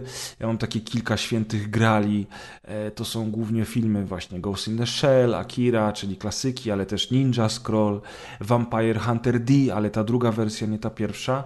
E, I to są mega, mega dobre filmy, jeżeli chodzi o anime i polecam wszystkim po prostu. Tobie Maciek też, zwłaszcza, że widziałeś tylko dwa z tych No czterech. ja troszkę chcę sobie nadrobić właśnie teraz tego anime, takiego właśnie najbardziej klasycznego, najbardziej Tak. ten... A z seriali poza. Cowboy Bebop, to jeszcze na pewno dobrze wspominam e, i to akurat obejrzałem całość i też mogę polecić, to jest Helsing. I w sumie każdy z tych filmów, seriali jest o czymś innym, ale wszystkie są godne uwagi ze względu na kreskę, klimat, na fabułę, więc na pewno, e, na pewno warto się tym zainteresować. Także jak macie ochotę na więcej, to, to sięgajcie po te tytuły. Mm. A ty po co tam jeszcze sięgnąłeś? No ja zostałem w klimacie cyberpunkowym. Już jakiś czas temu y, obejrzałem y, film Reminiscen, Reminiscen, Reminiscence. No powiedz reminiscencja. Powiedz, że po polsku, żeby wszyscy obejrzałem. zrozumieli, a nie tam, żebyś po angielsku mówił. No. Tak, i to jest y, film z Hugh Jackmanem między innymi. O, i z Rebecca Ferguson teraz widzę, czyli też z Duny. Yy, I to też zostałem przyciągnięty zwiastunem, ponieważ jest to historia w przyszłości dziejąca się w zalanym wodą Miami. Yy, I to jest yy, k- do bólu kliszowy kryminał neo-noir. Czyli mamy historię detektywa, fan fatal, gangsterów, zagadkę do rozwiązania. Bierzecie sobie dowolny film z Bogartem i przekładacie go na przyszłość y, zalaną wodą. A oglądałeś serial Westworld? Nie. A, bo to jest y, ta sama pani, która wy, y, napisała scenariusz, wyreżyserowała to, to wcześniej zrobiła Westworld, więc Aha. i, i, i chciałem zadać pomocnicze pytanie, czy widać, że to jest y, twórców Westworld, ale w To nie wiem, go nie czy, czy widać o Westworld. Słyszałem sprzeczne różne y, opinie. Jednym, jedni byli zachwyceni, inni byli niezachwyceni bardzo.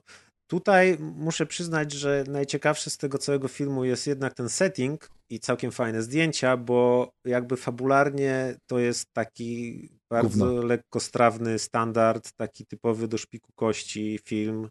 I trochę szkoda, że się nie, nie wybija ponad przeciętność, bo, bo, bo z takim settingiem i z pomysłem można by naprawdę coś fajnego stworzyć, a tak jest taki, taki 6 na 10 zwykły film.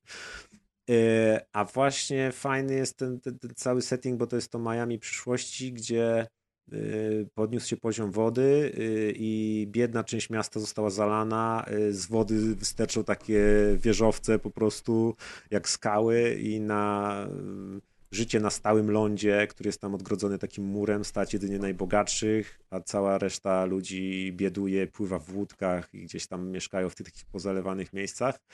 a dodatkowo ludzie prowadzą nocny tryb życia, czyli śpią za dnia, a, a, a żyją w nocy, bo w dzień jest po prostu zbyt gorąco też przez te zmiany klimatyczne. To jest akurat fajny motyw, ale on jakby w filmie jest tylko wspomniany na początku i, i potem już nie ma większego znaczenia przez resztę filmu, więc znowu, no fajny pomysł na setting, ale jakoś tak nie, nie wyciągnięty, nie wyżyłowany bardziej. I, no i w związku z tym, że to jest y, cyberpunkowa przyszłość, no to jest motyw y, takiego nurkowania we wspomnieniach, możliwości przeglądania ludzkiej pamięci na takim trójwymiarowym hologramie i tam dopatrywania się różnych szczegółów. No i właśnie tu nasz Hugh Jackman, główny bohater jako detektyw, takim czymś się po, po, posługuje. Mm, no i są właśnie świetne te, te, te widoki miasta, fajne, fajne scenografie, jakieś tam bary i tak dalej. To jest wszystko niesamowite właśnie y, jak kliszowy kryminał przeniesiony w inny setting. Dalej, dalej widzisz, że to jest cały czas ta sama historia, ale w innym opakowaniu jakby. I to jest, opakowanie jest fajne, historia jest y, zwykła, ale mimo wszystko jakby ktoś chciał, to polecam, bo no fajnie się to ogląda. Nie jest to nic super ambitnego, ale, ale przyjemne dla oka. No chodził za mną ten film, trochę chodził. Pewnie po niego sięgnę prędzej czy później. No. I to jest. Polecam. To jest koniec kącika science fiction? No, w sumie tak. A ty, Amcio, chciałbyś opowiedzieć, że im się bądzie? Yy, powiem ci, czy nie, nie wiem, czy jestem kompetentny, żeby yy, dobrze ocenić Jamesa Bonda, ponieważ jestem bondofilem więc mi się U. praktycznie każdy Bond podobał, łącznie ze znienawidzonym przez wielu Skyfallem. E, więc ten Bond aktualny również bardzo, po prostu bardzo mi się podobał. E, aczkolwiek jestem już trochę zmęczony tym, jestem już trochę zmęczony mm, tym, Życiem. że w każdym kolejnym Bondzie jest masa easter eggów do poprzednich klasycznych Bondów, czyli E, o tyle, ile że rozumiałem, że Skyfall, Skyfall miał być ostatnim filmem Craiga. 50. rocznica, zresztą to była 50. rocznica Bonda, więc wiadomo, że, że ten Skyfall był po prostu yy, nadzigany odniesieniami do poprzednich Bondów. No ale tak, tak sytuacja się rozwinęła, że jednak Craig zagrał, zagrał w następnym filmie. A jak się ten najnowszy nazywa, przypomnij nam? No Time to Die? No Time to Die. Nie czas umierać chyba po polsku, tak? Okej. Okay. Eee, I, i, i, I wyszedł ten nowy Bond, i w tym nowym Bondzie znów kolejny raz zamykamy historię Craiga. Teraz nie mamy 50. rocznicy Bonda, więc już teraz zamykamy e, sam rozdział, e, sam rozdział z Craigiem, ale jakby kolejny raz mamy bardzo mocne nawiązania do, do poprzednich Bondów i to nawet nie są easter eggi, tylko to są na przykład całe sceny w innych aranżacjach, więc i, i, i z For Your Eyes Only jest sporo i z, tylko nie chcę, nie chcę tutaj spoilerować, ale e, mamy, mamy, mamy rzeczy z e, For Your Eyes Only, mamy rzeczy z mm, no oczywiście z On Her Majesty Secret Service, tak? E, to nawet już w ścieżce dźwiękowej, jeśli ktoś samą ścieżkę dźwiękową posłucha, to zobaczysz, że, że, że, że, jest ten klasyczny utwór Louisa Armstronga e, We Have All Time in the World. E, ale nawet do tych nowszych Bondów są już są rzeczy z, z, z, z, z, tego Bonda z Piersem Brosmanem. Śmieszna nadejdzie jutro. E, oczywiście nawiązania do Doktor No, które już wcześniej się, się, się pojawiły. No i oprócz, tych, oprócz takich całych scen przeniesionych z poprzednich Bondów i całych takich motywów E, filmowych z poprzednich Bondów, to, to, to, to, to jest, też, e, jest też masa um, easter eggów, no ale cały film jest po prostu nakręcony i zrealizowany po prostu fantastycznie. To jest, to jest niewiarygodne, że, w, że, że, ten film chyba trwa, trwa 2 godziny 40 minut i po prostu ty, tam, ile tam jest scen akcji e, rozplanowanych po całym świecie i jak one są zrealizowane, to jest naprawdę, to, to, to jest czapki z głów. Tak jak Bond zawsze przez lata przez te ponad 50 lat zawsze Bondy były tym wyznacznikiem tego, jak wygląda kino akcji e, w danym okresie kina, w którym Bond wychodził, to e, to rzeczywiście, to rzeczywiście ten najnowszy Bond jest, pokazuje to, jak teraz może wyglądać, e, jak teraz może wyglądać kino akcji. To jest, to jest naprawdę naprawdę kawał dobrze spędzonego dobrze spędzonego czasu, aczkolwiek prawdopodobnie jedna z moich ostatnich wizyt w kinie przez długi czas, ponieważ powiem szczerze, że to już taki off-topic, że po pandemii to się trochę zraziłem do chodzenia e, w kinie i jak pierwszy raz byłem na Bondzie po no w sumie chyba półtorej roku albo może i dwóch, nie wiem, no chyba, chyba, chyba, chyba około, około półtorej roku pierwszy raz byłem, to mam podobne spostrzeżenia co, co ty, Pres. E, i, mhm. i, i, oprócz dziwnych zachowań ludzi, mm, to przy filmie, który trwa prawie trzy godziny, powiem szczerze, że siedzenie Eee, kolokwialnie mówiąc, dupa przy dupie obok drugiej osoby na fotelu, gdzie nie mogę wyciągnąć nóg przed siebie, bo mam przed sobą fotel, gdzie nie mogę się rozłożyć, nie mogę kliknąć pauzy i pójść siku, nie mogę pójść sobie zrobić kanapki, to, to się przyzwyczaiłem do trochę innego oglądania filmów i powiem szczerze, że komfort siedzenia w kinie jakoś mnie tak przytłoczył po półtorej roku możliwości oglądania wszystkiego na kanapie we, własnym, we własnych czterech ścianach, gdzie nikt mi nie świeci telefonem. Ale wiesz, że coraz więcej ludzi ma takie zdanie jak ty. Ja, ja co prawda dalej lubię chodzić do kina, ale tych samych powodów co ty y, na pewno teraz ograniczę to chodzenie do kina. Zresztą tak naprawdę to byłem w kinie teraz dwa razy. Bo byłem na Dune i byłem na Venom 2. Venom 2 to jest takie gówno, że naprawdę dawno nie widziałem takiego gówna, mm, ale, ale generalnie rzecz biorąc... Strasz codziennie, nie? A generalnie rzecz biorąc, to, to y, coraz więcej ludzi mówi tak jak ty i coraz więcej ludzi mówi, że przy dzisiejszych telewizorach jakości obrazu, to komfort oglądania tego w domu jest już tak Czy wysoki. jakość obrazu jest lepsza niż w kinie? Znaczy nie wiem, jaki byś Oczywiście, właśnie o to chodzi. O to chodzi, że komfort oglądania jest tak wysoki, że rzeczywiście coraz mniej chce chodzi, ludzi chce chodzić do kina, do tego pandemia, do tego właśnie ci ludzie dookoła, którzy wpieprzają te naczosy i ci chrupią, sypią tym popcornem, łażą, wiesz, dzwonią im komórki. I ja się jakby coraz bardziej z tym zgadzam, ale z, ale z drugiej strony nadal ta magia kina do mnie przemawia. Tylko, że y, ja pamiętam, że jeszcze jak byłem na studiach i czasami się zerwałem z zajęć i szedłem sobie sam do kina, to zawsze wolałem, znaczy wtedy akurat wybierałem takie godziny, bo się zerwałem z zajęć, ale ogólnie wolałem wybierać jakieś wcześniejsze godziny w ciągu dnia, kiedy jest mało ludzi albo nie ma ich wcale, bo wtedy jakby komfort oglądania jest dużo wyższy.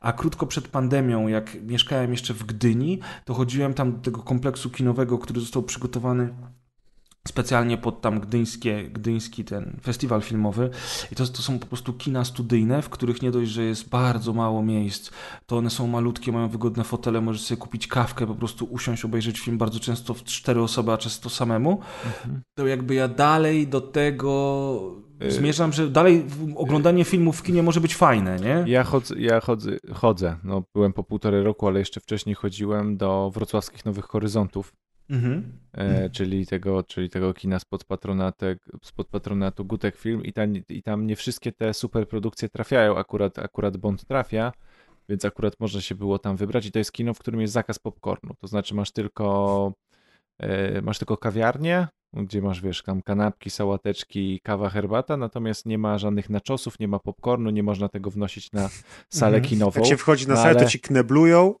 Ale mój drogi, no oczywiście plecaka ci nie sprawdzają, więc oczywiście tylko światła gasną i zostają wyciągane chipsy z, z toreb i torebek, a jak pierwsze tam te 15-20 minut lecą reklamy i trailery innych filmów, to po prostu obok mnie siedziała pani i widziałem chyba ze 140 zdjęć z rejsu po Morzu Śródziemnym i po kolei wiedziałem co którego, w jakim mieście jakie dania jadły, bo, po, bo wiesz, bo pani przez 20 minut nawijała i pokazywała po kolei zdjęcia na smartfonie, świecąc na pół kina.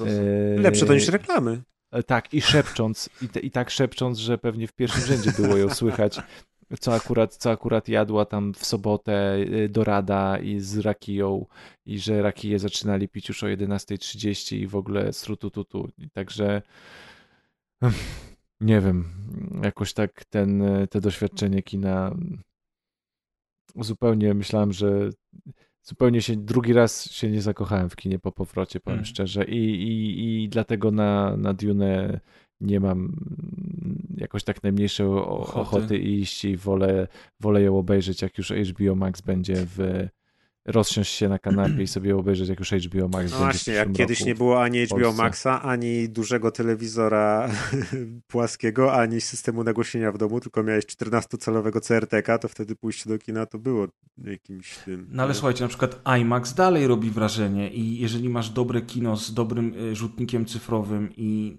dobrą jakość obrazu, to może to dalej bawić, prawda? Natomiast rzeczywiście przez to, że od dwóch lat te kina ledwo żyły, e, to one nie są, jak to się mówi, no, unowocześniane, tam się za dużo nie zmieniło. To też jest Jakość obrazu, no, jest taka, jaka To też jest ciekawe, bo właśnie tutaj, y, jak byliśmy na Dune, du- pozdrowię mojego kumpla Gieksa, z którym byłem, to on też od razu, jak tylko zaczął się film, to mówi, ty, to nie może być 4K, zobacz na to, ten. I patrzymy i rzeczywiście na tej Dune, na fontach było widać ząbki i siedzieliśmy w połowie sali i można było patrzeć na piksele, nie? Ja sobie No ale od kiedy w kinach było 4K?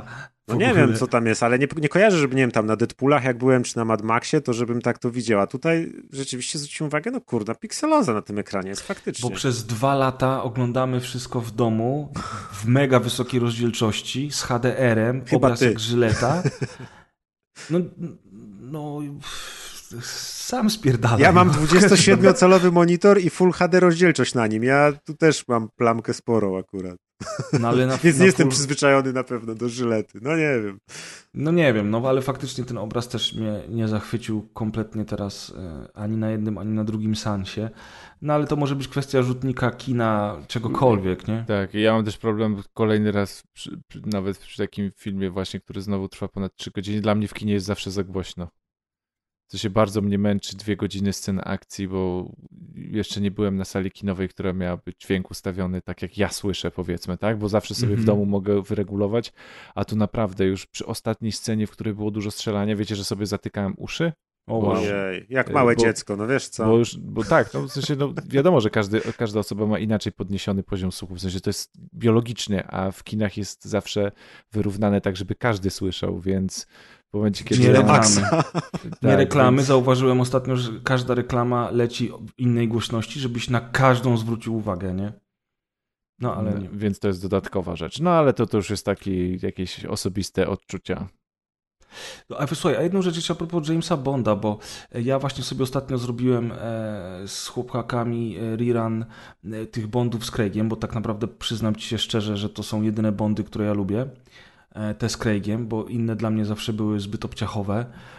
Natomiast, y, y, natomiast jakby obejrzeliśmy właśnie sobie Casino Royale, Quantum of Solace i niedawno obejrzeliśmy Skyfall. Jeszcze czeka nas Spectre, no i później obejrzymy sobie ten nowy, ale podejrzewam, że dopiero jak wyjdzie na VOD, bo w kinach go już wtedy nie będzie, ale faktycznie też już mi się do kina nie śpieszy. Natomiast do czego zmierzam? Powiedziałeś na początku tego omówienia, że Skyfall był bardzo krytykowany. Ja pamiętam, że rzeczywiście on był krytykowany. Natomiast teraz, robiąc rewatch wszystkich tych filmów, jakby Casino Royale jest ekstra, Quantum of Solace, które zapamiętałem najbardziej, najlepiej z tych wszystkich filmów, mnie w sumie zmęczyło, bo przez to, jak, jakie są cięcia w trakcie scen akcji, to w ogóle nie wiesz, co się dzieje na, na, na ekranie. Miałem wrażenie, że oglądam kolejne Transformersy od Michaela Baye, Beya, a nie Jamesa Bonda. Aczkolwiek fabuła jest profetyczna, patrząc na to, że ten film ma tam, nie wiem, pie- 15 lat prawie. No, e, To jednak fabuła jest profetyczna o zasobach naturalnych i o głównym złym, który yy, chce przejąć tam Kontrolę nad wodą. Kontrolę nad wodą i sprywatyzować jakby wodę, więc to Znaczy jest to- takie. No, to się już działo wcześniej na świecie, w takich rejonach jak Azja czy Afryka, ale faktycznie no, mo- możemy tak na to patrzeć. No i potem jest ten Skyfall. Ja ten Skyfall zapamiętałem dużo inaczej, dużo gorzej go zapamiętałem. Natomiast oglądając go teraz, bawiłem się chyba najlepiej z tych wszystkich trzech Bondów i w sumie to on jest bardzo fajnie napisany, ma dużo bardzo ciekawych scen i to nie tylko scen akcji. I nie wiem czemu y, w sumie on był tak krytykowany wtedy. Bo na przykład, wiesz, z drugiej strony ty mówisz, że ci się ten nowy bardzo podobał, a ja od wszystkich słyszę, że ten nowy to jest totalne gówno na przykład. Więc sam już nie wiem, nie? Czyli, Tak, ale ja nie mam Bonda, który mi się nie podobał. Także... no właśnie, to ostrzegłeś nas na samym początku, ale, ale e, jestem po prostu ciekaw, co, co z tym Skyfallem. Ja kiedyś obejrzę te wszystkie z Craigiem, bo nie oglądałem żadnego, to wtedy ci powiem. Okej, ja dzięki Maciek. okiem i ja ci powiem jak jest po prostu i ty wtedy będziesz chodzić, powtarzać to, co ja mówiłem i będzie git. Dzięki Maciek, jesteś najlepszy. Nie ma sprawy. No dobra, a ty nam teraz opowiesz o... A ja teraz tak szybko tylko przelecę przez Cop Shop, czyli przez film sensacyjny, który też mnie przyciągnął, dlatego że gra w nim y, Gerard Butler i Frank Grillo, których obu bardzo lubię. I zwiastun też był zadziwiająco fajnie zmontowany. Tak, hej hop, będzie fajny film sensacyjny. Ją wskakuj i oglądamy. I tutaj niestety no, też z czasem im więcej filmu, tym trochę było słabiej. Yy, Jest to taka historia, też już nie, nie jeden raz kino coś takiego widziało, czyli yy, nagle na powiedzmy samotny posterunek policji gdzieś na yy, wypizdowie zjawia się kilka podejrzanych osób i potem w miarę rozwoju fabuły okazuje się, że oni mają ze sobą porachunki i ten jeden biedny posterunek Brzmi jak film z Gerardem Butlerem. Dokładnie tak. Ten jeden posterunek staje się A sceną. on zagrał w jakimś dobrym filmie w ogóle kiedyś? Oczywiście, że zagrał, ale ten 300. film, w, chociażby w 300. 300, on zagrał też w Potworze z opery, nie, w Upiorze z opery, Uporze przepraszam. z opery, dobra, no i koniec. Tak. Nie pamiętam, bo on miał tyle filmów, że już się zgubiłem. No tak, no i ty, ale Ale- tyle dobrych, dwa. Ale Maciek, to brzmi jak y, fabuła filmu Atak na posterunek 13. Tak, bo to mówię, kino już nieraz widziało takie motywy. E, Tutaj akurat fajną rzeczą jest to, że e, zaczyna się to trochę lekko, powiedzmy po tarantinowsku, ale tak lekko, żeby potem nikt nie mówił, że to w ogóle nie stało obok Tarantino, bo nie stało. Ale jednak e, są takie charakterne postacie, jest fajna taka muzyka z lat 70. i już ci się wydaje, że o, to będzie taki fajny, stylizowany film na ten. Ale później w miarę rozwoju akcji to wszystko siada i też jest takie po prostu pff, nie rozwija skrzydeł i kończy jak wszystkie te właśnie filmy podobnego typu. Sorry, y, on też grał w Rock'n'Rolla. To był dobry No film. to sobie muszę przypomnieć, bo dawno E, tego nie widziałem. I tutaj nie zgodzicie się ze mną, bądź też może jest to ocena dyskusyjna, ale pierwszy film tej serii w, tam w ogniu, czy Has Fallen, w tym wypadku Olympus Has Fallen, Olimp w ogniu, bardzo mi się podobał, bo był w klimatach y, bardzo brutalnej, szklanej pułapki z lat 80. i, i rzeczywiście oglądało się ten film No tak jak te stare, wiesz, filmy lat scena z 80., Jordanami i 90. butami to wybitna scena w kinie. Nie pamiętam. Nie I takie śmieszki, jak prezydent Jordany ratował, nie pamiętasz? W ataku Nie. terrorystycznym? Nie, nie. Może mylisz z tym drugim filmem, gdzie Jamie Foxx i ten. Tak, bo tam w kilku Eee, filmach Nie, ratowali w Białym Biały Dom. Domu? Nie, w Olimp... Tak, z Channingiem Tatunem, z Jamie Foxxem był identyczny film, który wyszedł w tym samym czasie. Tak. A, tylko ten, y, tamten był y, bardziej patriotyczny, bo y, zaraz, bo był Olympus Has Fallen i... A tam to było. Tango Down? Nie. Nie, coś tak. jak tam to się nazywało? Czekaj. Zaraz ci powiem, jak mi znikną reklamy na tym jebanym Filmwebie. Kurwa, gdzie tu jest wyszukiwarka teraz? Dobra, mam. Channing Tatum. Ch- Channing all over my Tatum. Czekaj. Kurwa, ty, no znika mi wyszukiwarka. White House Down. To Ro, y, Emerysia Rolanda, dlatego tam cały czas były, powiewała ta flaga w O, to był Amerykan. Amerykański. ale- Wow. I ten film, jeżeli mam być szczery, też mi się podobał. On był trochę inny, trochę bardziej przegięty, ale też mi się podobał ten film. Ach, one w jednym roku chyba wychodziły. No, tak, tak, tak, mylą, To jest tak, jak wyszło, jak wyszedł y, Armageddon razem z Deep Impact. Mhm. Nie wiem, czy pamiętacie. Dwa filmy o asteroidzie w tym samym czasie wyszły. Channing Tatum. E, czy mówisz, że to był Emerycha film w ogóle? Świat w płomieniach? Tak, tak, White tak, House tak, tak, Down. Oczywiście, dlatego tam flaga powiewała w każdej No tak. scenie. White House Down. No, no to Emmerich to zrobił Dzień Niepodległości, Godzilla, Gwiezdne Wrota. To typ trochę zrobił, no. No dobra, Trochę on zrobił, zrobił. ale to nie znaczy, że Gerald Butler jest dobrym tym. Ej, a jeszcze Gerard Butler grał w Gamerze. To był głupi film, ale mi się podoba. A mi się tak średnio podobał, szczerze mówiąc. Gamer był głupi, ale... Słuchajcie, jeżeli chodzi o film... No i Rain of Fire o smokach przecież. To też Emerisha był? Nie, Nie, A, ale Gerard Butler tam grał. Ale też Rain of Fire było zajebiste. I, I, i mów... Christian Bale, Izabela I, Scorupco. Izabela Skorupko. Polska! Polska! Super. Rain of Fire, mówcie co chcecie, zajebisty No. był. Jeżeli chodzi jeszcze o Emericha i taki film, którego nie znacie, a powinniście, to Anonymous jest genialnym filmem e, z Rysem i Fansem w roli głównej i powinniście go obejrzeć. Anonymous. A to jak y, lubicie Franka Grillo tak samo jak ja, to zamiast tego ko- ko- tego, to ja polecam Boss Level. Bo Boss Level też jest z tego roku i to jest taki dosyć growy film a propos pętli czasowych i Dnia Świstaka. I a ty nie mówiłeś już o tym filmie? Nie, ale we wszystkich innych podcastach już chyba o tym mówili. A, a może też mówiłem, Ja wiem. słyszałem właśnie dużo polecajek na, y, o jest naprawdę, filmem, ten, jest naprawdę a ten fajny. film wygląda jak, wiesz, straight to DVD, to, tak. gówno, na którym zasnę. Bo tak, też Mel Gibson tak tam wygląda. gra, Mel Gibson teraz wiadomo, no, potrzebuje pewnie pieniążków. A nie Bruce Willis? Gra... Nie, Mel Gibson. Okej. Okay. Ale to Boss Level też mogę polecić, bo jest naprawdę fajny. Taki bez żenady można obejrzeć i się dobrze bawić. No to elegancko. A, A teraz, jeszcze, teraz, teraz tak, nam powiesz o. Teraz mam najważniejszą polecajkę, tak naprawdę. To jest jeden z najlepszych filmów, jakie widziałem w tym roku, albo w ogóle od dawna. Polski tytuł jest bodajże Mięso. Tak jest, Mięso. Oryginalny tytuł jest Raw, czyli surowo, na surowy, na surowo. To jest francuski film z 2016 roku. Yy, reżyserki i scenarzystki Julie Ducournau. Yy, I to jest. Uf, wow. Aż nie wiem, co powiedzieć, żeby za dużo nie zdradzić. Obejrzałem sobie dzisiaj. Kino autorskie. Tak, kino autorskie zdecydowanie. Obejrzałem sobie dzisiaj zwiastun, żeby zobaczyć, co tam w tym zwiastunie jest, żeby wiedzieć, co mniej więcej zdradzić. Więc jest to historia um, młodej dziewczyny, która się dostaje na studia medycyny. E, I na tych studiach obserwujemy jej pierwsze dni na uczelni, gdzie jest e, zagubiona, jest kocona, Y, przez starsze roczniki, cały jej rocznik przechodzi takie różne te, te, te upokarzające mniej lub bardziej, y, jak to powiedzieć, no ta, y, no, no kocenie to całe. I w, w pewnym momencie jest zmuszona do zjedzenia surowego mięsa też w ramach tego kocenia. A ona jest w ogóle A wegetarianką. Ona jest wegetarianką. I potem krótko mówiąc, dzieją się rzeczy i sprawy.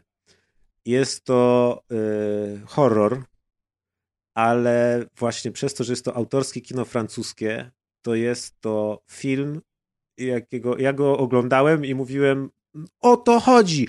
Amerykanie nie potrafią kręcić takich filmów. To jest właśnie europejskie kino. To jest y, super naturalistyczny, emocjonalny, swego rodzaju coming of age, taki właśnie y, college mhm. movie mhm. pokazujący życie właśnie pierwszoroczniaków w, odarte z wszelkiego jakiegoś tam bajery, tylko takie naprawdę naturalistyczne, emocjonalne.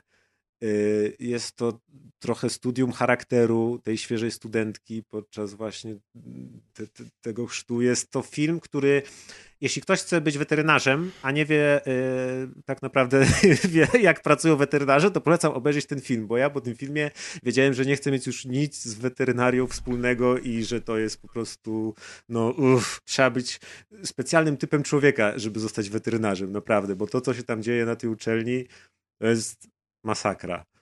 Yy, jest też yy, mocny wątek yy, no ogólnie mm, właśnie wątek dorastania, odkrywania prawdziwego życia po, po, poza parasolem rodziców, y, wątek odkrywania własnej seksualności y, w mniej lub bardziej nawet skrzywionej y, wersji.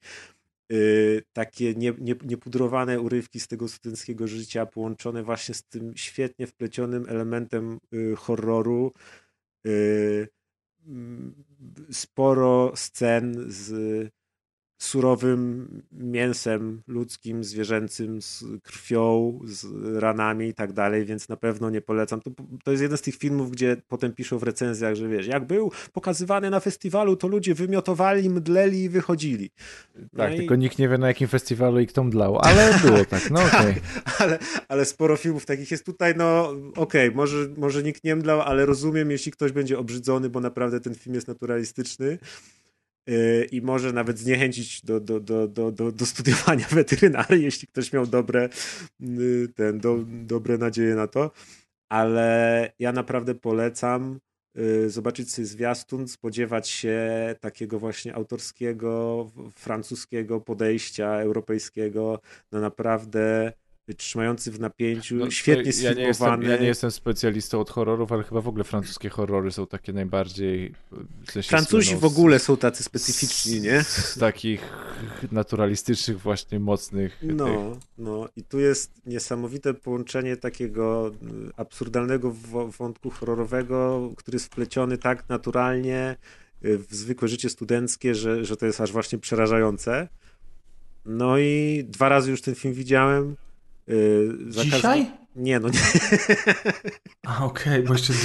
Nie, nie. Myślę, o której ty wstajesz, człowieku? Nie, tak ogólnie obejrzałem go raz i potem gdzieś po dwóch tygodniach opowiadałem Ewelinie, jaki jest super i razem z nią obejrzałem, no i też przyznała, że jest naprawdę niezły, chociaż ona tam specjalnie nie gustuje w takich filmach.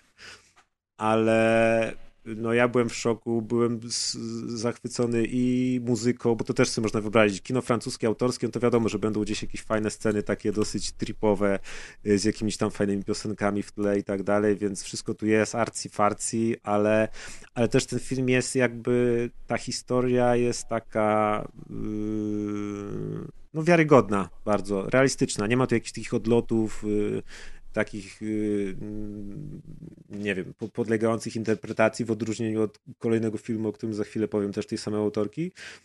Yy, więc tu ja naprawdę Row, czyli Mięso z 2016 roku polecam bardzo, ale rozumiem, że to jest dosyć specyficzny film i nie wszystkim może się coś takiego spodobać, ale ja byłem po prostu zauroczony.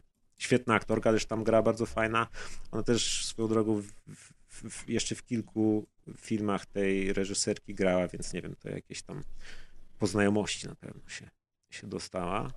Kolesiostwo. No, albo koleżankostwo. Ten kolejny film, o którym powiesz, to też chyba jakiś wykręcony, co? No bardzo.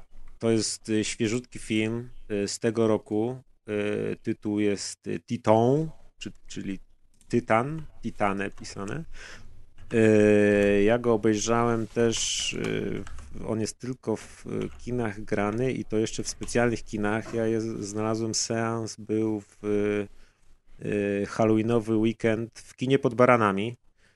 O, proszę. Czyli w super znanej miejscówce, którą odwiedziłem pierwszy raz, odkąd od dwóch dekad mieszkam w Krakowie. A odwiedziłeś ją tylko dlatego, że jak byłem w Krakowie z rodzicami w 2019, to moi rodzice spytali się, gdzie jest piwnica pod baranami tutaj na rynku, bo nie pamiętają, bo dawno ich nie było.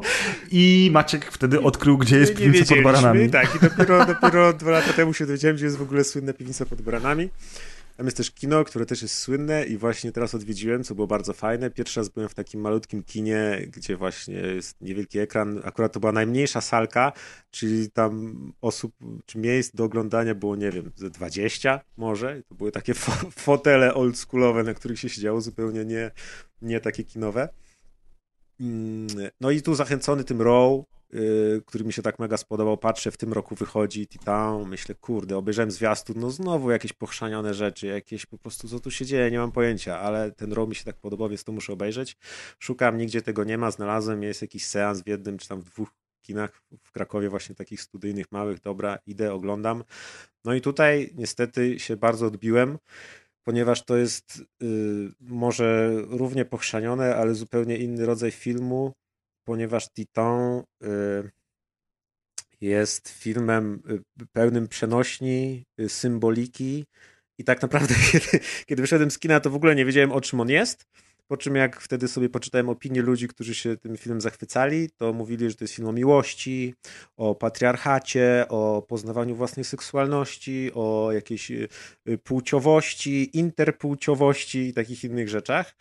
Y, I nawet ciężko mi jest w skrócie opowiedzieć, o czym ten film jest, mm, bo jest to historia dziewczyny, która przeżyła wypadek y, jako dziecko samochodowy, miała wszczepioną w głowę tytanową płytkę, teraz y, jest powiedzmy tancerką egzotyczną występującą na pokazach samochodowych, ale też prawdopodobnie ma coś, żeby już za bardzo nie, nie zdradzać fabuły, ma coś, y, jakiś związek z morderstwami, które się pojawiają y, w, w, jej okolicy, ale też w międzyczasie y, powiedzmy ucieka z domu, a jeszcze później zaczyna udawać kogoś zupełnie innego i podszywać się i spotyka osoby, które mm, akceptują ją wiedząc, że ona tak naprawdę tylko udaje i tak dalej. I to wszystko tworzy właśnie jakby z takimi filmami pełnymi y, symboliki jest tak, że właśnie nieważne o czym jest tak naprawdę na pierwszy rzut oka fabuła, tylko tak naprawdę co, co, co, co ma ten film przekazać i rzeczywiście jak już się naczytałem później analiz, to zrozumiałem, że okej, okay, mo, może mogę kupić taką interpretację tego i rzeczywiście o to może aktor tej reżyserce chodziło. E, ale jest to film. No to jest film, w którym babka jest na przykład zapłodniona przez samochód i rośnie jej w brzuchu. Jest pokazana scena seksu z samochodem i potem rośnie jej coś w brzuchu. Ona to rozdrapuje, z sutków cieknie jej olej samochodowy. E, Było śmiesznie do seksu z samochodem, nie? E, akurat to była dobra scena. Genialna scena seksu z samochodem jest w filmie prawnik Ridleya Scotta. Jeżeli film jest w sumie Aha, też z szybą samochodową, pojebany. tak? To było to? Tak, no. ale ta scena jest mocna w chuj, nie? No, tu jest trochę inna, ale też jest mocna. W każdym razie ten Titan Prawnik? na zwiastunach wyglądał na taki dziwny film, ale okazał się właśnie czymś zupełnie innym, bo tak jak Row było zwykłą, logiczną historią, tak ten film jest tak naprawdę prze, przenośnią i, i tak dalej, pełną symboliki i no to już mi się gorzej oglądało też. Niektóre filmy bardziej mi się takie podobają, tutaj akurat nie do końca to załapałem, więc yy, też mogę powiedzieć, jakby się komuś właśnie jeden spodobał, to że drugi jest czymś trochę jednak innym.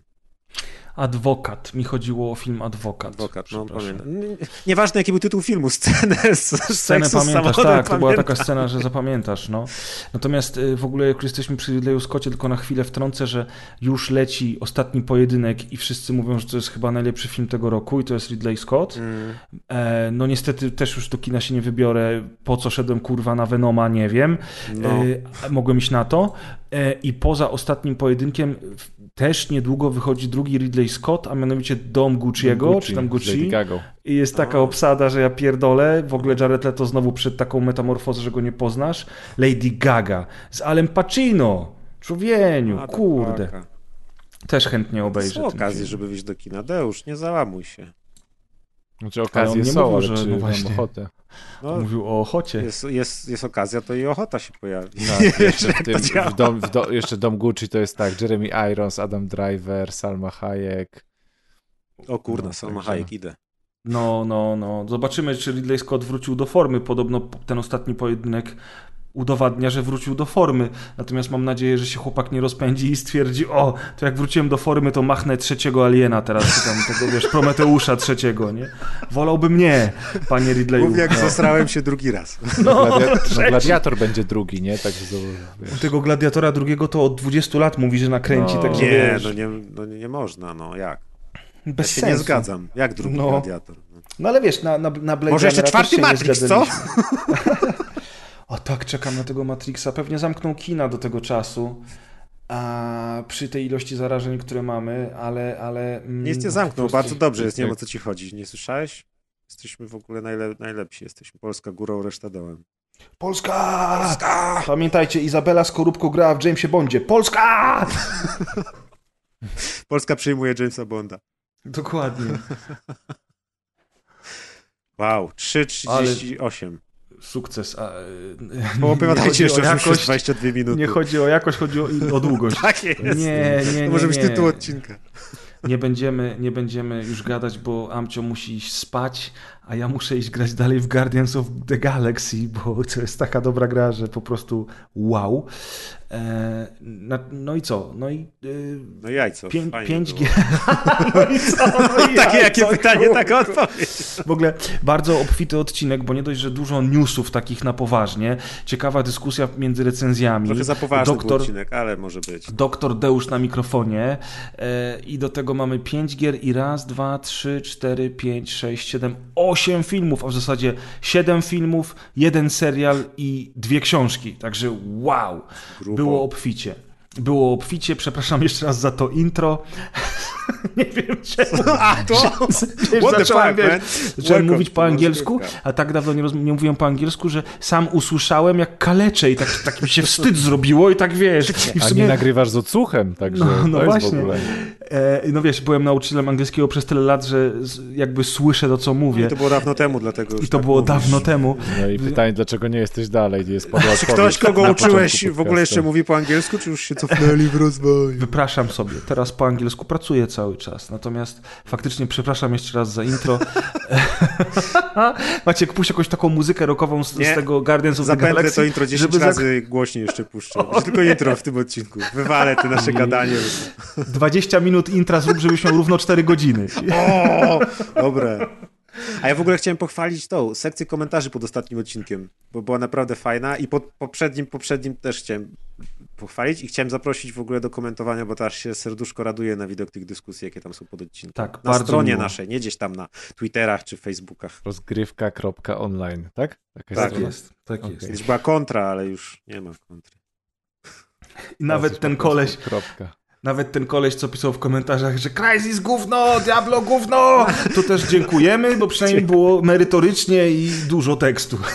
Chociaż Bo przynajmniej przez gówno przez skreskę. najbardziej mi się podobało, e, najbardziej to mi się podobała wypowiedź Maćka, bo on e, ma takie samo zdanie Maciek jak ja. ma rację, bo, bo, bo ja mam takie samo zdanie, tak. Ale to jest w sumie, wiesz, tak, tak to trochę jest, że, że ludzie, e, ostatnio widziałem gdzieś jakąś dyskusję, że ludzie generalnie rzecz biorąc tak naprawdę to już nie potrzebują recenzentów ani recenzji, oni wiedzą lepiej, a z drugiej strony jednak ludzie się przywiązują do recenzentów, czy tam youtuberów, czy, czy, czy tam kogoś, kto ma podobne zainteresowania i podobne gusta jak oni, Ja- prawda? Jak się kiedykolwiek przywiążecie do youtubera, to skoczcie z mostu.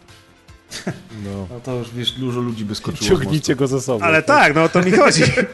Dobrą linką się przywiążcie i wtedy skoczcie z mostu. A, cwaniaku. To co, kończcie flaszkę i do domu. No chyba tak. Za dwa tygodnie Call of Duty i Forza. Tak jest. A, o, i to już nie trzeba słuchać, to wiecie co będzie za dwa tygodnie, to możecie sobie odpuścić odcinek. Dobra. Fajnie. A i Ja- przysyłajcie, ja- przysyłajcie życzenia dla Atka, który już nie będzie nagrywać podcastu. Oj, Przestań już Maciek ludziom. Przestań, bo potem się ludzie stresują. No ale, ale Dobra, już. dobra, dobra, dobra, nie wiem, tak jak kiedy- ja, nie, już nie będę stop, nagrywał. Ja no. już klikam stop. To ja jak też. Cześć. Deusz, Elo. cześć Maciek, hej. Ej,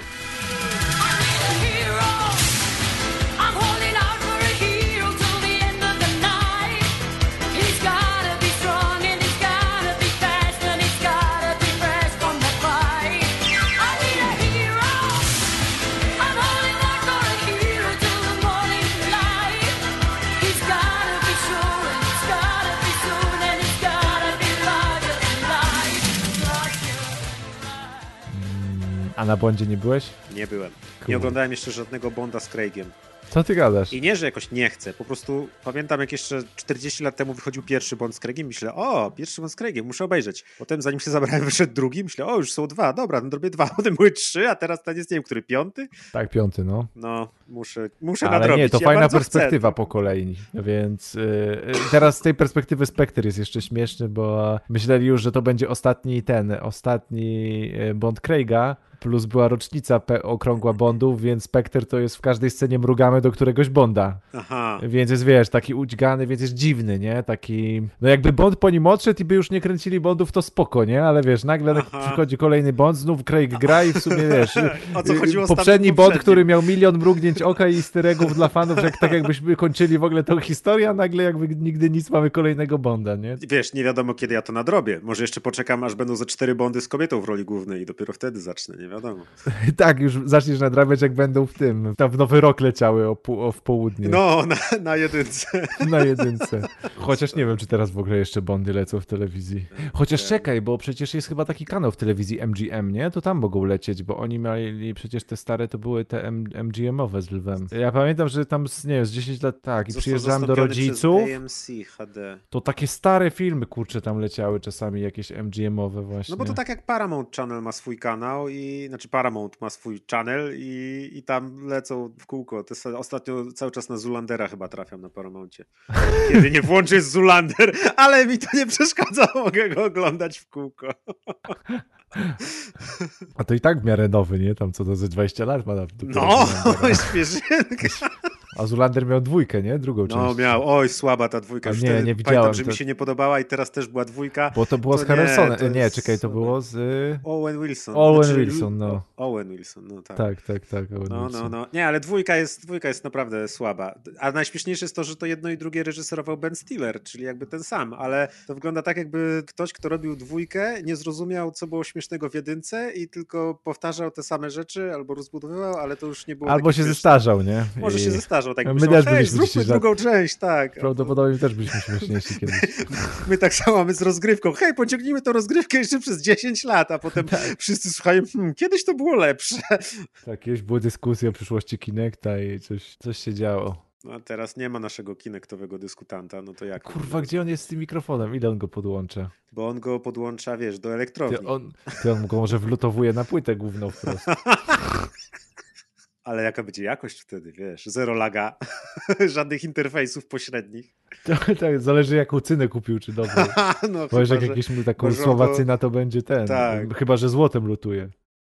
Nie, tak, jutro, wiesz, poza tym jutro jest święto, coroczne najważniejsze święto w roku. Jakie jest kurwa jutro święto? No, no nowe Dudi. Premiera Dudi pewnie. O A, ja. wiedziałem. Jaki wieśniak. A, A tobie to było, kurwa, a ja patrz, a patrz, a ja tak, a a nie ja Odeuszu. Deusz jest porządny. Tak, a ja Mikołajowi pożyczałem ostatnio ten, e, Mikołajowi pożyczałem ostatnio krawat i Mikołaj mi powiedział, że mi w zamian odeśle krawat, kurwa, e, z, z Call of Duty, ale pojechałem wcześniej do Mikołaja do Warszawy i mi dał do ręki krawat, także mogę się pożegnać z Call. Jaki typ w ogóle, I nie dość, że wydałem na Bardzo Benę, dobrze. Bardzo dobrze. House Lannister spłaca swoje długi, kurwa, ta, jasne. i nie dość, że Bena po 6 zł, to jeszcze...